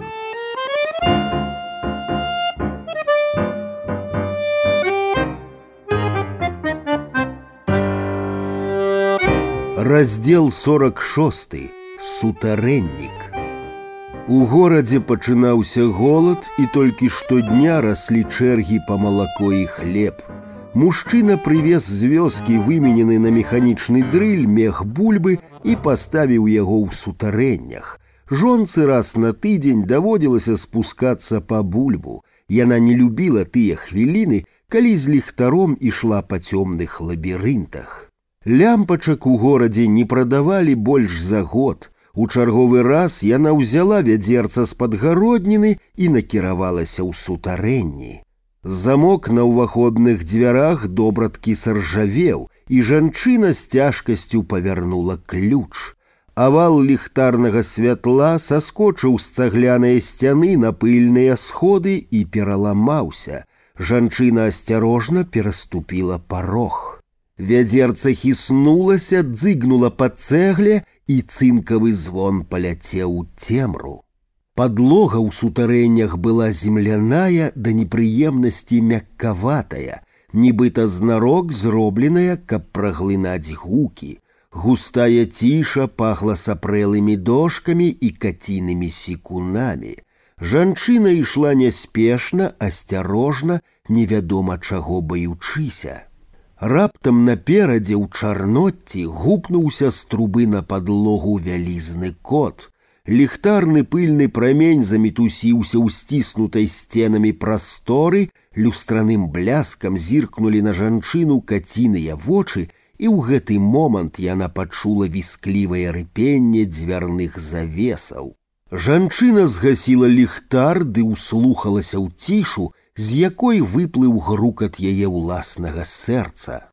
Шчоўкнуў выключальнік і круг святла на сцяне дазволіў прачытаць колькі брудных словаў і пабачыць маляванку аматара палавых асаблівасцяў чалавека.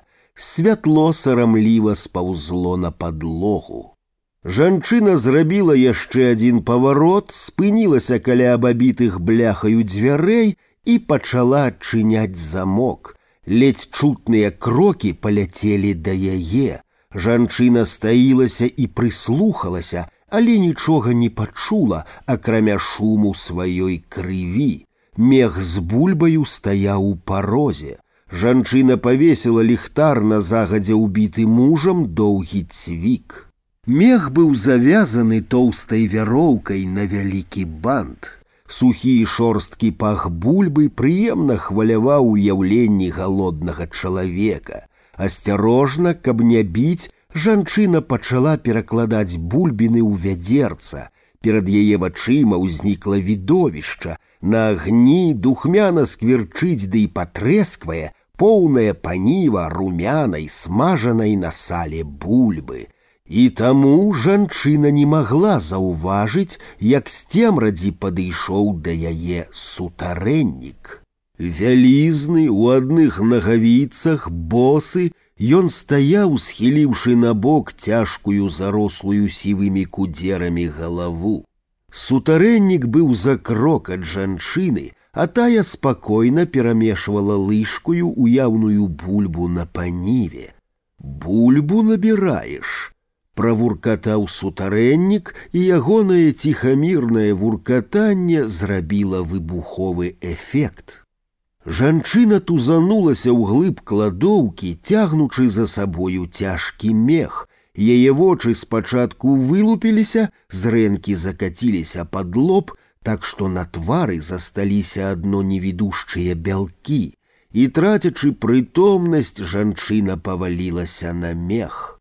Вядзерца перакулілася і бульбіны пакаціліся да босых ступакоў сутарэнніка. Той схіліўся, выбраў большую, абцёр аб нагавіцы, адкусіў і захрумстаў, як тым яблыкам. Сутарэннік амаль з'еў бульбіну, калі жанчына апрытомніла і села на мех. Уставай, распранайся, глядзець му.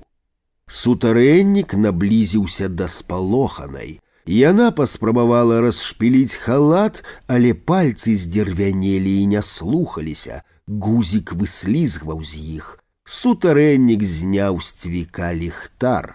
Шаўковы станік упаў на пыльную мешкавіну. Жанчына закрыла рукамі твар, паказаўшы пад пахамі густыя светлыя валасы. Ліхтарны прамень сунуўся з аголеных грудзей на жывот і сцёгны, між якіх рос кусцік такіх жа густых валасоў, як пад пахамі. Сутарэннік задаволена завуркатаў, кінуў ліхтар, схапіў жанчыну і аддаў ёй усю сваю ласкавую сілу. Тая, каб не пабіцца аб сцяну, моцна абняла сутарэннікаву шыю. У млява запаволеным танцы пара растварылася ў цемры. Ліхтар самотна ляжаў на станіку і высвечваў круг на бетоннай столі, пакуль ягоная лямпачка не ўспыхнула ярка-ярка перад сконам. У кватэры жанчына не магла ўспомніць, ніяк знайшла ў суцэльным чарноцці свае апранахі, ніяк дайшла да выхаду, ніяк апынулася на кухні з вядзерцам бульбы ў руках.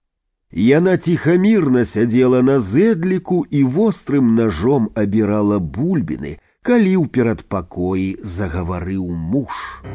Не поверыш, лямпачкі я знайшоў цэлую скрыню, успомніў раптам, як у мінулым годзе ёлку каля завода ставілі, а скрынку з цацкамі я сам і хаваў на складзе запчастак.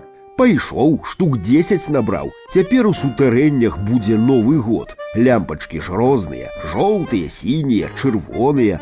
У горадзе голад пачынаецца, сказала жонка ў рандэлю за бабранаю бульбаю і дадала ў вядро з шалупіннем.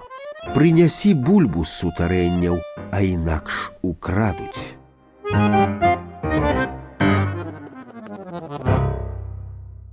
Кнігі без літар. Беларускія аўдыёкнігі ад інтэрнэт-бібліятэкі камунікат.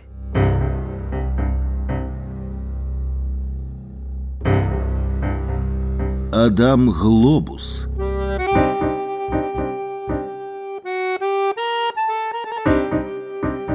Дамавіка Мирон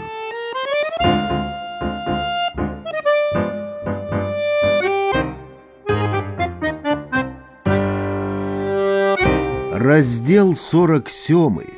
Гвалтаўнік. Ва ўніверсаме цэнтральны гула вечаровая талкатнеча. Гвалтаўнік ішоў уздоўж паліц з кухоннымі прыладамі. Каля стэлажа са слоікамі ды гаршчэчкамі пад кветкі ён убачыў дзяўчыну. Стрункая, гнуткая, нібы пяро паўліна, яна засяроджана выбірала слоік. Твар гвалтаўніка змяніўся, абыякавасць саступіла месца зацікаўленасці. Дзяўчына так і не здолела выбраць слоік. З пустымі рукамі яна накіравалася да выхаду. Хаваючыся за паліцамі і стэлажамі, гвалтаўнік пайшоў следам. З універсама яна выйшла на праспект ды спусцілася ў метро. Гвалтаўнік ледзь паспеў сесці з ёй у адзін цягнік. З метро дзяўчына прайшла на аўтобусны прыпынак, гвалтаўнік зрабіў выгляд, што ўважліва чытае аб'яўкі, налепленыя на ліхтарны слуп. У аўтобусе дзяўчына прайшла ў сярэдзіну салона, а гвалтаўнік застаўся стаяць на задняй пляцоўцы. Аўтобус завярнуў з шырокай магістралі на вузкую вулку, праехаў пад чыгуначным мостам і загамаваў каля каштанавага сквера. Дзяўчына лёгка саскочыла з прыступкі на асфальт. Гвалтаўнік перачакаў на прыпынку, пакуль дзяўчына адыдзецца, каб не выклікаючы падазрэнняў рушыць следам. Дзяўчына кіравалася ў бок чыгункі, Яна перасякла сквер і падышла да вузкага тунеля, што ляжаў пад чыгуначным палатном. Яна ўжо ступіла на шахмутную у чорна-шарыя квадраты тунельную падлогу, калі гвалтаўнікова рука легла ёй на плячо. Стой! Загад як стрэл паляцеў у тунель. Дзяўчыну скаланула як ад удару токам будзеш крычаць перарэжу горла. Гвалтаўнік паднёс нож да збялелых дзявочых вуснаў. Пайшлі. Ён пацягнуў дзяўчыну да сябе. Яны ішлі ўздоўж высокага насыпу, беззаконныя сцены складоў ды парканы з калючым дротам цягнуліся з другога боку гвалтаўнік спыніўся толькі каля моста праз сонную начную свіслач. Дзяўчына трымцела ад сполаху і гідкасці, калі ён зрываў з яе сукенку. Яна падпарадкоўвалася гвалтаўніку, як анучная лялька слухаецца дзіцячых рук. Ён паклаў яе на засыпаную чыгуначным пылам шорсткую траву. Гвалтаўнік увайшоў дзяўчыну нечакана і рэзка, але тая не ўскрыкнула і не застагнала. Яна адно працяжна ўздыхнула. Жах панаваў у свядомасці, бо перад вачыма ўсё яшчэ стаяў бляск нечакана ўбачанага ножа. Яна не ўскрыкнула нават, калі гвалтаўнік перавярнуў яе і, рассунуўшы рукамі клубы, увайшоў ззаду. Дзяўчына сціснула зубамі самы кончык уласнага языка і трывала. Яна так і засталася стаяць на каленях з тварам прыціснутым да бруднай травы, калі гвалтаўнік пачаў паднімацца на чыгуначны адхон. Насвістваючы, ён перайшоў мостам на другі бераг свіслачы і знік за хісткімі галінамі вербаў. У кінатэатр цэнтральны гвалтаўнік прыйшоў на апошні сеанс. Зала была запоўненая на трэць, Калі фільм скончыўся і запалілася святло, гвалтаўнік убачыў шыкоўную жанчыну. Годная, як гатычны сабор святой Ганны ў вільні, яна ішла між пустых крэслаў. Ад кінатэатра яна прайшла на тралейбусны прыпынак, дзе ад няма чаго рабіць разглядала газетны шапік, асветлены слабою лямпачкай. У тралейбус жанчына зайшла праз сярэднія дзверы, а гвалтаўнік праз заднія. Наступны прыпынак быў якраз насупраць абутковага завода прамень. Тралейбусны салон вокам гненна бітмана біўся работніцамі, што ехалі з трэцяй змены. Над пасажырамі залунаў пах клею і гумы. Гвалтаўнік захваляваўся, бо збаяўся згубіць сваю абранніцу ў гэтым задушлівым цясноцці, але нерваваўся ён дарма. Большасць работніц сышла праз прыпынак каля метро. Паўпусты тралейбус хутка ляцеў на ўскраіну горада. Годная абранніца гвалтаўніка сышла насупраць кальварыйскіх могілак. Ён паспяшаўся за ёю, Яна абмінула кветнік з соннымі ружамі і ўзнялася па лесвіцы да вялікага будынка, на першым паверсе якога пабліскваў цьмянымі вітрынамі гастраном. Праз гулкую арку жанчына выйшла ў двор, засаджаны нізка пастрыжанымі кустамі. Кратком, каб не было чуваць крокаў, гвалтаўнік зайшоў у арку. Жанчына чакала ліфт, калі ў пад'езд зайшоў ён. Мне восьмы, абыякова сказала яна ў кабіне. Вышэй, пераканаўча запэўніў гвалтаўнік. Ліфт, уздрыгваючы і парыпваючы, пасунуўся ў гору. На сваім паверсе жанчына паспрабавала выйсці, але гвалтаўнік не пусціў, наставіў дзюбу двухбакова вострага ножа ў перапужаны твар. Вышэй, паўтарыў ён праз сціснутыя зубы. Отпусціце, што я вам зрабіла, можете забраць грошы. Едем вышэй. Вольнай рукою ён націснуў кнопку апошняга паверха, на якім выштурхнуў жанчыну да металёвай лесвіцы. Отпустите! У голасе ахвяры стаялі слёзы. Ён моўчкі штурхануў ахвяру на прыступкі, звараныя з чорных прэнтаў. Жанчына паднялася на цёмную пляцоўку да дзвярэй, што вялі на гарышча. Заходзь. Лязо ножа бліснула ў цемры. Жанчына зайшла на гарышча, Гвалтаўнік узяў яе за руку і упэўнена павёў да маленькага акенца, што слаба свяцілася ў далечыні. Каля акенца ён прымусіў жанчыну выканаць усе свае пажаданні. Гвалтаўніка не спыняла і тое, што яна была ў неспрыяльным стане. Пах крыві яшчэ больш узрушыў ягоную пажаднасць. Па ўсім жанчына ўкленчыла і безгалоса зарыдала.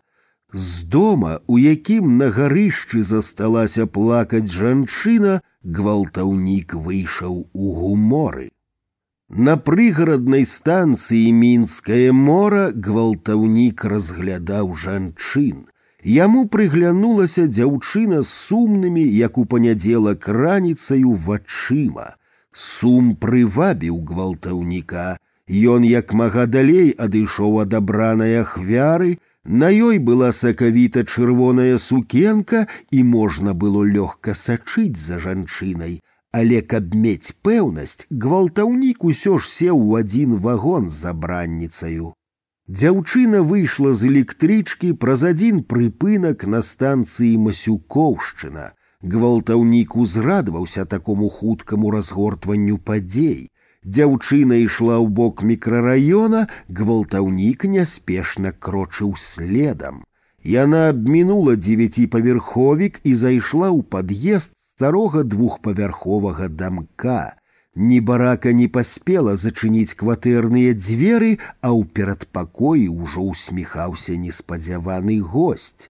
Дзяўчына кінулася да яго і паспрабавала выпхнуць за парог. Марныя намаганні гвалтаўнік ударыў ахвяру. Кроў тонкім струменьчыкам пацякла з губы на падбароддзе, намаляваўшы вось сіметрыі. Ён падумаў, што кроў пасуе да чырвоныя сукенкі. Эстэтычныя развагі парушыў крык: Ратуйце! Дзяўчына наляцела на гвалтаўніка з намерам разадраць пазногцямі ягоны халодны і гожы твар. Моцны удар адкінуў яе на сцяну. Заб'ю! Сыкнуў гвалтаўнік і як доказ паказаў нож. Дзяўчына звяла. Ён узяў яе двума пальцамі за акрываўленае падбароддзе і перавёў у пакой. Дзяўчына больш не пярэчыла, Яна толькі адвярнула твар, калі ён абціраў сукенкаю яе перапэцканыя кроўю вусны. Асмужанымі вачыма дзяўчына глядзела ў столь. Гвалтаўніковы рухі былі таропкія і рэзкія, Яна так і засталася ляжаць аголеная на кіліме, калі ён выйшаў з кватэры. У пад'ездзе гвалтаўнік уважліва і педантычна агледзеў вопратку. Ён выйшаў у двор з вясёлымі вачыма, якія бываюць у працаўнікоў па суботах пасля цяжкага тыдня. Ён не ўбачыў на гаўбцы другога паверха аголеную дзяўчыну сумным поглядам, якая ўзняла над галавою цяжкі пяцілітровы слоік з мёдам і шпурнула ўніз. Слоік трапіў на гвалтаўнікову галаву з такой сілаю, што чэрап хруснуў. Сутарга скаланула цела, руки ўзняліся ўгору, нібыта гвалтаўнік хацеў папрасіць даравання ва ўсіх пакрыўджаных жанчын. По зямлі рассыпаўся веерам мёд, перамяшаны са шклом і крывёю.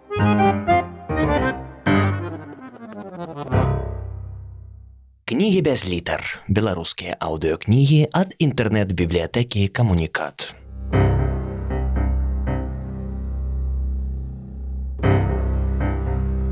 Адам Глёбус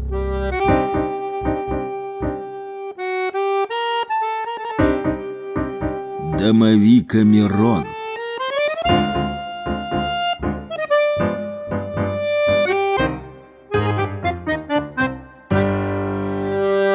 Раздзел 48. Грэшнік. Грэшнік сядзеў на верандзе за светлым сталом і спрабаваў пералічыць сем смяротных грахоў. Пыха, блуд, лянота, лютасць, зайздрасць, блуд. Ён збіваўся і пачынаў наноў загінаць пальцы з дагледжанымі пазногцямі.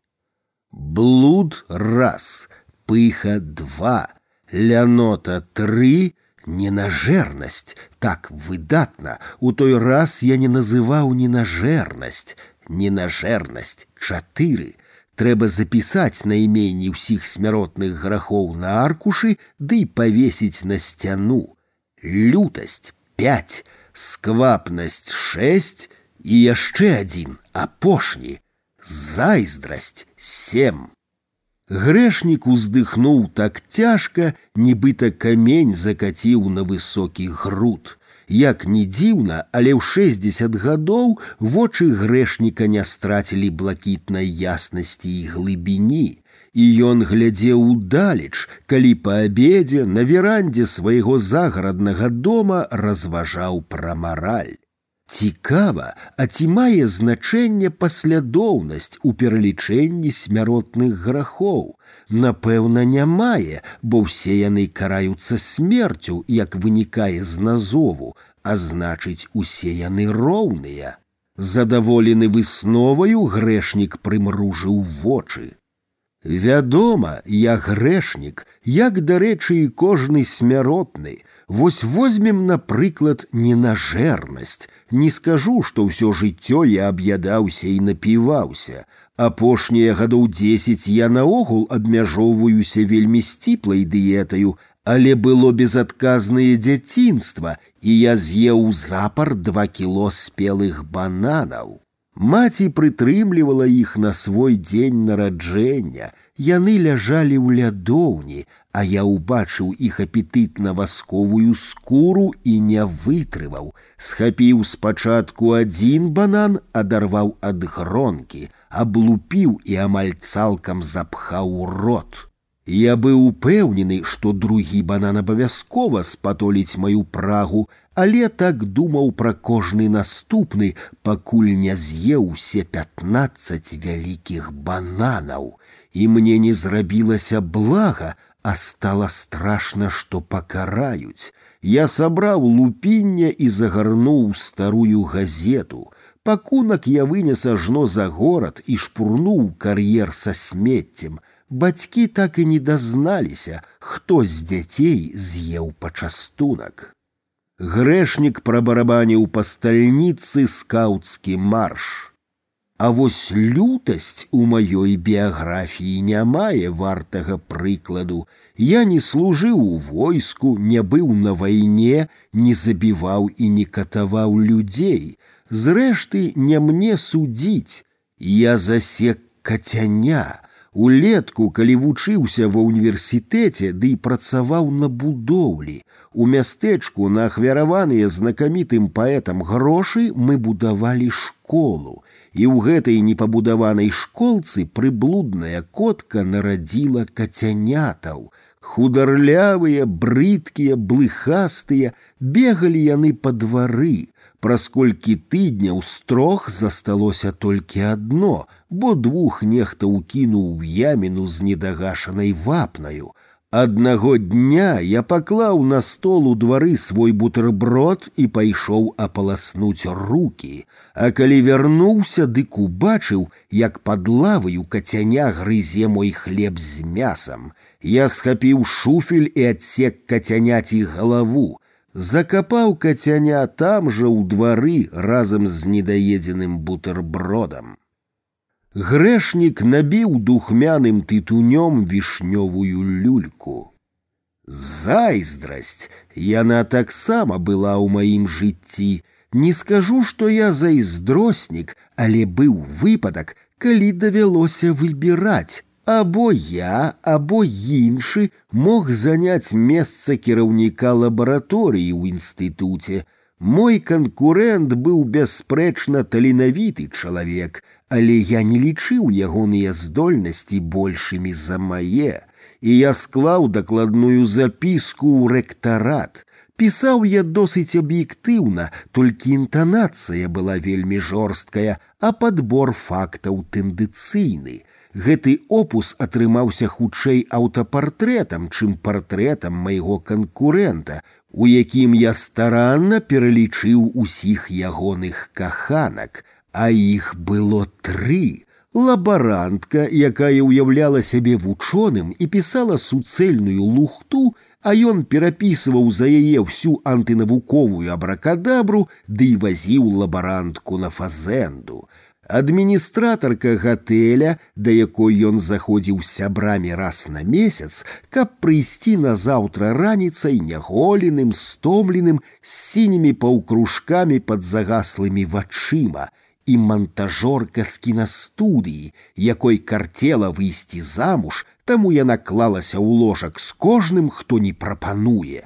Мой опус пра дон Жуана спрацаваў, яго пераказвалі ў інстытуцкіх калідорах І паціху мой канкурэнт сапраўды ператварыўся ў вачах выкладчыкаў у дон Жуана, яму пачалі зайздросціць, а зайздрасць магутная, хай і адмоўная сіла.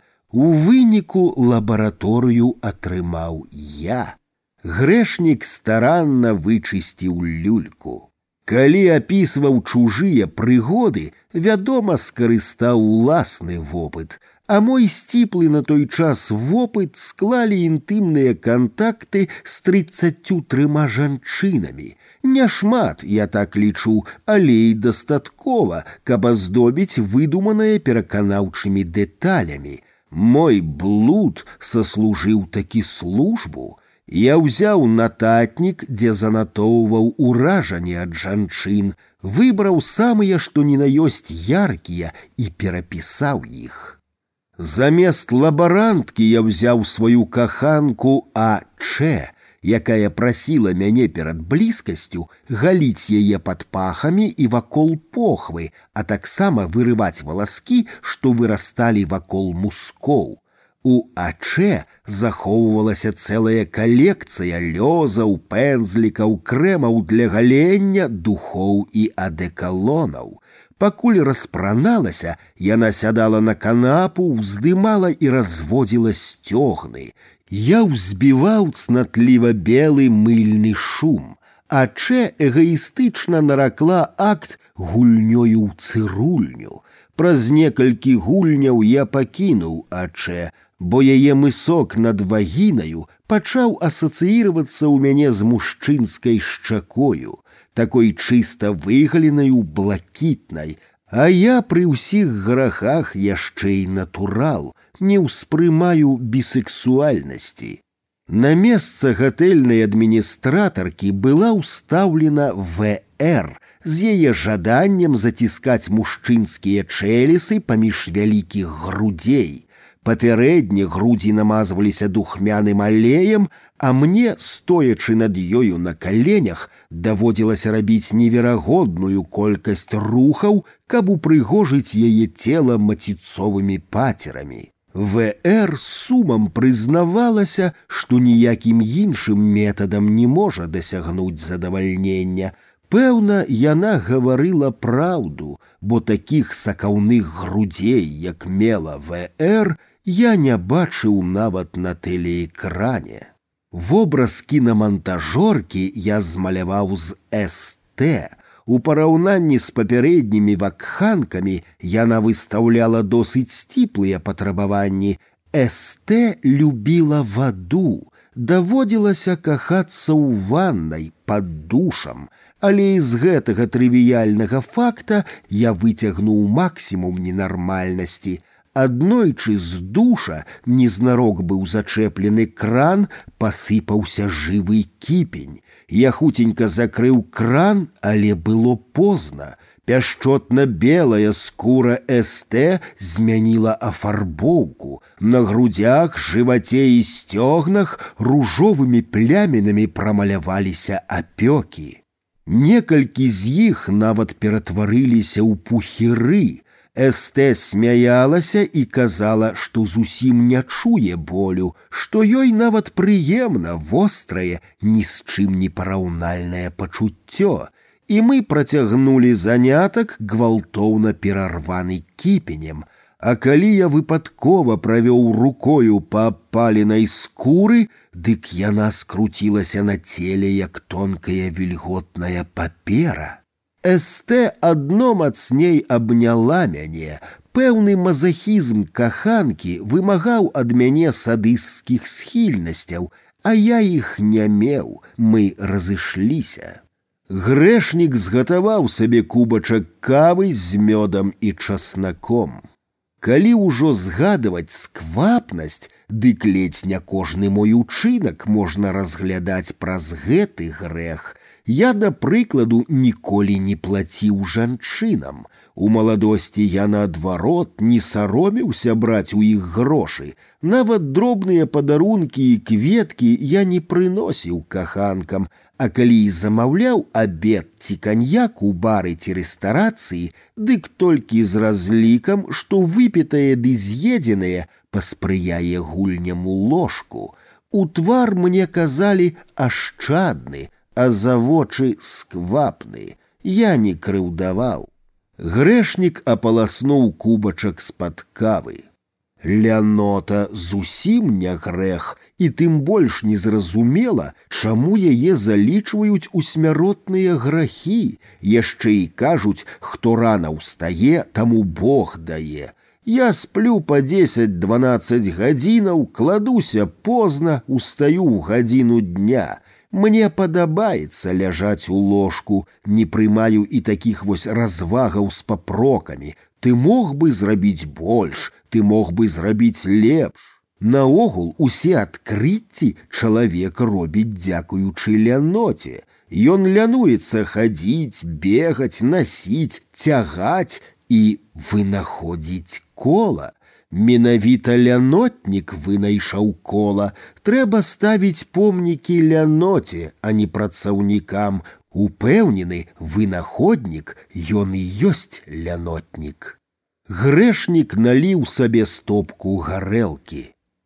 Пыха, поўнае непаразуменне, калі ты не блуднік, не лянотнік, не сквапнік, не зайздростнік, не п'яніца і не нажэра, не злыдзень, дык ты самаўпэўнены ганарысты, фанаберысты, напышлівы, жахлівы грэшнік, так, так, і ўсе смяротныя грахі замыкаюцца дзякуючы пысе у зачараванае кола. Грэшнік ударыў кулаком у сцяну, і ў гэты момант са сцяны выйшаў белы анёл. Грэшнае чалавечае сэрца сціснулася і перастала біцца. Анёл разгарнуў крылы, і ўзняўся ў чыстае неба.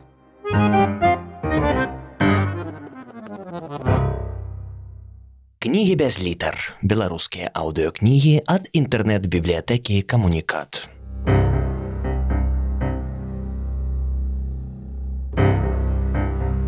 Адам Глобус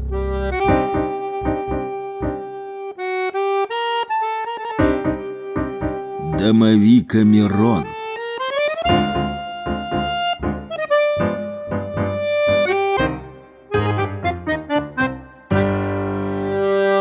Раздел 49. Вынаходнік. Вынаходнік скінуў кашулю, а ягоная жанчына сукенку. Ён наліў брэндзі ў келихі. Яна піла маленькімі глыткамі. Каханкі загаралі, седзячы ў белых фатэлях на беразе спакойнага, як мармур возера. Каханка запустила руку ў станік і поправила одну са сваіх важкіх грудзей. Вынаходнік дакрануўся да яе загарэлага пляча. Тады яна завяла руку за спіну і зняла станік. Каханак намаляваў уяўнае колца вакол тугога муска. Такія важкія грудзі, табе яны не замінаюць хадзіць. Вядома, цяжка, але ёсць лекі, што здымаюць стому. З-за вялікіх люстраных акуляраў суразмоўцы не бачылі вачэй адно аднаго. І такіх лекаў шмат ён зняў акуляры. Многа яна паклала свае настанік. А ёсць такія варыянты, што мы з табою яшчэ і не паспрабавалі. Напэўна, іх не меней за пятнаццаць. Бровы каханка ўзляцелі, каханкавы веі апусціліся. Можа, паспрабуем іх проста зараз, спытаўся ён. Усе пятнаццаць? Пытаннем на пытанне адказала яна. Колькі зможам, але я маю намер паспытаць з табою ўсё. Вынаходнікава жанчына ўзнялася з фатэля і скінула ніжнюю палову бікіні. Пачнём? Каханка, расставіўшы ногі, упіралася рукамі ў свае круглыя калені. Вынаходнік акуратна расклаў шорты на фатэлі і сказаў: « Мы пачнём з французскага спосабу. Толькі французы называюць яго італьянскім. удакладніла жанчына, калі мужчынскія руки леглі на яе талію. Па ўсім вынаходнік ізноў разліў брэндзі па крышталёвых келіхах. Цікава, беларусы маюць уласны спосаб наталяць эратычную прагу, спыталася аголеная жанчына, калі надзявала акуляры. Не ведаю, Вынаходнік глытнуў моцнага напою і раптам узрушана дадаў: Мы павінны вынайсці беларускі варыянт сексуальнай гульні. Я адчуваю ў сабе здатнасць на такое адкрыццё. З-за далёкай азёрнай выспы лёгка выплыў трохкутны ветрась. Жанчына павярнулася да вынаходніка, Пэўна, яна хацела загаварыць з ім пра яхту і ветрась, але ён пацалаваў яе ў вусны, падняў і панёс у дом, каб на льняной прасціне вынайсці беларускі варыянт эратычнай гульні.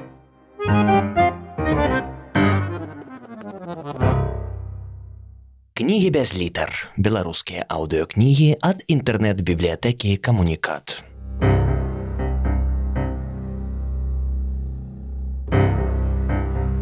Адам Глобус.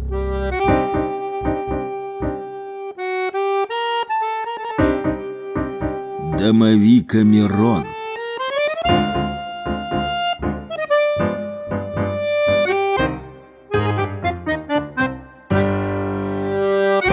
Раздел 50.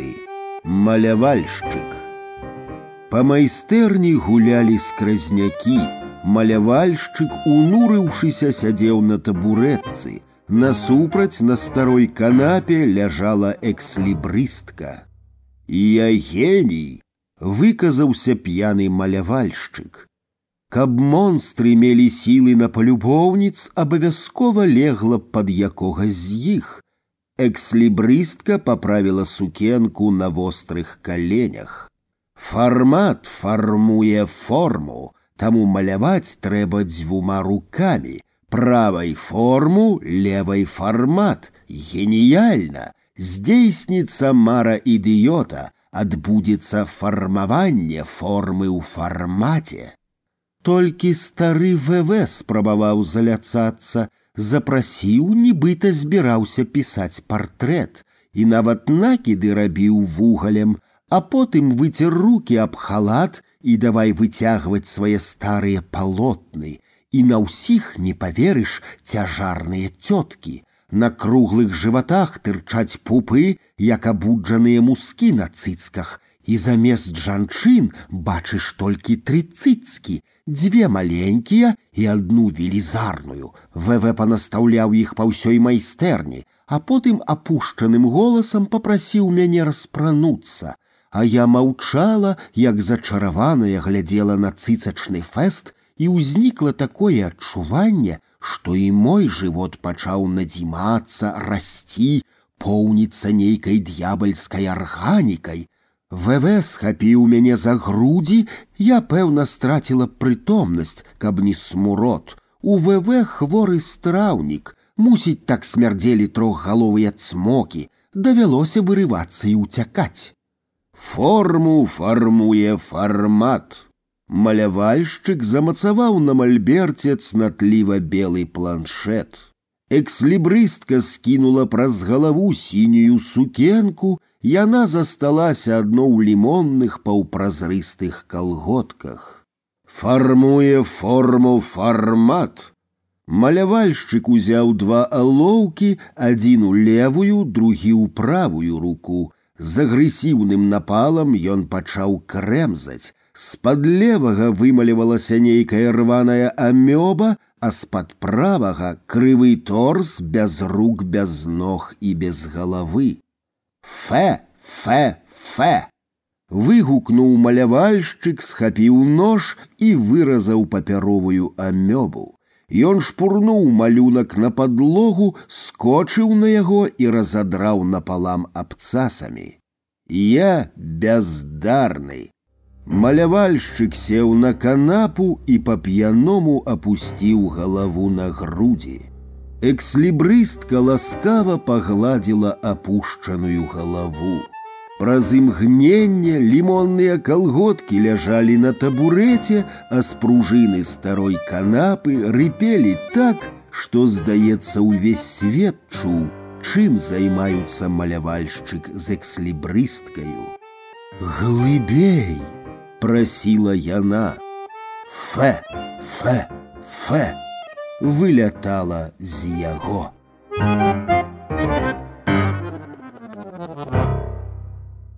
Кнігі без літар. Беларускія аўдыёкнігі ад інтэрнэт-бібліятэкі камунікат.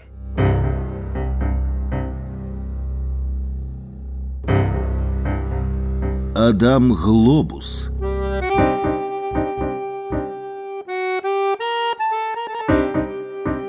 Домовика Мирон.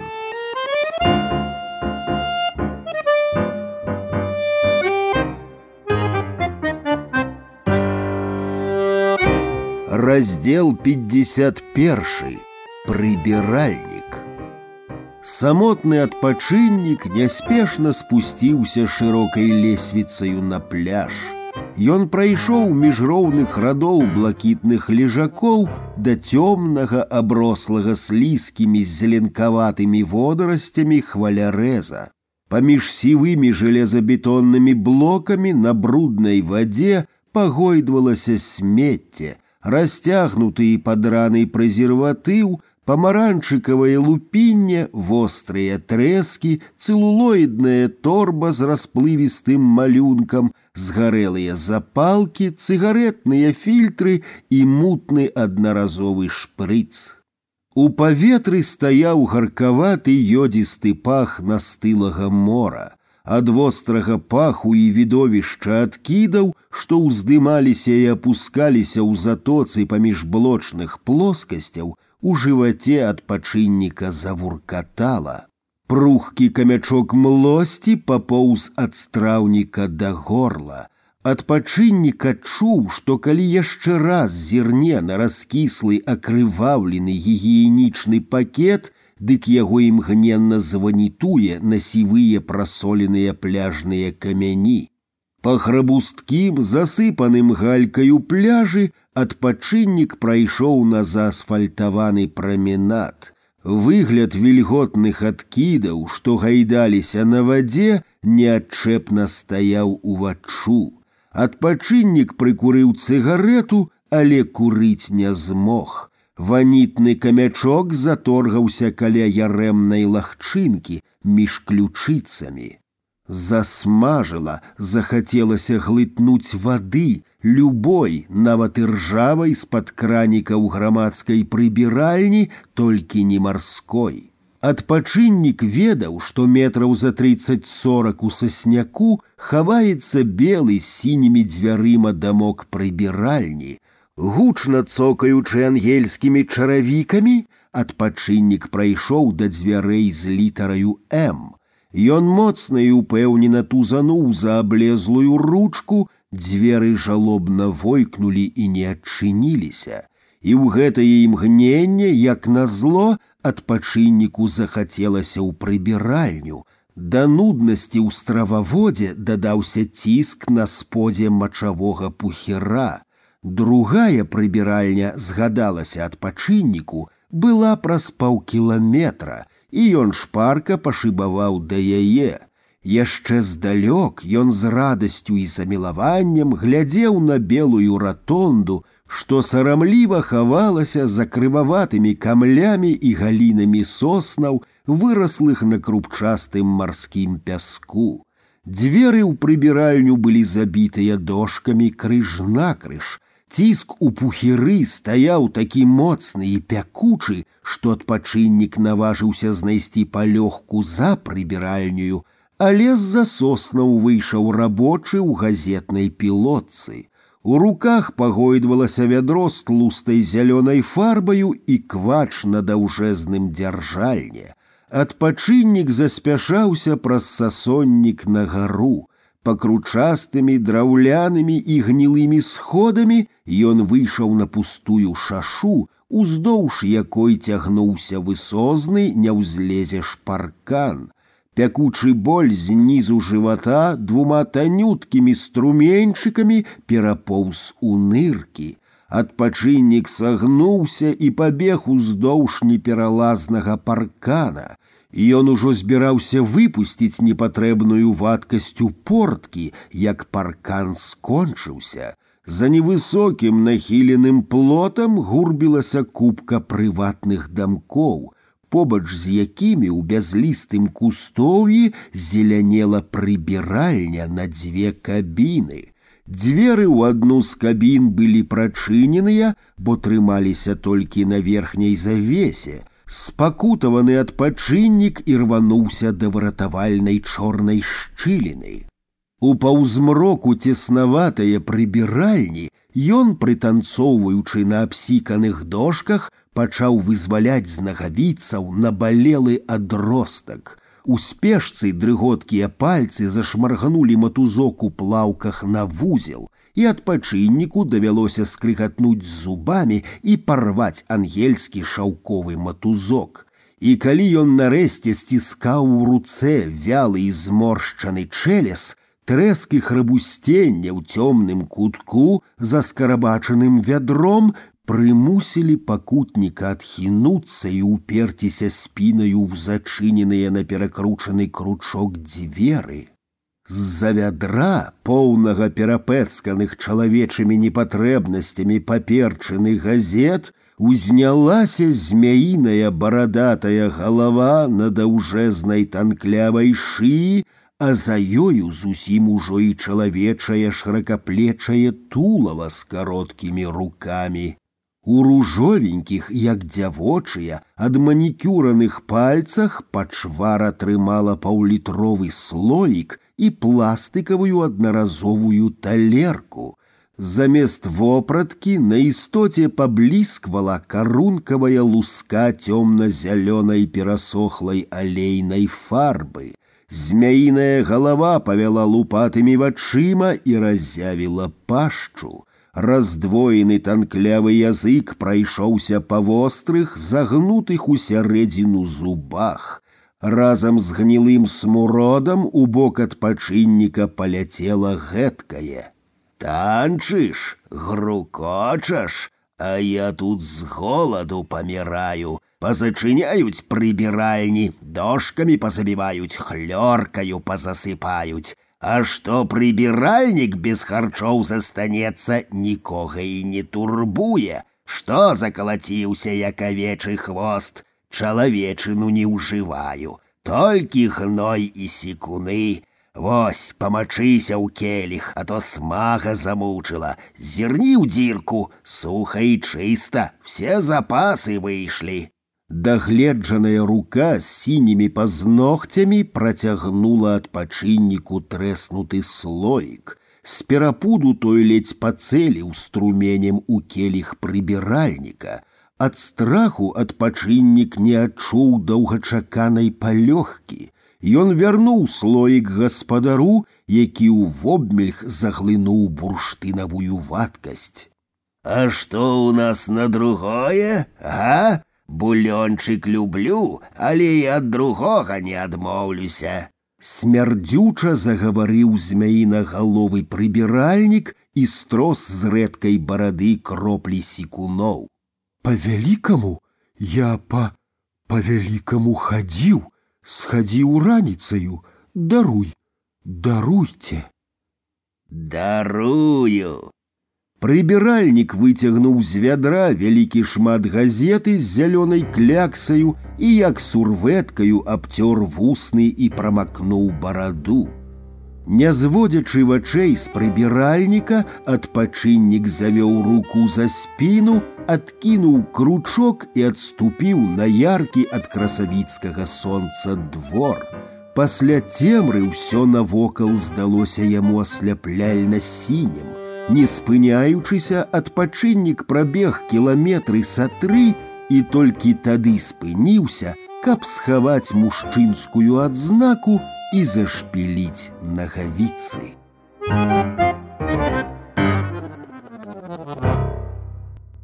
Кнігі без літар. Беларускія аўдыёкнігі ад інтэрнэт-бібліятэкі камунікат.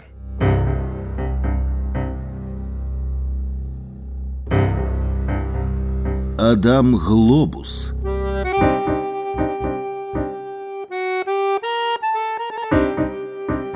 Дамавіка Мирон.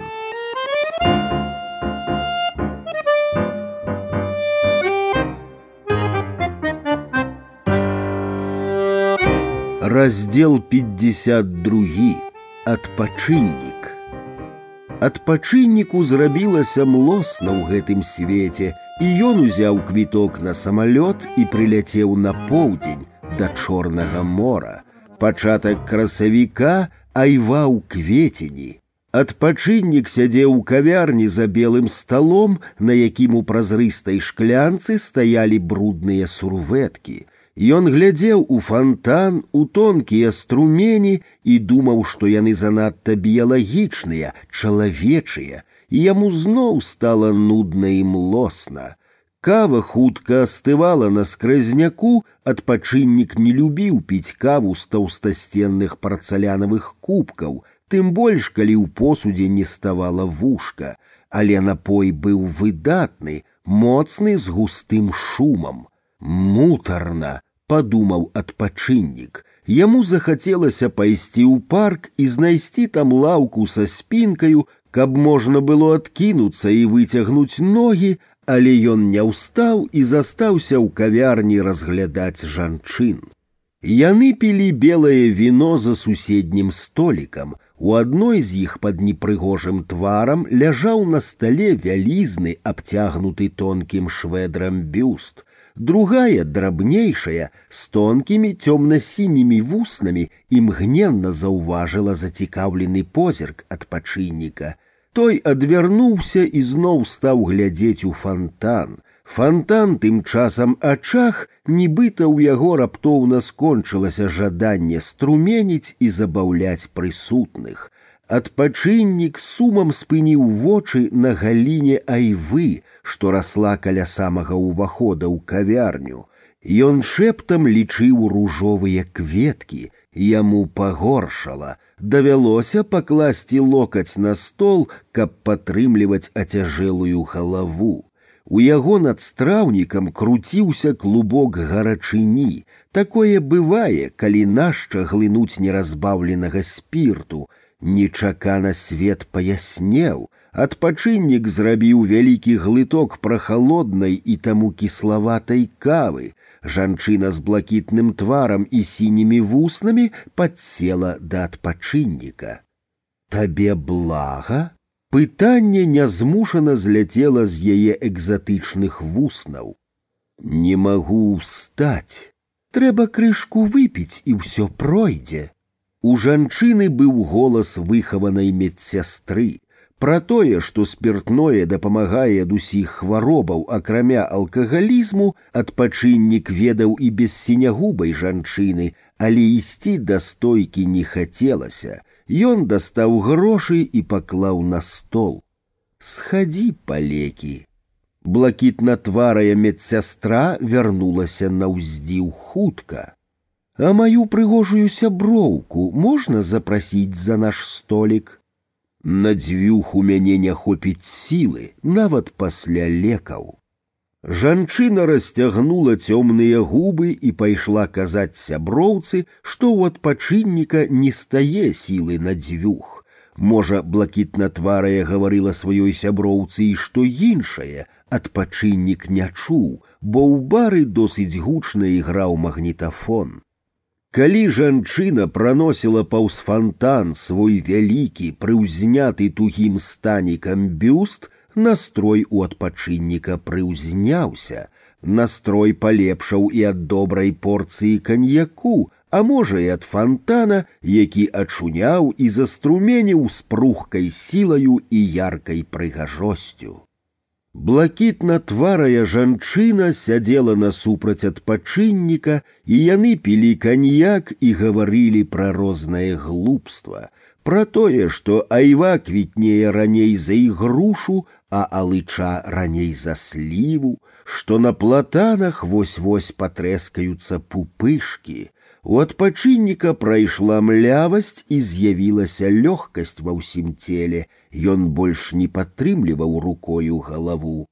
Адпачыннік прапанаваў жанчыне прайсціся ў парк, дзе знайшлася лаўка са спінкаю, на якую можна было адкінуцца. За чорнымі галінамі бязлістага платана стаяў белы скрылік маладзіка. Як ты сябе адчуваеш? З блізкай цемры спыталася жанчына. Выдатна, сказаў адпачыннік холоднаму маладзіку. Дарма ты не запрасіў маю сяброўку. І сапраўды у яе такі выдатны бюст. Адпачыннік дастаў з кішэні прыхопленую ў кавярні сурветку і выцер сінюю памаду з жаночых вуснаў. Ты не пойдзеш да мяне? Мне будзе дастаткова тут, под платанам. Жанчына дастала з сумачкі бліскучы пачак з прэзерватывам. Под кароткай спадніцай у блакітна-тварай нічога лішняга не было, адпачыннік наталіўся значна хутчэй, чым меркаваў. Прэзерватыў ён кінуў у сметніцу, бо не любіў, калі расцягнутыя гумкі валяюцца пасярод вуліцы. А цяпер куды? спыталася жанчына з цемры, што пахла айвовай кветенню. У аэрапорт. Жанчына засталася ў парку на лаўцы. Адпачыннік ішоў пустым праспектам і думаў, што такое кароткае каханне бывае толькі ў амерыканцаў. Млосць вярталася да яго.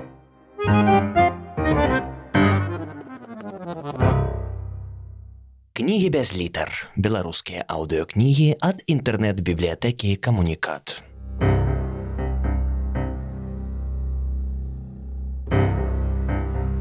Адам Глобус.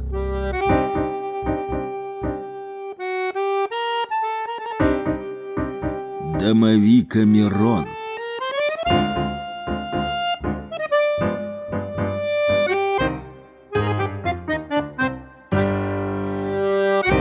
Раздел 53. Мерзотник. Мерзотник абрэзаў пазногці на руках і нагах. Ён не выкінуў іх, як робіць большасць звычайных людзей, а сабраў у гурбачку пасярод пісьмовага стола і доўга з замілаваннем разглядаў. Згарнуўшы далонь лодачкаю, мярзотнік сунуў пазногці на край стола і сыпаў на глянцавы аркуш паперы, які склаў у некалькі столак і засунуў у кішэню шарага ангельскага пінжака. Паправіўшы перад люстэркам тугі вузел чорнага гальштука, ён выйшаў са сваёй кавалерскай кватэры. Пазвоньваючы ключамі, мярзотнік накіраваўся ў траецкае прадмесце, дзе доўга прастаяў у букіністычнай краме вянок, разглядаючы карэньчыкі дарагіх альбомаў па мастацтву. Некалі даўно у пару сваёй перадвайсковай маладосці ён вучыўся на педагагічным аддзяленні мастацкай вучэльні, але ў войску мярзотніка палюбіў начальнік асобага аддзела. Ён і дапамог паступіць ва ўніверсітэт на юрыдычны факультэт. Вучыцца давялося на вечаровым аддзяленні, бо ў дзень мярзотнік хадзіў на службу ў камітэт дзяржаўнай бяспекі, Яму падабалася праца з яе таямнічасцю і правам насіць зброю. Акуратнасць і педантызм дапамагалі зрабіць кар'еру невялікую, але дастатковую, каб цешыць уласнае самалюбства.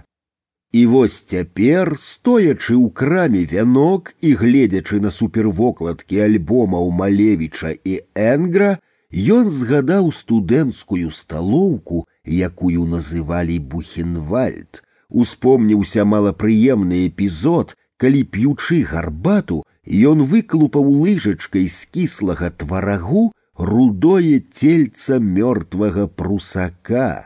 Злосць і жаданне адпомсціць з'явілася на шарым твары мярзотніка. З кнігарні ён дайшоў да метро і праз якіх 15 хвілінаў шыбаваў па вуліцы друкарскай у кірунку сталоўкі нумар 32 якую і дагэтуль студэнты называюць між сабою бухенвальд.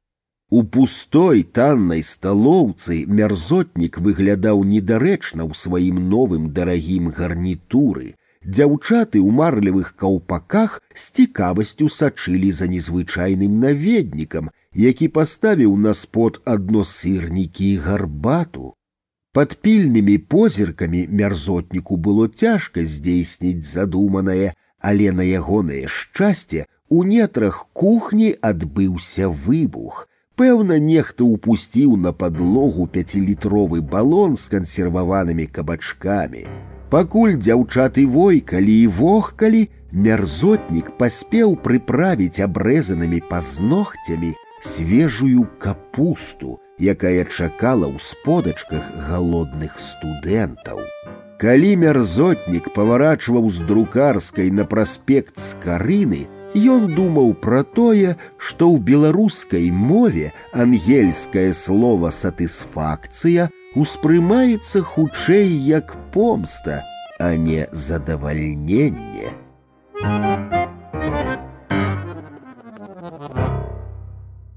Кнігі без літар. Беларускія аўдыёкнігі ад інтэрнэт-бібліятэкі камунікат.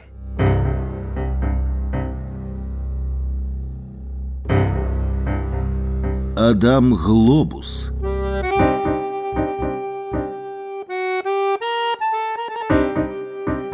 Дамавіка Мирон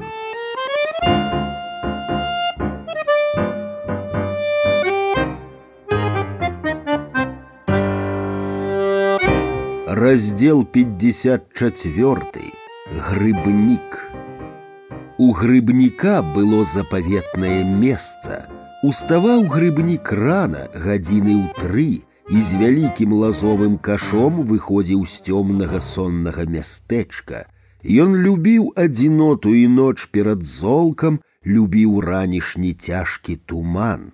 Аднаго разу ў тумане ён напаткаў сямейства дзікоў, выйшаў на поле з хмызоў і ўбачыў, як за буртоў бульбы выбег вялізны дзік, за ім параллі пабегла свіння з паласатымі кабанчыкамі. Грыбнік пашукаў вачыма якога дрэва, каб калі што ўзлезці і ўратавацца, дрэваў не было. Арэхавыя хмызы ды бясконцае бульбяное поле з нізкімі буртамі. Грыбнік хацеў быў уцякаць, але перадумаў, бо дзікі не заўважылі яго і мірна беглі параллі. Пасля сустрэчы з дзікамі грыбніку прысніўся сон, у якім паўтаралася спатканне з дзікамі, толькі ў сне велізарны кныр заўважыў яго і, раззявіўшы і кластую пашчу, пачаў нападаць. Ад сполаху грыбнік прахапіўся і доўга не мог заснуць. Ён варочаўся на мулкім ложку ў пакамечаных прасцінах каля гарачай жончынай спіны і пераконваў сябе, што трэба набыць паляўнічую дубальтоўку, і калі якая звяруха сунецца, дык пекануць у лоб свінцовым жаканам. Стрэльбу грыбнік не прыдбаў, бо не захацеў выпрошваць дазвол у міліцыянтаў, і адзінай зброяй, якую ён браў лес, по-ранейшаму быў стары сцізорык. Грыбнік перайшоў чыгуначны пераезд і накіраваўся да балоцістае лагчыны, парослай чэзлым бярэзнікам, дзе паклаў у кош дзясятак вялікіх бабак. За лагчынаю пачыналася гара і бярозавы гай, у якім на верасовых палянах грыбнік нарэзаў чырванагаловікаў і тых жа бабак, толькі старэйшых. З бярэзніку праз поле ён пайшоў у невялічкі ельнічак пашукаць лісічак. Грыбнік любіў лісічкі, бо растуць яны вялікімі сем'ямі ды не чарвівіюць. У ельніку лісічак не было, пэўна, ўжо адышлі, але грыбнік не засумаваў, бо наперадзе чакала запаветнае месца з баравікамі.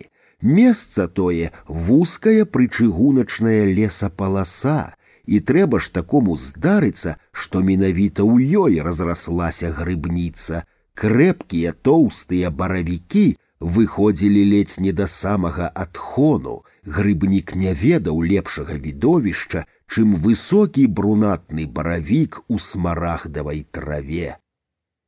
Ён прайшоў праз чыгуначны пераезд, на якім віскліва пазвоніваў апушчаны шлагбаум.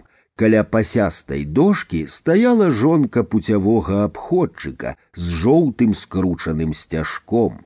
На галаве ў жанчыны нязграбна сядзела мужава чырвоная фуражка. Лёдзя, а дзе гэта мужик твой? Грыбнік паставіў кош на шлагбаум. А чорт яго ведае, павалокся некуды, а тут вось таварняк у 10-20 трэба сустракаць, а ты віталь мусіць грыбное месца недзе знайшоў, бо ўсё каля нашага пераезда круцішся. Грыбнік зняў са шлагбаума кош з грыбамі і незадаволена прамармытаў. Якія тут грыбы каля смярдзючых шпалаў, мухаморы ды да паганкі ці трутавікі на дрэвах. Каб не выдаваць свайго запаветнага месца, яму давялося сунуцца ў другі бок, пераходзіць праз палатно і рабіць вялікі круг. Нарэшце ён дайшоў да кубкі высокіх елак, пад якімі і пачыналася грыбніца баравікоў. Грыбнік так захапіўся зразаннем і складаннем у кош магутных, інакш не скажаш грыбоў, што сам не заўважыў, як апынуўся каля яркай жоўтай з чорным у крыжы радзюшкі. На той, раскінутай на імху пад сасною радзюшцы, задыхана стагнала жанчына. У яе паміж сцёгнаў хутка рухаліся ўверх уніз мужчынскія клубы. Радзюшку грыбнік пазнаў адразу, бо такая жоўтая ў чорныя крыжы была адна на ўсё мястэчка і выткала яе грыбнікова маці. Каханкі не заўважылі напоўненага злой помслівасцю грыбніка. Пуцявы абходчык смактаў белую шыю грыбніковай жонкі і пакідаў на ёй свежыя ружовыя сінякі. Зараз я вам мармытнуў грыбнік і схаваўся за елкаю. У двары пуцявога абходчыка ён пагрукаў у акно зялёнага дагледжанага дамка. Неўзабаве на ганку з'явілася абходчыкава жонка. Лёдька, я вось толькі што міліцыянта Савіча сустрэў, Ён на матацыкле ў стоўбцы ляцеў, а мяне ўбачыў, спыніўся і попрасіў, каб я табе перадаў, толькі ты не перажывай надта. Лёдзін твар стаў белы, як пясок каля пераезда. І не плач, мужика твайго машына збіла каля малаказавода, Ён яшчэ жывы у бальніцы, але Савіч сказаў, што мусіць не выжыве, бо галаву яму моцна пабіла. Лёдзя заскуголіла тоненька па сабачы. Ты лёдзя ў бальніцу бяжы, а я пераезд павартую. Абходчыкава жонка як стаяла ў хатнім халаце, так і пабегла ў мястэчка. Грыбнік зайшоў у дом. Ён ведаў, што ў абходчыка ёсць дубальтоўка. Яна вісела на сцяне ў спачывальні над шырокім, засцеленым стракатай бурачковай і сіняй у квадраты радзюшкай. Рэмень з патронамі грыбнік зняў з цвіка ў кладоўцы. Узброены дубальтоўкаю ён рушыў у сваё запаветнае месца. Спатоліўшы смагу кахання, абходчык і грыбнікова жонка пілі самагон, заядаючы хлебам, салам і памідорамі. За гэтым мірным заняткам іх і заспеў грыбнік. Правая руля дубальтоўкі выплюнула на бой шроту ў твар абходчыка путей, а левая у спіну жонкі здрадніцы, якая спрабавала ўцячы. Перазарадзіўшы стрэльбу, грыбнік два разы стрэліў у горла жончынага спакушальніка. Забіўшы яго, ён зноў жа два разы пусціў шрот пад жончыну патыліцу. Трупы каханкаў грыбнік склаў побач і накрыў яркай у крыжы радзюшкаю. Паўпляшкі самагону ён выпіў з рыльца і са смакам закусіў чырвоным, як кроў памідорам. Захмялелы грыбнік зняў чаравік, сеў пад сасну і націснуў на курок вялікім пальцам босай нагі. Толькі ніводная шраціна не трапіла ў сэрца, і праз якіх 15 хвілінаў грыбніку давялося ўстаўляць у рот дзве рулі стрэльбы, каб назаўсёды развітацца з любай лесапаласой, поўнай крамяных баравікоў. Стрэлаў ніхто не чуў, бо іх паглынуў грукат цягнікоў, таварняка і пасажырскага. У турме скалечаны грыбнік вельмі пакутаваў, асабліва напрыканцы жніўня і ў верасні. Ён любіў і мог гадзінамі расказваць сваім асуджаным на прымусовае зняволенне таварышам пра запаветныя месцы, пра лісічкі і чырвонагаловікі. Каб яны ў якім іншым месцы любіліся, далі Бог не страляў бы. Казаў грыбнік і плакаў, успамінаючы пакінуты каля шлагбаума кош грыбоў.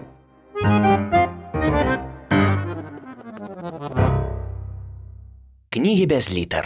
Беларускія аўдыёкнігі ад інтэрнэт-бібліятэкі камунікат.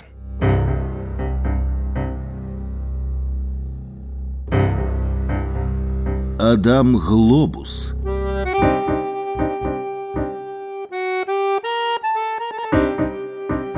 Домовика Мирон.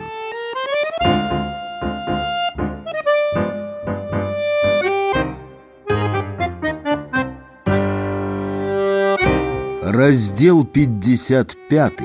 Лірык. Яны зайшлі ў пустую кватэру. Зараз прыгатую каву, сказала жанчына, калі здымала капялюш. Лірык моўчкі прайшоў у залю, дзе цяжка ўздыхнуўшы, апусціўся ў чорны скураны фатэль. Жанчына прынесла на срэбным сподзе каву і канапкі.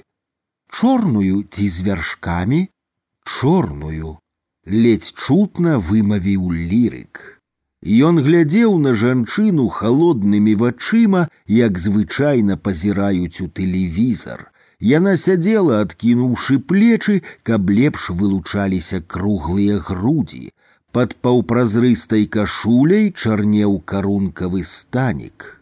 Лірык не хацеў блізкасці. На ягоным твары ляжала пячатка адчужэння. У жаночых вачах з'явілася прыкрасць. Ён выпіў каву, запаліў цыгарету, прапанаваў запаліць жанчыне.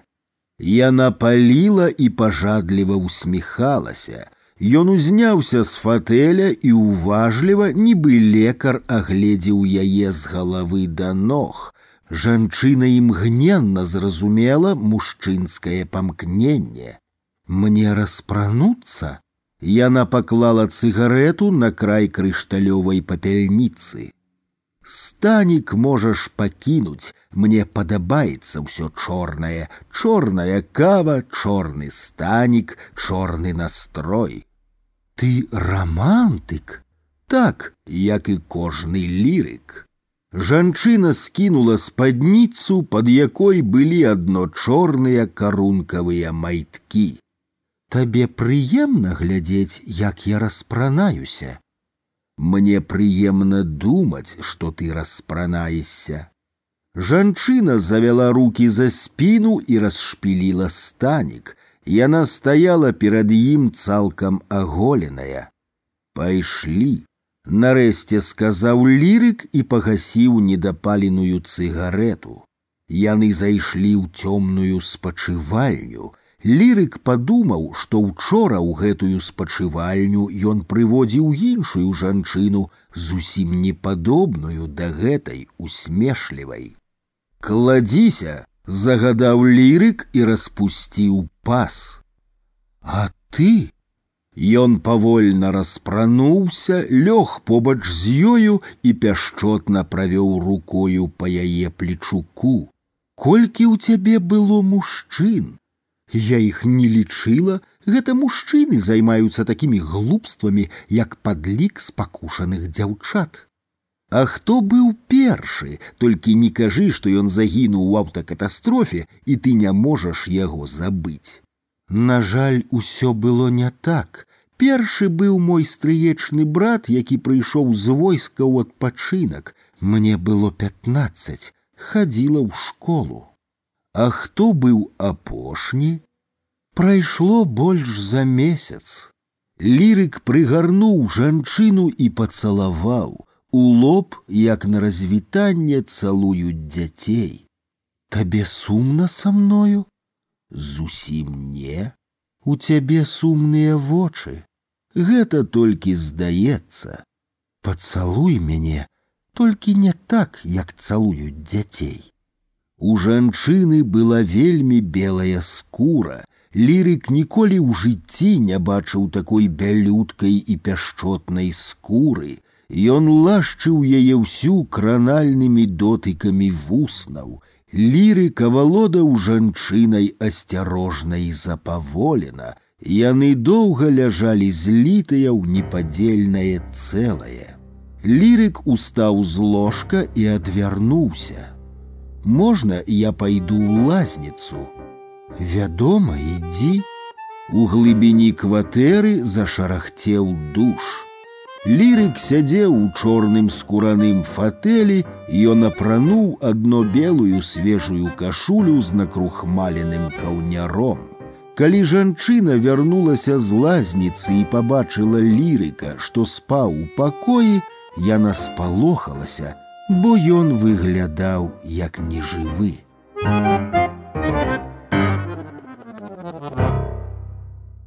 Кнігі без літар. Беларускія аўдыёкнігі ад інтэрнэт-бібліятэкі камунікат.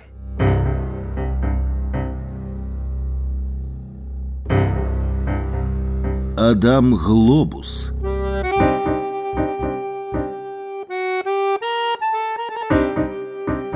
Дамавіка Мирон.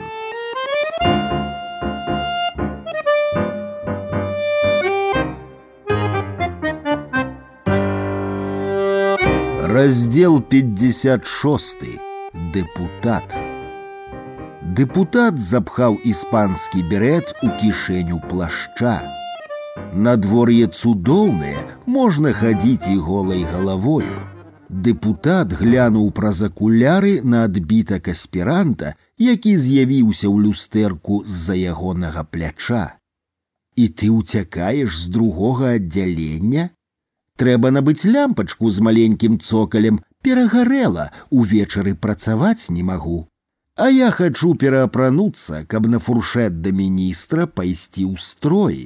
Ты ў які бок? У інтанацыі дэпутата прамацвалася жаданне пазбавіцца ад аспіранта. Нам па дарозе, здзекліва канстатаваў той. З опернага тэатра яны накіраваліся ў бок скверыка, што не носіць імя піянера-героя Марата Казея, хоць помнік непаўналетняму немца забойцу там і стаіць. Ну і як вам у дэпутатах? Кепска, братка, у галаве замест паўшар'яў ляжаць кавалкі бетону, Калі пачынаю думаць, яны труцца адзін аб адзін крышацца, крыгочуць, кахр, кахр. Дэпутат закашляўся. А гульню шкляныя перліны германа Геса больш не перакладаеце? Ты, братка, шмат помніш. Яны перамінулі класічны будынак генеральнага штаба міністэрства абароны і моўчкі пашыбавалі па ўзбярэжжы свіслачы. Аспірант не стаў казаць дэпутату, што памятае, як той у п'янай шчырасці прызнаўся, што толькі аднаго разу ў жыцці пачуваўся чалавекам.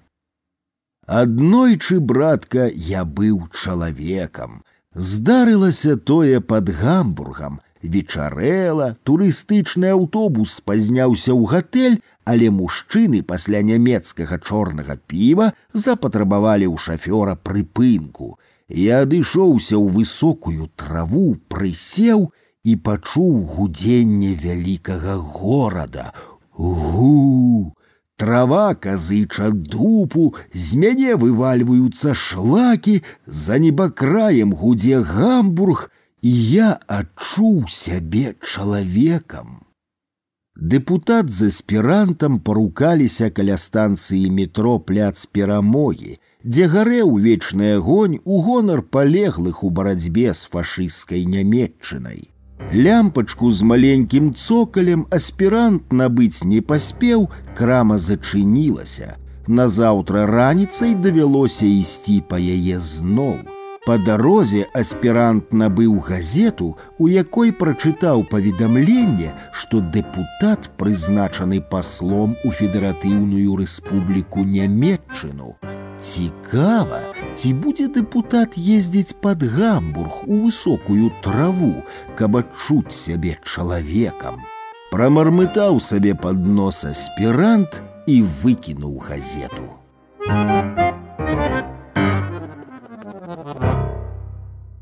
Кнігі без літар. Беларускія аўдыёкнігі ад інтэрнэт-бібліятэкі камунікат.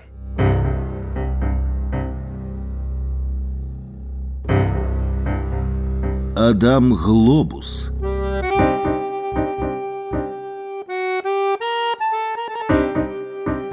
Дамавіка Мирон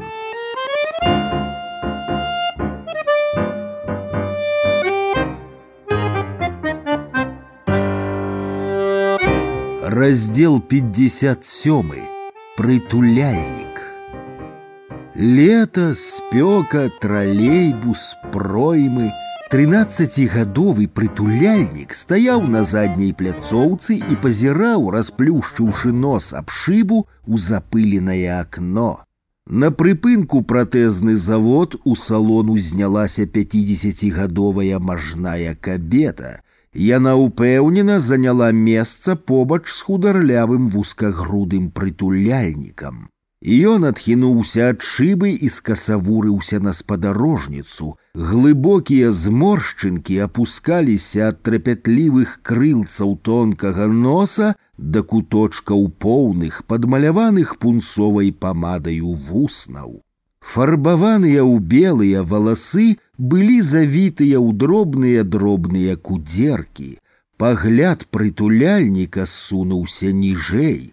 Конусы ёмістых грудзей былі забраныя ў станік, не раўнуючы як у рыцарскія латы, Прахалода белай крухмальнай кашулі спынялася глыбокай чарнатой спадніцы, што туга абцягвала вялікі круглы жывот.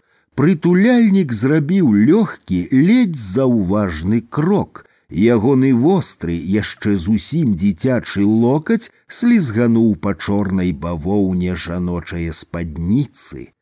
Які тугі ў яе жывот! зазначыў прытуляльнік, які ён прухкі і тугі, ніколі б не падумаў, што ў такой старой кабеты можа быць такі тугі жывот. Прытуляльнік адчуў, як у ягоных школьных нагавіцах за прарэхай, у якой не хапала гузіка, узнікла напружанасць, а потым прухкасць і напятасць. Прытуляльнік зрабіў яшчэ крок, але ўжо не лёгкі, а рэзкі і нахабны, так, каб усёй рукой прыціснуцца да пукатага жывата пяцідзесяцігадовай спадарожніцы. Кабета адсунулася, падумаўшы, што дотыкі школьніка выпадковыя. Ён зноў прытуліўся і налёг на жанчыну так, каб плечуком датыкацца да ёмістай цыцкі. Кабета, нарэшце ўцяміўшы, што азначаюць прытулянні, павярнула да хлопца насаты твар. Ты што робіш? Тралейбусны салон запоўніў сухі шэпт, шорсткі і пыльны, як асфальт. Я чырванею, адпрэчыў прытуляльнік і саскочыў на прыпынку вячэрняя школа. Ён сапраўды быў пунцовы, бо кроў з пахавіння ударыла ў галаву.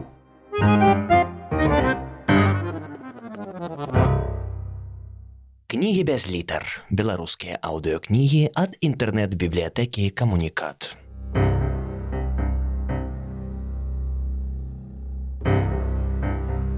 Адам Глобус.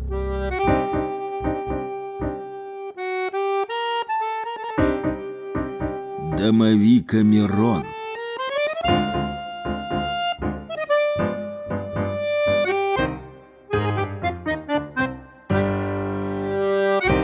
Раздел 58.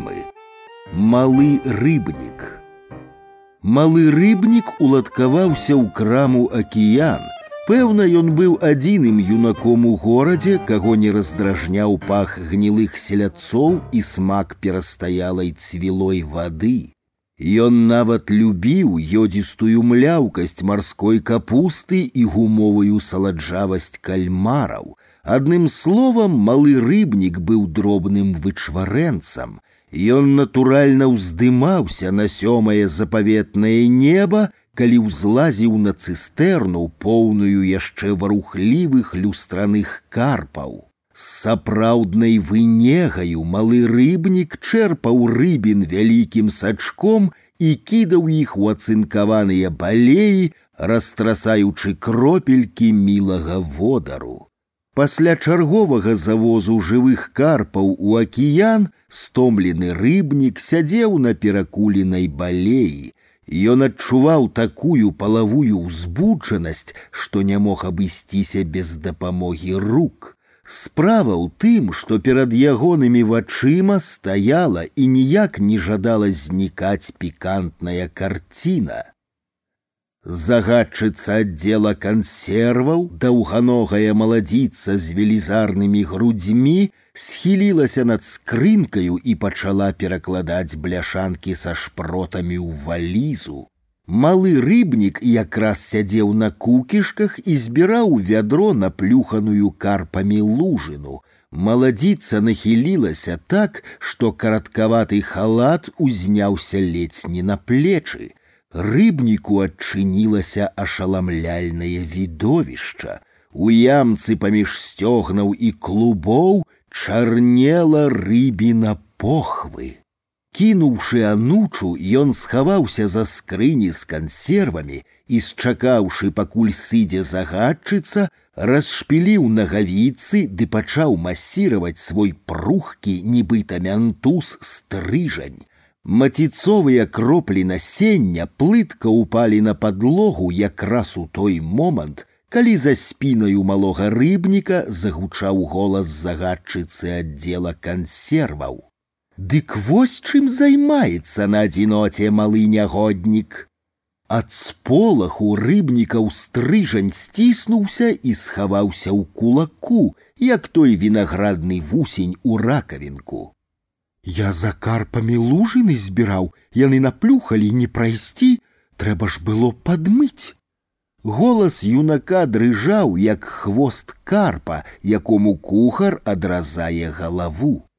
Падмываў, кажаш, які ты старанны хлопчык, як ты любіш парадак і чысціню.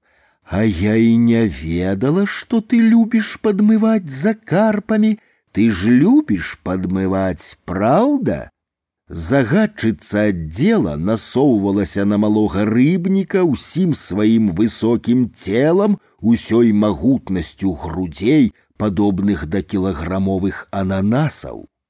А я заўсёды мыю падлогу. Рыбнік прыўстаў з балеі і нязграбна пачаў хаваць у прарэху слізкі чэлес. А ты ведаеш, малы мярзотнік, што ў мяне паміж сцёгнаў ёсць чорная рыбка, і яе трэба таксама мыць. І зараз ты памыеш маю маленькую рыбку сваім маленечкім языком. Загадчыца націснула рукамі на юнаковы плечы, і той бязвольна апусціўся на калені. Салодкі прахалодны водар свежае рыбы ахутаў малога рыбніка цалкам. Юнак апусціўся ў падводнае царства. Наступным ранкам дырэкцыя крамы акіян абвінаваціла рыбніка ў крадзяжы кансерваваных шпротаў і звольніла.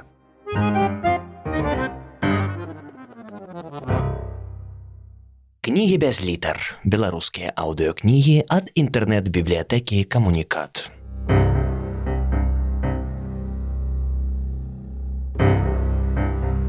Адам Глобус.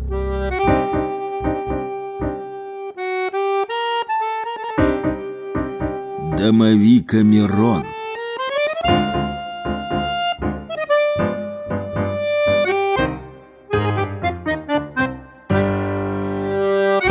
Раздел 59. Русалка 2. Русалка ускочила ў кватэру першая. Мужчына праслізнуў за ёю ў цемнаваты перадпакой. Яна прапанавала распрануцца тут жа каля скрыні забуткам і пачапельніка. А пранахі, ломячы рукавы і калашыны пападалі на кілім. Ён са здзівам разглядаў рабацінне на шырокай русалчынай спіне. Тая ўжо цалкам аголеная азірнулася і спытала: « Што, шукаеш мой хвост, не шукай, русалчыны хвасты засталіся ў девятнаццатым стагоддзі. Русалка пацягнула мужчыну ў лазніцу, дзе ўключыла душ са срабрыстым гафрыраваным шлангам. Шланг душа заўсёды нагадвае мне пра цмока, які спакусіў Адама і Еву ў боскім раі. Як там было? Мужчына пацалаваў русалчыну рабую лапатку.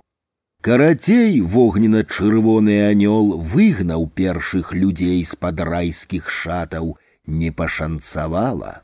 У мяне такая глыбокая адтуліна, што ў ёй заўсёды застаецца вада.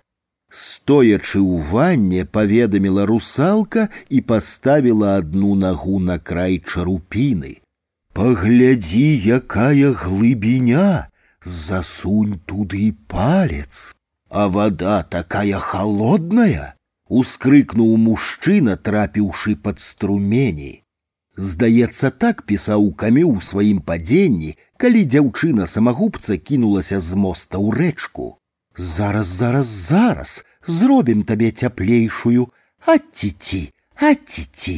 Здаецца, так прыгаворвае матка, калі кладзе ў начоўкі сваё немаўлятка, а яно разяўляе бяззубы рот, маўляў, радуецца, маўляў, смяецца, адціці.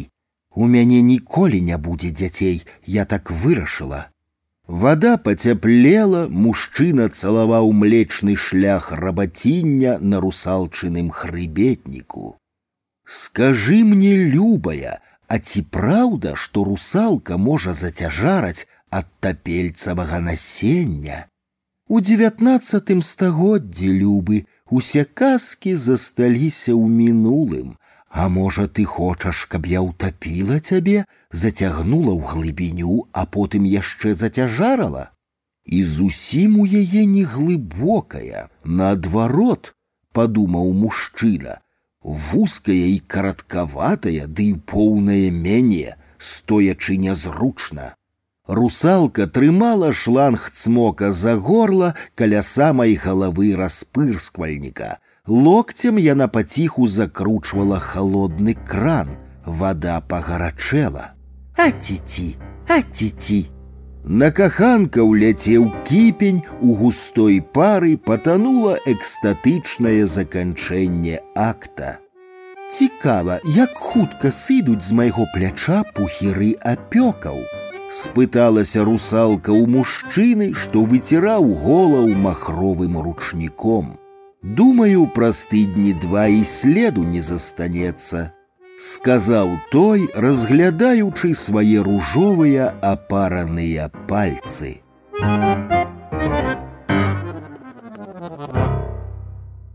Кнігі без літар. Беларускія аўдыокнігі ад інтэрнэт-бібліятэкі камунікат.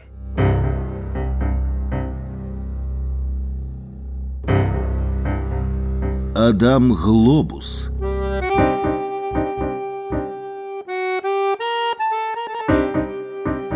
Домовика Мирон.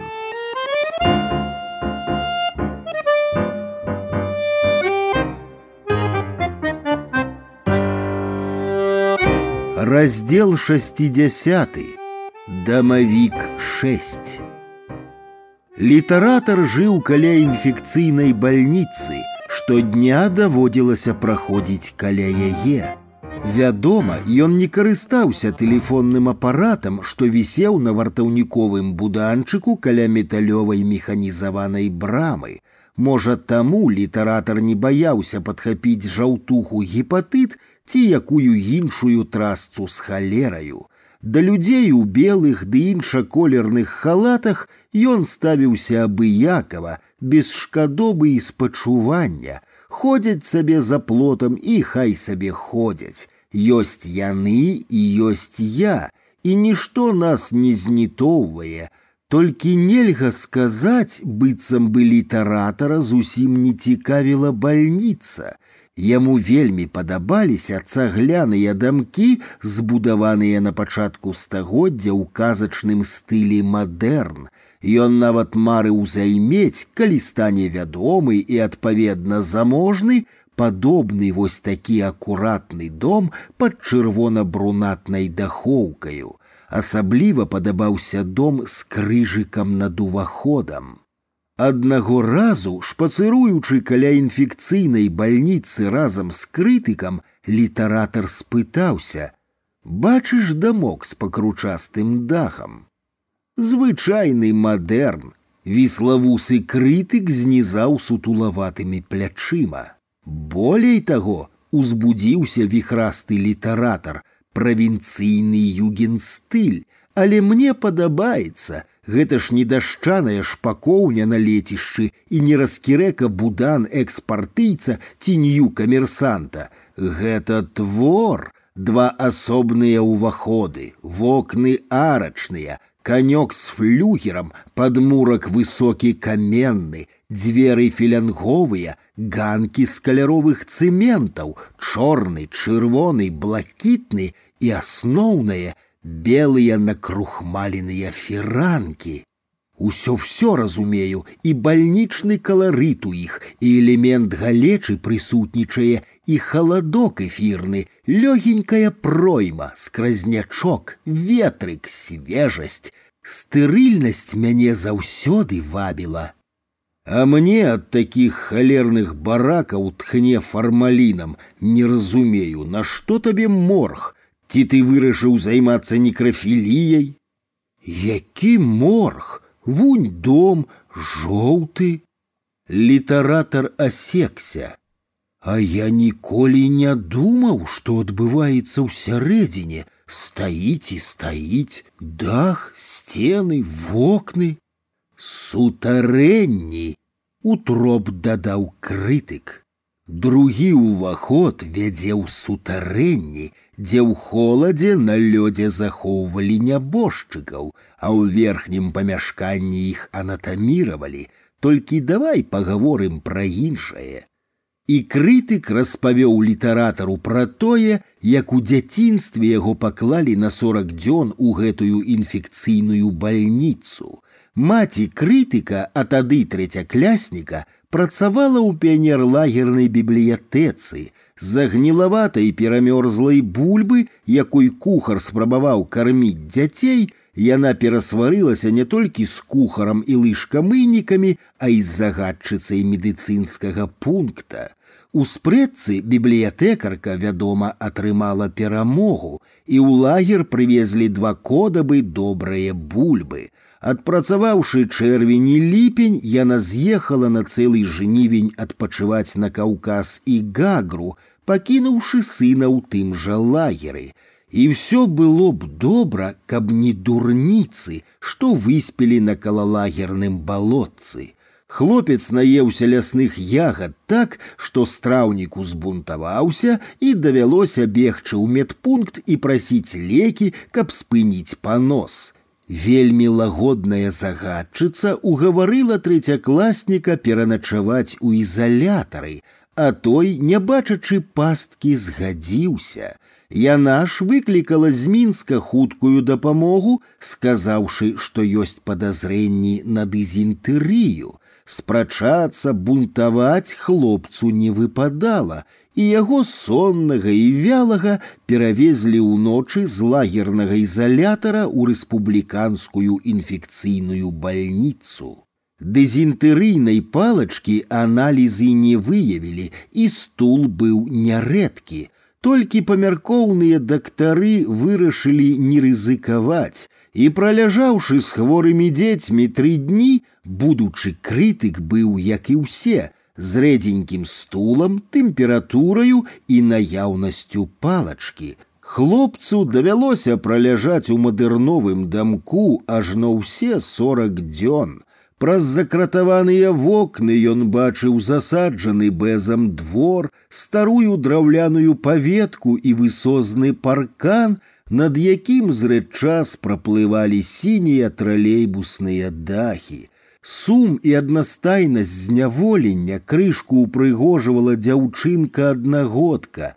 Яна дазваляла будучаму крытыку прыходзіць да яе ў ложак і засоўваць пальцы ў прухкую міжножную цяплынь. Пасля выпіскі я ні разу яе не сустрэў. Са шкадобаю ў голасе скончыў свой аповед крытык. Літаральна на другі дзень позна ўвечары літаратар вяртаўся дамоў і праходзіў каля бальніцы. У завулку ні душы святло высачэзных ліхтарняў цьмянае і мярцвянае.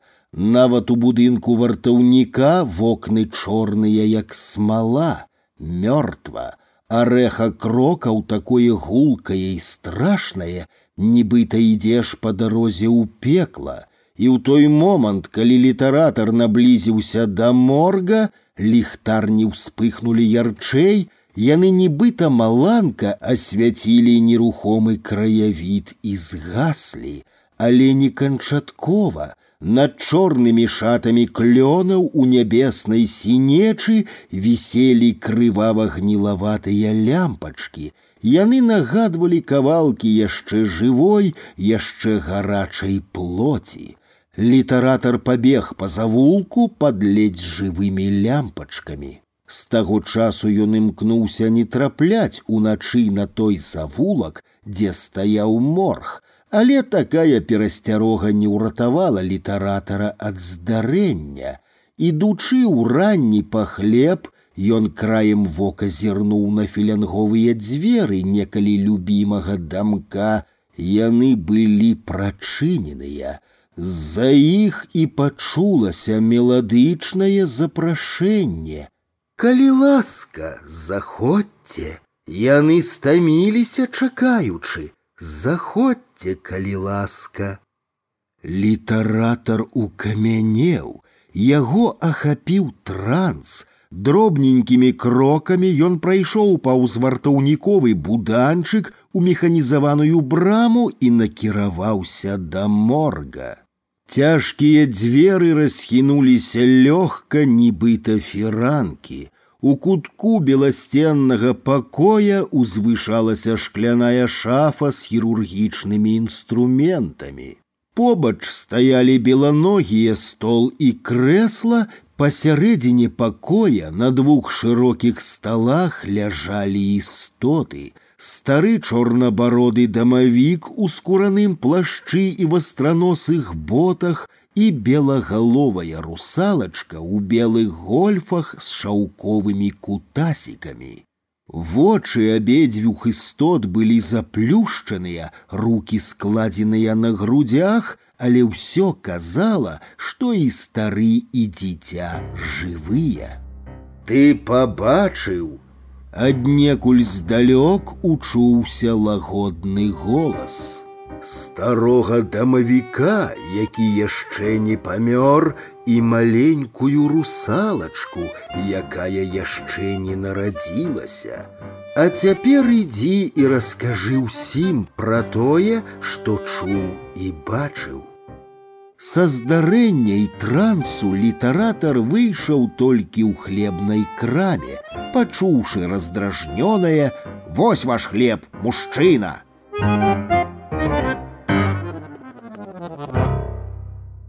Кнігі без літар. Беларускія аўдыёкнігі ад інтэрнэт-бібліятэкі камунікат.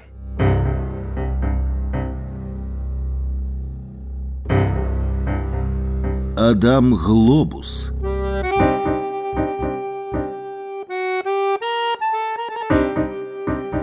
Дамавікамерон.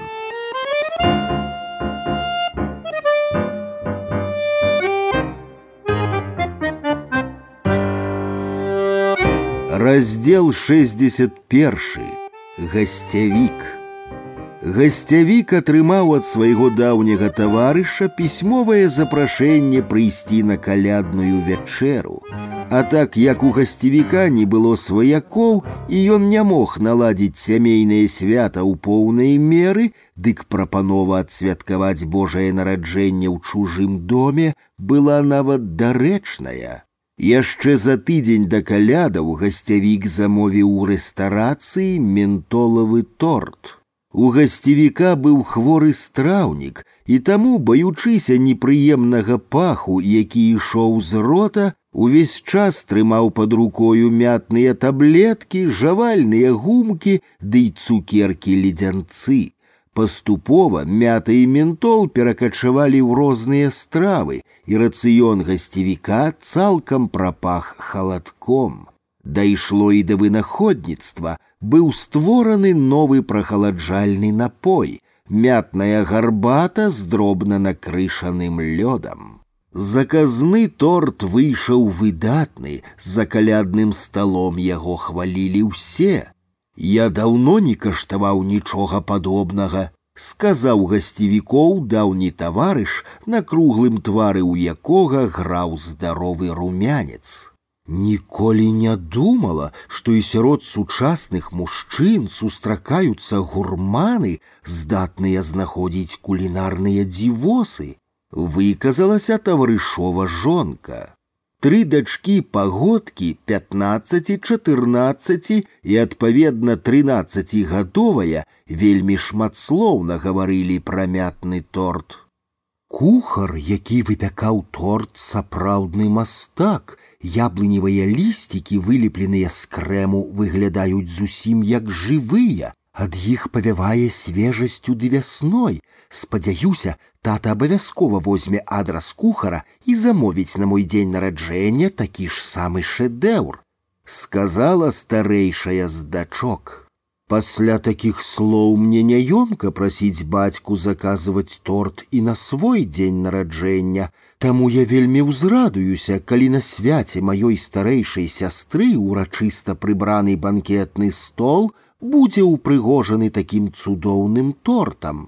Сярэдняя сястра манерна, адставіўшы мезенец, узяла срэбную лопатку і паклала на свой сподачак яшчэ адзін кавалак торта. Пакуль жонка даўняга сябра разлівала гарбату, гасцявік адчуў страўнікавы дыскамфорт. Яму здалося, што пачаў расцякацца па пакоі малапрыемны пах. Гэткі саладжава цвілы дух у самотных мужчын, Пэўна, так патыхала ад пустэльнікаў, мусіць такі смурод сыходзіў ад святога Антонія, жах у тым, што смурод ты глытаеш нават не хочучы, і нябожчыкі былі б не такія страшныя, калі б не даводзілася ўсмоктаваць у сябе часцінкі раскладзенага цела, Як я разумею людзей, што ўліваюць у горла паўшклянкі гарэлкі перад тым, як ісці на пахаванне. Падумалася гасцевіку, і ён, не пытаючыся дазволу, наліў сабе поўную чарку каньяку. Прашу прабачэння, занепакоілася гаспадыня. Мы зусім забыліся на нашага шаноўнага гостя, трэба ўсім наліць па чарацы і выпіць за цудоўны торт. Жонка гаспадара першая пасля гасцевіка адчула небяспеку. Яна не магла дапяць, адкуль сыходзіць бяда, але чула яе сэрцам. Ва ўсіх трох дачок у адначасе зрабілася цяжка на сэрцы, і яны хуценька, папрасіўшы прабачэння, пакінулі гасцёўню. Толькі стары прыяцель гасцевіка са смакам даядаў індычыны смажаны кумпячок, ружовы румянец заліваў усмешлівыя шчокі. Ён так цудоўна выглядае, так свежа, як ніколі за апошнія два гады. Падумалася жонцы гаспадара, і яна супакоілася. А вось гасцявік наадварот расхваляваўся, Ён не зводзіў вачэй з даўняга таварыша, які паядаў індычыну з воўчым апетытам. Гасцевіка пачала біць дрыготка. Ён зразумеў, што прыяцель памрэ, калі не сёння дык заўтра. Гасцявік пачуў ледзяністы дух смерти, Ён быў падобны на водар першага снегу. Праз тыдзень гасцявік атрымаў тэлеграму, у якой паведамлялася, што таварыш памёр.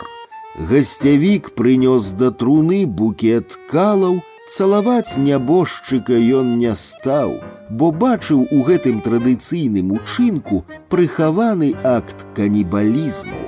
Удава і дочкі сіроты, слухаючы гасцевіковыя спачуванні, пераміргнуліся – бо пачулі лёгкі водар спірту з ментолам.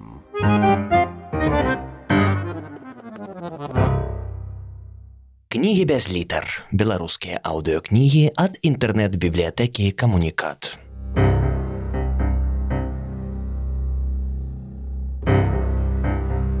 Адам Глобус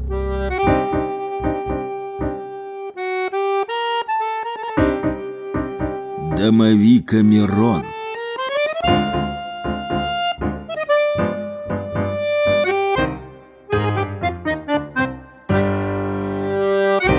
Раздел 62. Ванитница. Ванитница запросила мужчину на Новый год. Нават лёгкага намёку на нейкую эротыку ў запрашэнні не было. У мяне збяруцца чалавек 10-12, і калі не будзе куды прыткнуцца, то прыходзь. Мужчына ведаў пра сталага палюбоўніка, які абавязкова ўзнікне за навагоднім сталом, таму ўспрыняў запрашэнне як знак ветлівасці.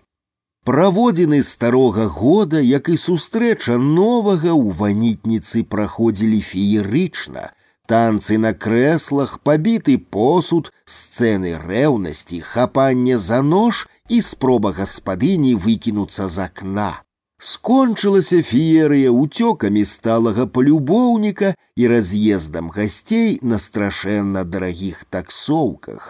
У выніку мужчына апынуўся пад адной коўдраю з гаспадыняй растрыбушанай кватэры, у ванітніцы былі доўгія цёмныя і прамыя валасы, круглы дагледжаны твар з круглымі чорнымі вачыма і доўгае, як у мадонны парміджаніна цела. Мужчына па ўсім вядомай прычыне пачаў дамагацца пяшчоты ад вытанчанага, але халоднага, як маньерыстычны жывапіс таго ж парміджаніна цела. І калі круглатварая і даўгавалосая галава прыязна ўсміхалася, дык усё астатняе ляжала плазам. Мужчына рабіў усялякія вядомыя яму намаганні, лашчыў маленечкія вострыя грудзі, гладзіў сцёгны і гарачы ніз жывата, выводзіў пальцам спіралі ад лапка і да пупа, Але ванітніца заставалася безуважная, толькі цьмяная усмешка ўсё ніяк не знікала з пабялелага твару. Мужчына аказаўся чалавекам настойлівым, які не любіць кідаць справу на паўдарозе, нават калі думка наконт некрафіліі прамільгнула ў ягонай свядомасці, ён не пакінуў намеру авалодаць гаспадыняю.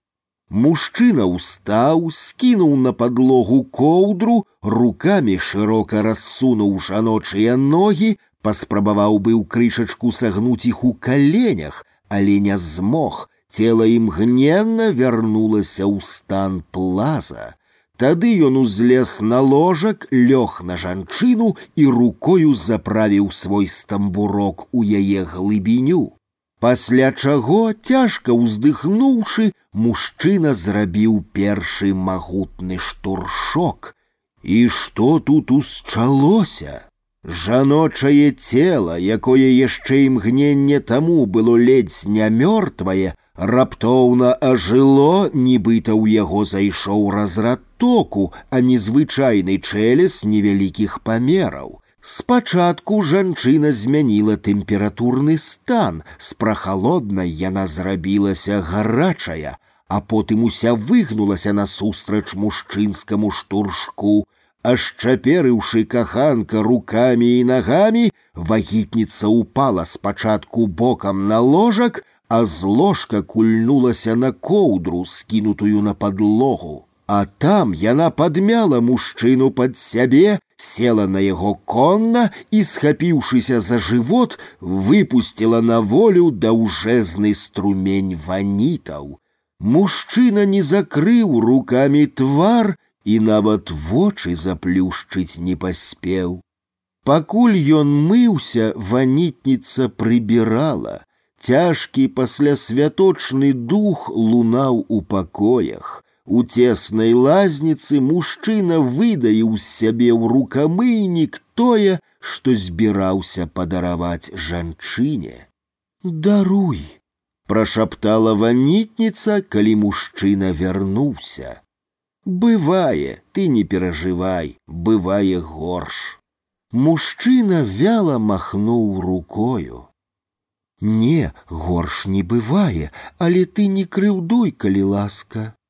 Я зусім не крыўдую, але бывае значна горш, павер мне. Ну што ты, я зусім не хачу цябе пакрыўдзіць. Ванітніца сыпала з саўка ў смеццевае вядро друз пабітых талерак. Толькі што можа быць горш за вадаспад ванітаў, які хляпаецца табе на твар. Ты сапраўды хочаш пачуць пра горшае за чужыя ваніты ва ўласным роце. Так, бо мне крыўдна за паводзіны ўласнага страўніка, мне прыкра. Слухай, гость уладкаваўся на ложак. Была ў мяне сяброўка, мы сустрэліся, крышку выпілі, і нам захацелася выпіць яшчэ, і яшчэ захацелася зліцца, як зліваюцца сябар з сяброўкаю.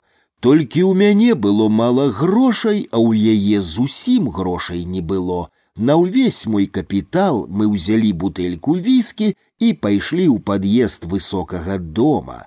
Мы ўзняліся на апошні паверх, адкуль падняліся на гарышча, дзе пілі і займаліся зліццём. Мы выпілі цэлую бутэльку віскі і нацалаваліся да непрытомнасці, а тады мне захацелася выліць сябе рэшткі насення і закарцела выштурхнуць яго не ў першую, а ў другую заднюю дзірачку.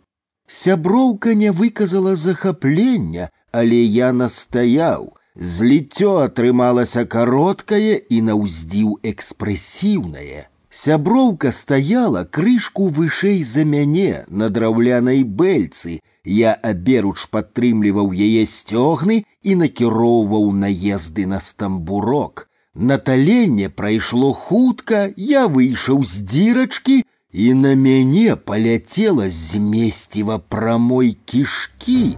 Спачатку я падумаў, што гэта секуны, змесціва было рэдкае, але потым, калі нос адчуў водар, я ледзь з глузду не з'ехаў. Уяві яе і мае боты, яе і мае нагавіцы. Мы ж зліваліся, не здымаючы джинсаў. І сапраўды, калі збіраешся кахацца, пажадана распрануцца, сказала ванітніца і панесла вядро з друзам да смеццеправода.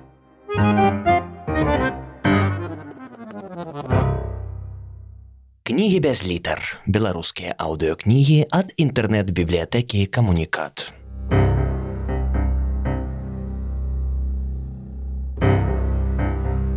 Адам Глобус.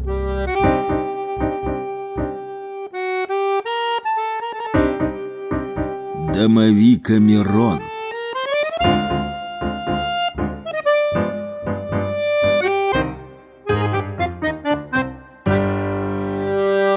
Раздел 63. Сочник. Ад прыгараднай аўтастанцыі сочнік перайшоў вуліцу і трапіў у гастраном. Там ён кульнуў дзве шклянкі памідорнага соку і прыдбаў дарогу трохлітровы слоік з салоным таматным напоем. Сочнік збіраўся наведаць у мястэчку фаніпаль сваю даўнюю сяброўку, што пасля заканчэння тэхнікума працавала аграномам у саўгасе фаніпальскі. Цагляна-чырвоны трохлітровы балон уладкаваўся ў брызентавую валіску да раней купленага смажанага кураняці і пляшкі пшанічнай гарэліцы. Сакаўное сонечнае святло гэтыя пачастункі пабачылі толькі ў местачковым дамку, дзе іх павыстаўлялі на абклеены цыратую стол у маленькім пакойчыку, які здымала маладая аграном у чапелападобнай старой за сімвалічную плату. Старой гаспадыні з прывезеных пачастункаў перапала шклянка салонага, як чалавечая кроў напою ды птушынае крылца, Ад гарэліцы яна адмовілася, пляшку сорокаградуснае вадкасці, а горалі сочнік і маладзіца. Шчокі сяброўкі зрабіліся малінавыя, на што сочнік не прамінуў зрэагаваць. Ты стала падобная да сакаўнога яблыка. У даведніку па сексалогіі я вычытаў, што жанчыны падзяляюцца на яблыка абрысных і грушападобных, залежыць гэта ад формы ніжняе часткі торса. Ты, мой салодкі аграном, яскравы прыклад яблыка абрыснасці. Гэта дае падставы сказаць, зацяжарыць табе будзе значна цяжэй, чым аграному з грушавіднай канструкцыяй. Не сумуй, мой салоны, заўсміхалася румяная маладзіца. Як толькі пажадаеш мець яблыка ад яблыні, я знайду шляхі ў абыход грушападобнасці. Пасля трапезы сочнік з аграномам выйшлі прагуляцца па ціхмяных вулках вечаровага фаніпаля.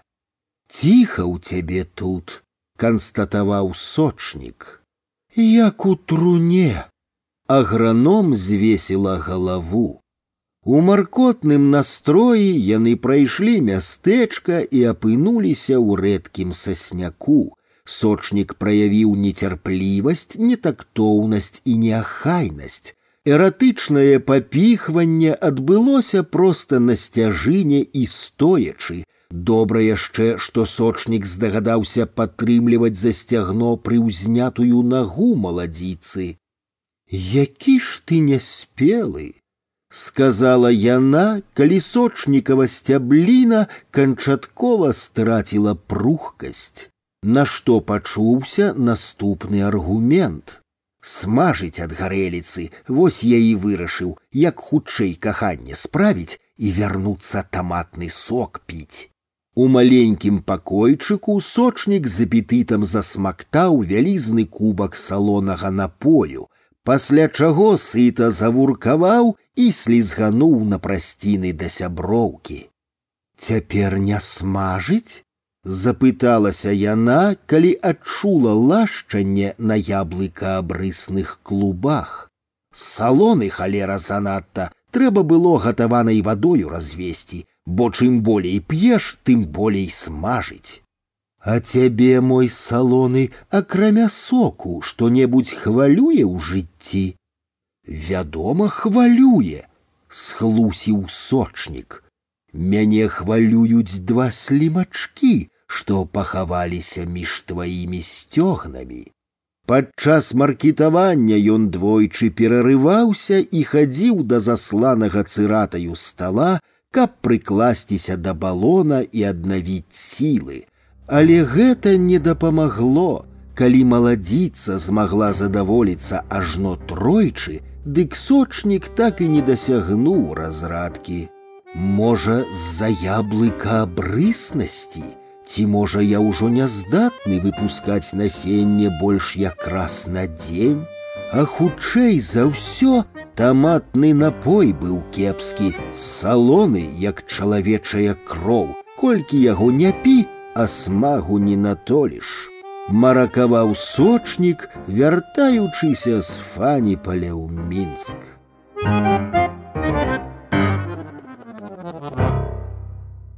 Кнігі без літар. Беларускія аўдыёкнігі ад інтэрнэт-бібліятэкі камунікат.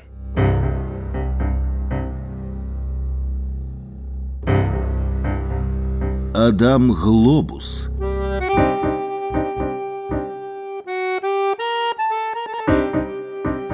Дамавіка Мирон.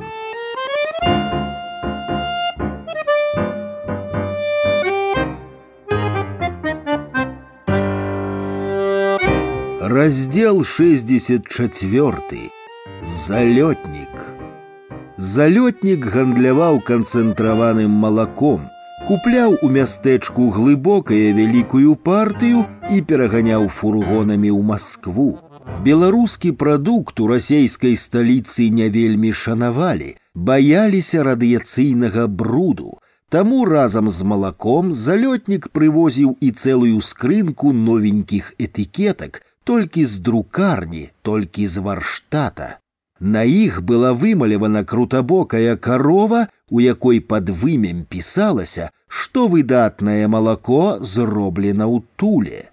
Залётнік ні ў якім разе не лічыў сябе падманшчыкам, калі ў сутарэннях былой пажарнай, пераробленай у рэкламнае агенцтва бегемот пераклейваў этыкеткі.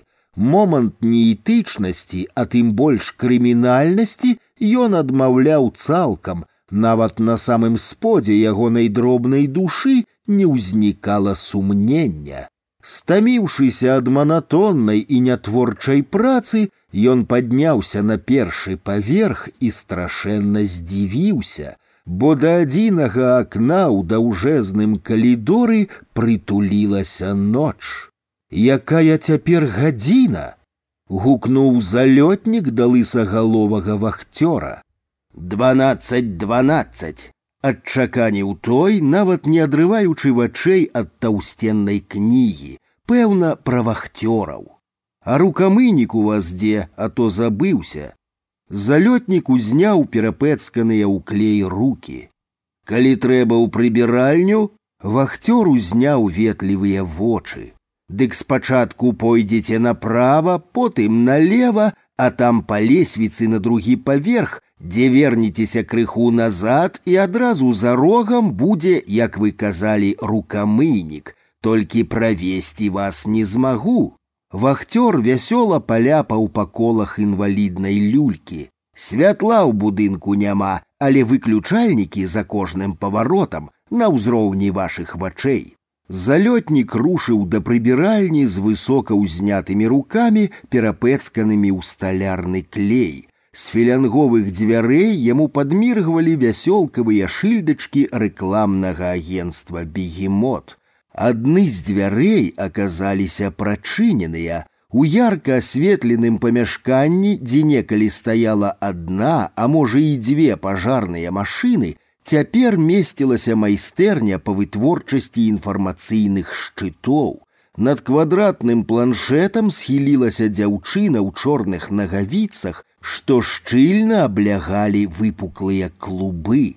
Прабачце, гукнуў залётнік да мініяцюрнай дзяўчыны з малочнай, як кітайскі фарфор скураю. Палова дзявочага твару хавалася за марлеваю павязкаю. Ад прабацце дзяўчына ўздрыгнула і наставіла на чужынца аэрограф з такім выглядам, нібыта замест бліскучага пульверызатара у яе руцэ чорны браўнінг. Яшчэ раз прабацце я нікога не хацеў напалохаць, замармытаў залётнік. Проста не трэба сядаць спінаю да адчыненых дзвярэй. Дыдактыка думкі надала ўпэўненасці бруднарукаму залётніку. Дарэчы, ад перапалоху лепей за ўсякія лекі дапамагае канцэнтраванае малако, і я абавязкова падару вам некалькі бляшанак, калі вы дапаможаце прайсці праз лабірынт калідораў да рукамыніка. Зараз. Дзяўчына паклала пульверызатар на жывапісную усю ў фарбаваных крапках і разводах падлогу. Яны выйшлі ў калідор, дзе натапыранай птушкаю сядзеў вахцёр, інвалід у сінім фрэнчыку. Вось сюды. Дзяўчына махнула на чорны дзвярны прагал. Нават носа не відаць. Зайшоўшы ў чарноце, зазначыў залётнік. Недзе тут быў. Вой! затрымцеў дзявочы галасок.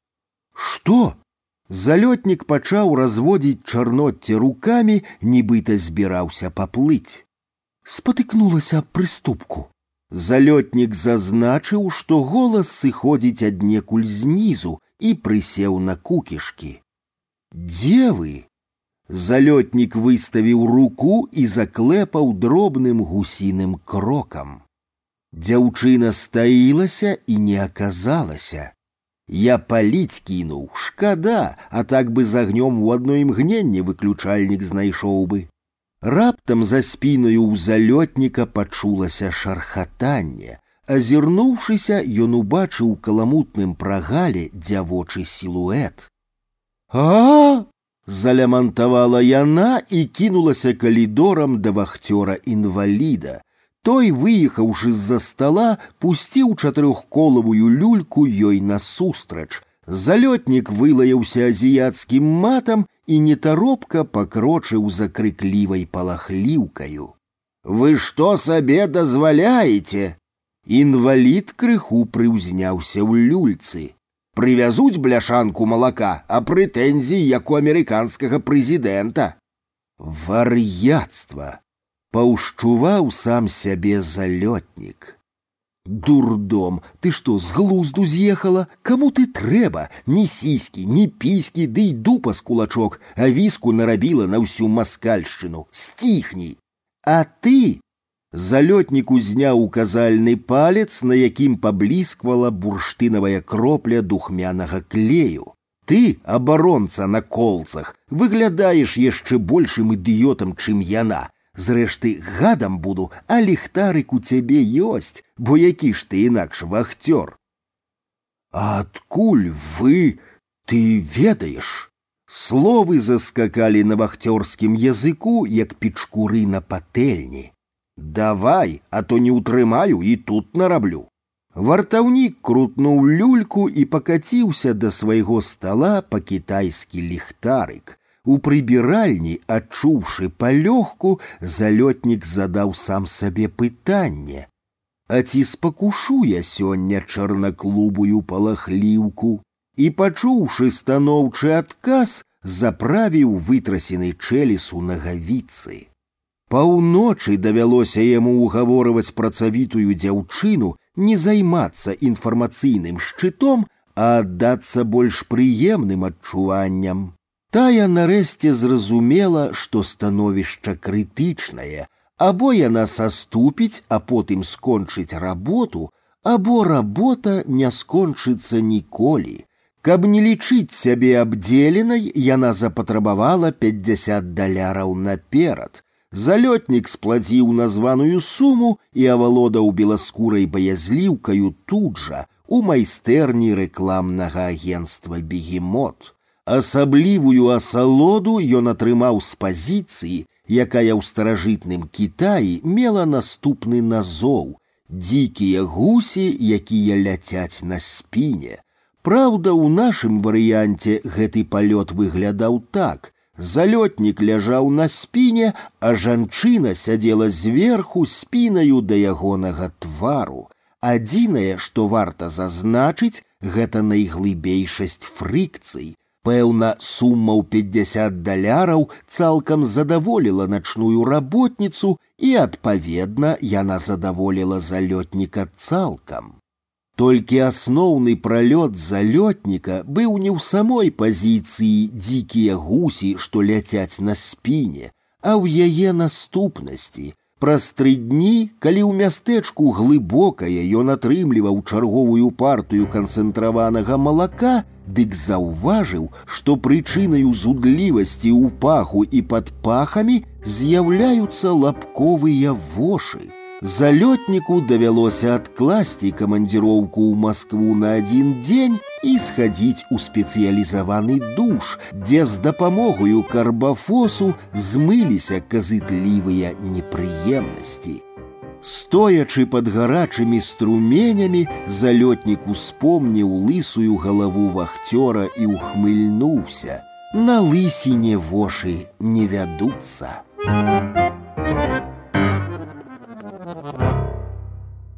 Кнігі без літар. Беларускія аўдыёкнігі ад інтэрнэт-бібліятэкі камунікат.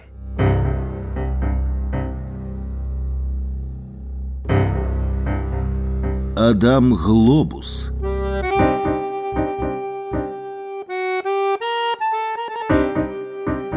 Домовика Мирон.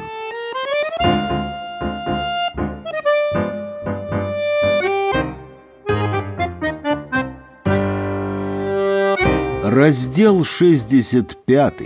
Гомик. Юнак апынуўся ў травеньскім парку, дзе і знайшлася незанятая лаўка. Ён збіраўся рыхтавацца да ўступных іспытаў у педагагічную вучэльню. Трэба было вывучыць больш за 10 вершаў. Юнак старанна перапісаў хрэстаматыйныя творы ў нататнічак і кожныя заняткі пачынаў з паўтарэнняў. Вось і ў свежым парку, сеўшы на лаўку, ён замармытаў наступныя радкі Петруся броўкі. Хіба ж на вечар той можна забыцца, Сонца заборам жар птушкай садзіцца, дзеўчына ў светлай іскрыстай спадніцы, быццам аблітая промнямі, промнямі. З-за дзябёлай скульптуры жалезабетоннага аленя выйшаў пузатенькі чалавечак у масіўных акулярах на глянцавым твары. Гладкі твар упрыгожвалі выгінастыя вусны. Чалавечак зацокаў высокімі абцасамі ў бок юнака. Промнямі зор пахне чабор, пахне чабор. Пра сябе паўтарыў будучы педагог. Тым часам гладкатвары прыцокаў да юнаковае лаўкі. Выдатнае надвор'е малады чалавек нячаста бывае цёплая вясна. Трэба цаніць, калі пасярод траўня пачынаецца лета. Пагадзіцеся, пахне чабор, паўтарылася ў юначай свядомасці. Згодны лета лепей за зіму. Бачу, вас хвалююць вершы, маладыя гады, маладое дыханне. Я таксама люблю паэзію, асабліва іспанцаў. Ёсць у іх вершах агонь, бязмежна пякучая, лютая ностальгія па тым, што ёсць. Вось такі верш поўдзень караля паэзіі Хуана Рамона Хіменаса. Як вам малады чалавек? А я паэзію зусім не люблю, просто рыхтуюся да іспыта ў педагагічную вучэльню, вось і даводзіцца запамінаць розную дурноту. Солнце за бором жар птушкой садится, лепей жа сказать за плотом ти, за забором, и не садится, а сядае, и не жар птушкой, а грыльбаром жар птушка, дарэчы, ён тут побач. А вы з'едлівы, малады чалавек, і ўсё ж маё імя Артур. Да юнака працягнулася пухнатая, ці то жаночая, ці то дзіцячая ручка. Звычайнае каралеўскае імя Артур. Лёнік, юнак паціснуў ватную канечнасць. Можа, моя прапанова вас здзівіць, але да справы. Вы спадабаліся мне, я закахаўся, травень, шаты, промни, прохолодный тень. И тут юнак читае верши, Відовішча ўразіла, і я не змог ні падысці, ні загаварыць, не прызнацца. Юнак паглядзеў на ідэальна паголены твар гомасексуала, пачырванеў і схаваў кішэнь нататнік з экзаменацыйнымі вершамі. Няёмка не толькі вам, але і мне неверагодна цяжка. Не бойцеся, больш за ўсё на свеце я ненавіджу гвалт. Ну пагадзіцеся, з маімі фізічнымі данымі ні на якое насілле разлічваць не даводзіцца. Гомік цяжка ўздыхнуў. Жыву я з мамаю, цяпер яна на працы, і мы маглі б завітаць да мяне. Ёсць цудоўныя парначасопісы, шчыра сумленна скажу, яны такія яскравыя з самымі неверагоднымі здымкамі. Вы калі-небудзь бачылі аголенага гермафрадыта, жаночы твар, жаночыя грудзі, а паміж нагамі самы сапраўдны мужчынскі чэлес, толькі невялічкі сантыметраў пять.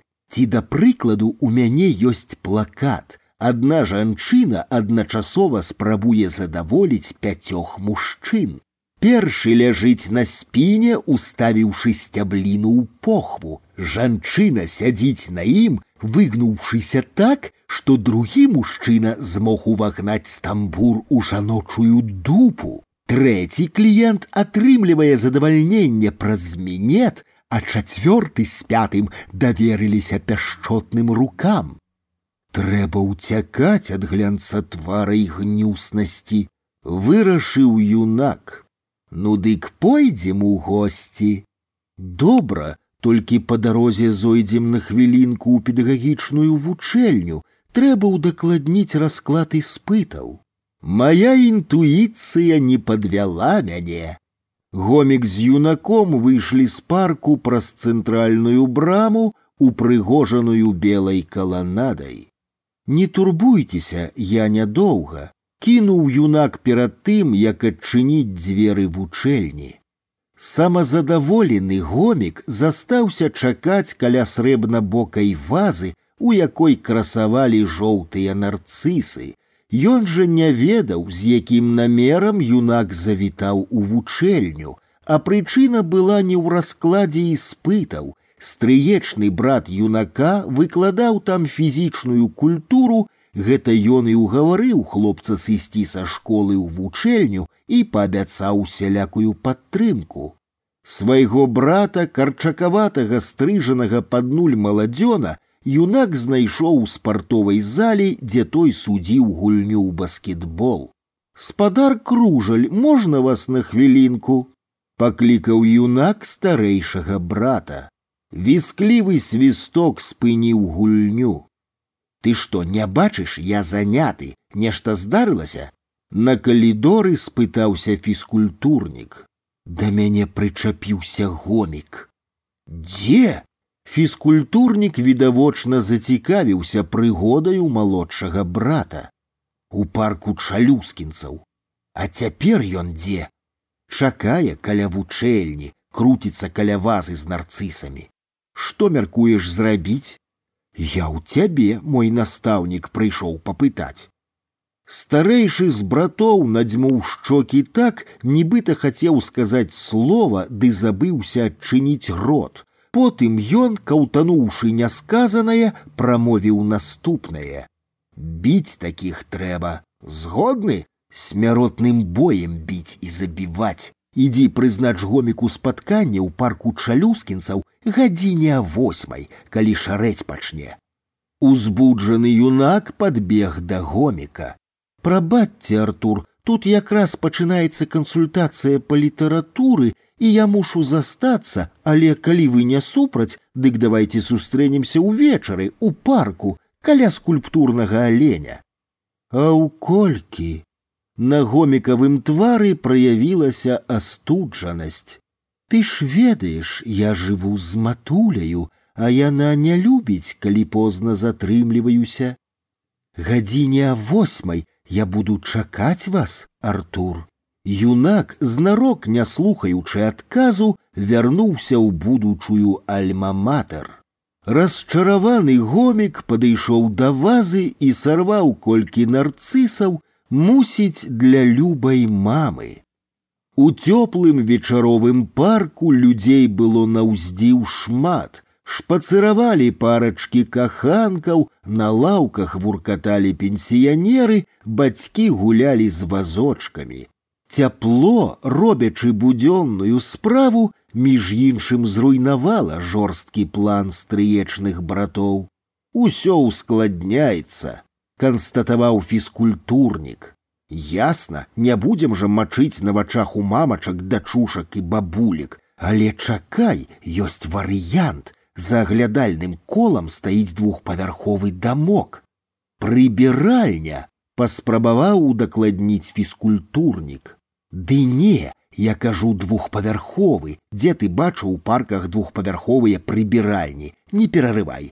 Гэты дамок школа фігурнага катання, Пры ім ёсць агароджаны плотам пляц. Узімку ён робіцца катком, а ўлетку ляжыць звычайная пустка. З трох бакоў яна мяжуе з паркам чалюскінцаў, а з чацвёртага боку з заводам імя вавілава і зноў перарываеш. Юнак удаў на рабаціністым твары грымасу крыўды. Не з заводам, а з батанічным садам. Сягоння сад не працуе, наведнікаў няма. Я правяду гоміка ў батанічны сад, і там, каля азярца з лебедзямі, мы яго адмудохаем і адмяцелем казла дранага. Слухай, аб адцат ахоўваецца мянтамі? Мусіць, ахоўваецца адзін мент на 10 тысяч дрэўцаў. Старэйшы з братоў накіраваўся да аглядальнага кола, а малодшы да скульптурнага аленя дзе яго ўжо добра такі зачакаўся добразычлівы гомік. А я захваляваўся, што не прыйдзеш. Гомікавы вусны заўсміхаліся адасоблена ад вачэй. Прабач, кансультацыі зацягнуліся, абітурыенты за адзін вечар вырашылі даведацца пра ўсё, што не вывучылі за год. Але забудзем будзённае, куды ідём, Артур куды-небудзь найдалей ад пенсіянераў з унукамі. Я ведаю зацішнае месца, вербы, стаў, лебедзі плаваюць. Як у пікасо, лебедь з адлюстраваннем у вадзе нагадвае скарпіёна. Гомік з юнаком абмінулі доўгі стол, за якім атабарыліся шахматыстыя аматары, і пайшлі тапалёвымі прысадамі да пляцоўкі з атракцыёнамі, грукат, ляскат і віскат, музычныя карцінкі народнай весялосці. Пахне чабор, пахне чабор, а вось арэлі ствараліся дзеля таго, каб хлопец мог усё ж зазірнуць пад дзявочую спадніцу. Падумаў юнак, калі выводзіў гоміка на пустку. Тут ёсць патаемныя весніцы для прыбіральшчыц. Юнак подвёў гоміка да жалезнай брамкі, зачыненай на калок. Па прысадах, абсаджаных маньчжурскімі гарэхамі, юнак завёў новага знаёмага да штучна выкапанага стаўка, пасярод якога плавала лебядзіная хатка. Побач з хаткаю плавалі і лебедзі. Ну як табе Артур лебедзі? Хатка прыгожая, райскі востраў, а самі птушкі закажанелыя, відаць, што паланёныя. Гомік прысеў на лаўку, пастаўленую спецыяльна для любавання лебядзіным стаўком. Юнак убачыў, як з-за кустоў шыпшыны выходзіць фізкультурнік і стаў так, каб засланіць гоміку птушыны дамок, і завішчаў гнюсным голасам. Што падла, згвалціць мяне надумаў, асла ў парку знайшоў. Я табе зараз кокі абарву, яечню падсмажу і з'есці загадаю.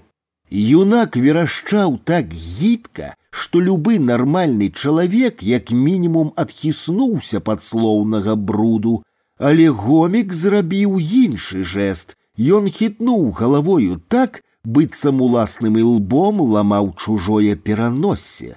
Гомік прыўстаў з лаўкі і развёў руки так, нібыта збіраўся зрабіць вертыкальны ўзлёт. Юнак адскочыў, бо ўбачыў у варожай руцэ вострадзюбы шып сталёвага стылета. У яго швайка! Аселым голасам юнак папярэдзіў брата фізкультурніка, які ўжо пачаў раскручваць над галавою роварны ланцуг. Гомік зрабіў рывок да юнака, паспрабаваў зачапіць стылетам ускінутую руку, але ўспароў адно паветра. Затое змяя ланцуга хвостка абвіла свой хвост на запясці. Стылет праляцеў метраў з пяць і слізгануў траву. Вольнай, нясхопленай ланцугом рукою, гомік зрабіў трапны удар па кадыку фізкультурніка. Той захапаў ротам паветра, не раўнуючы люстраны карп. Нават вочы ў выкладчыка фізічных практыкаванняў пабялелі, як у дохлай рыбіны. І тут здарылася непапраўнае. Юнак, знайшоўшы ў траве зброю, падляцеў да байцоў і, укленчыўшы, увагнаў шып стылета ў гомікава пахавінне. Ну як я яго трахнуў? Спытаўся атупелы юнак у пераляканага фізкультурніка. Гоміку ўсё адно, А што з намі будзе? Будзем жыць, як і раней жылі. Юнак выцягнуў з нябожчыка доўгі стылет.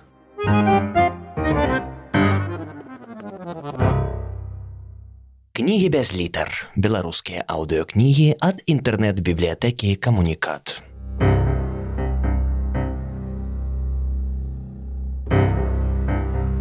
Адам Глобус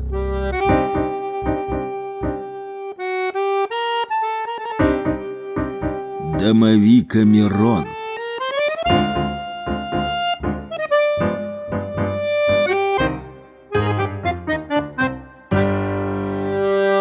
Раздел 66. Дамавік 7. Самотная жанчына вярталася з працы. Жыла яна ў 16павярховіку на апошнім паверсе ў аднапакаёўцы. Як і вядзецца, лямпачкі ў пад'ездзе скралі і паразбівалі. Жанчыне давялося на вобмацак шукаць ліфтавую кнопку. Нарэшце пластыкавы цыліндрык утапіўся ў адтуліну, у далёкай вышыні ляснула і заскрыгатала жалезе, цыліндрык наліўся сакаўным крывавым святлом. Невідушчае вока маленечкага цыклопа спаэтызавала жанчына. Можа быць і такое параўнанне. Сцямрэчы загучаў нізкі голас. А можна інакш маленькі святлафор, які забараняе дзецям уваход у свет жахлівых дарослых казак. І ты, самотная жанчына, яшчэ паспееш уцячы на вуліцу. Голас насоўваўся і гучнеў.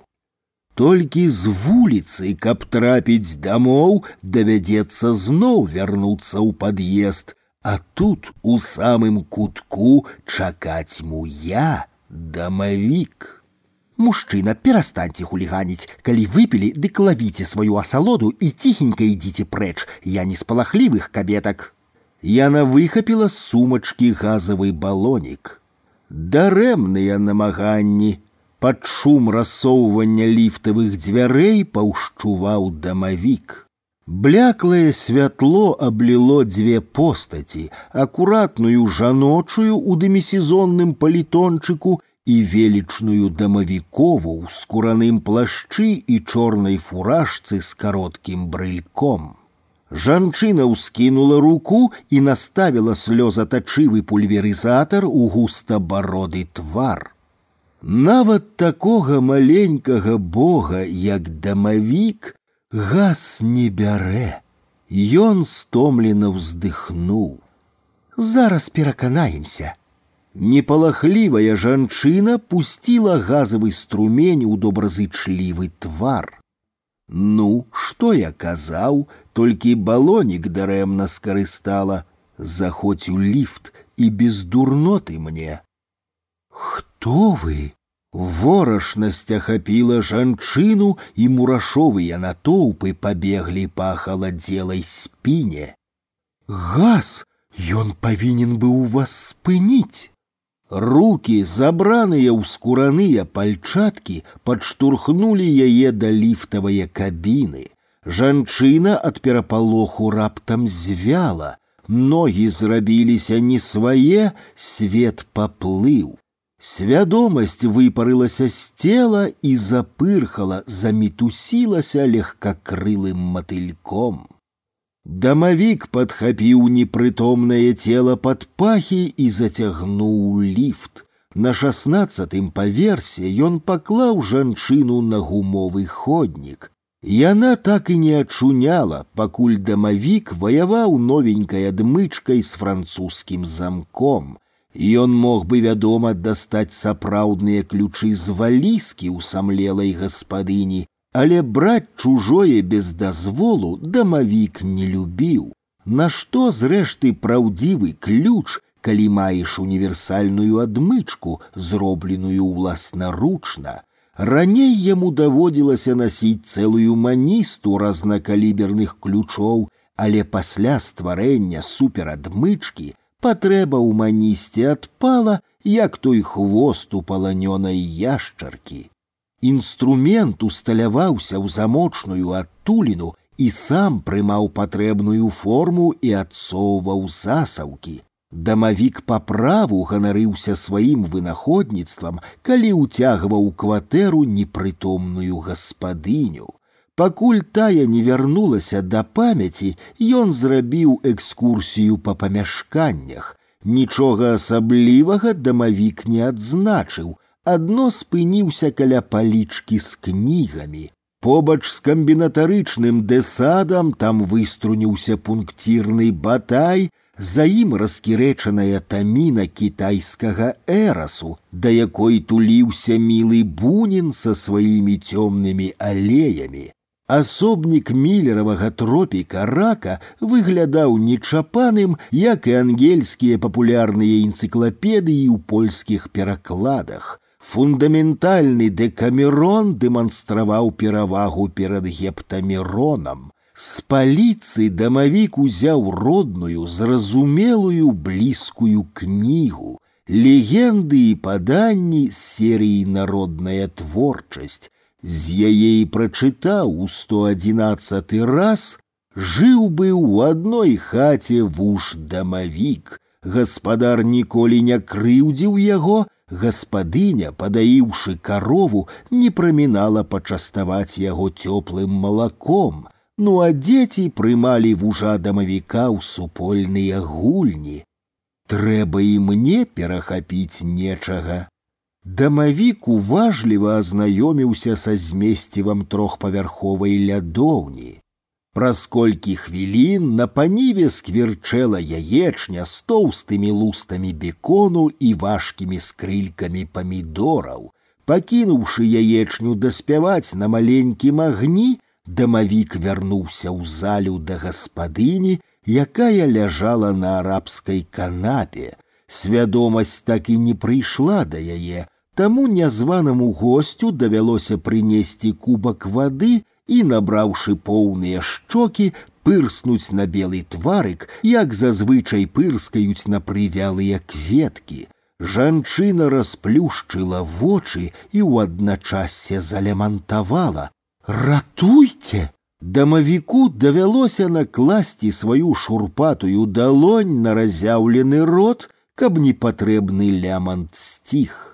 Лепей устань, апаласні твар і прыходзь на кухню вячэраць. Прастата і натуральнасць у паводзінах нязванага гостя астудзілі напал непрыняцця ў ачарсцвелым сэрцы самотнай жанчыны. Яна выканала ўсе слушныя парады і сама запрапанавала ў гонар знаёмства адкаркаваць бутэльку віна. Пасля пярэпалаху супакаення і вячэры жанчына не пярэчыла дамавіковаму жаданню разабраць канапу і легчы разам пад адной коўдрай. Першая блізкасць не прынесла жанчыне чаканай асалоды, бо нерэгулярнае вядзенне палавога жыцця крыху прыгасіла прыродныя інстынкты, А вось дамавік нацешыўся ў волю, пасля чаго сышоў прымаць душ. Вярнуўся ён зусім хутка і спрытна шуснуў пад коўдру з вярблюджае поўсці.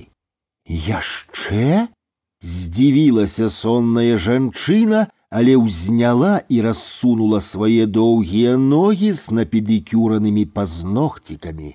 Дамавік распачаў новы сеанс захапляльнага папіхвання з такім імпэтам, нібыта і не займаўся гэтым штурханнем толькі што. Другое ўзаемапранікненне скончылася для абаіх яркім фіналам са стогнамі, ускрыкамі і дыфузіяй жыццядаравальных сокаў, пасля чаго дамавік рэзка ўстаў з канапы і накіраваўся ў лазніцу, адкуль не болей як праз хвіліну вярнуўся. І зноў Простагнала жанчына, у якой не ставала сілаў нават проста ахінуцца коўдраю. Так, апошні раз. Зашаптаў дамавік і перакуліў гарачае цела са спіны на жывот. Калі трэцяе зліццё пачало набліжацца да кульмінацыйнае кропкі і супрацьлеглыя істоты былі ўжо гатовыя злучыцца ў адно непадзельнае цэлае, жанчына раптам усхвалявана закрычала: « Чакай, чакай, спыніся, інакш ты зараз памрэш. Не памром! Аднекуль здалёк даляцела да распаленай гаспадыні. Памрэш! прохрипела тая. «Не помром!» Озвалася траістая рэха. Жанчына ўслухалася ў сваё ахопленае страсцю цела, яна раптам уцяміла, што дзве рукі і адзін чэлес няздатныя на тую колькасць пяшчоты, якая вадаспадамі ліецца на яе. Жанчына ачнулася, у празолкавым паўзмроку над ёй навіслі ажно тры дамавіковыя галавы. Ратуйце! Яна тузанулася, спрабуючы вырвацца з ланцугоў пяшчоты, але не здолела і сцішылася. Нашто ты вырывалася, супакойся! Загаварыла барадатая галава. Нам жа так добра! Яе падтрымала дамавікова галава, якую упрыгожвалі не кудлы, а зграбны чубок і вусы. Нячаста здараецца, каб нехта чуў, бачыў, а тым больш меў дамавіка ў трох ягоных абліччах, бацькі, сына і дамавога духа. Запэўніла трэцяя, паголеная і пастрыжаная пад нуль галава. Жанчына скарылася з лёсам і яе асалодам не было канца краю аж да раніцы. А раніцаю дамавік у выглядзе аднаго расхрыстанага мужчыны пакінуў шаснаццаціпавярховы будынак. Thank you.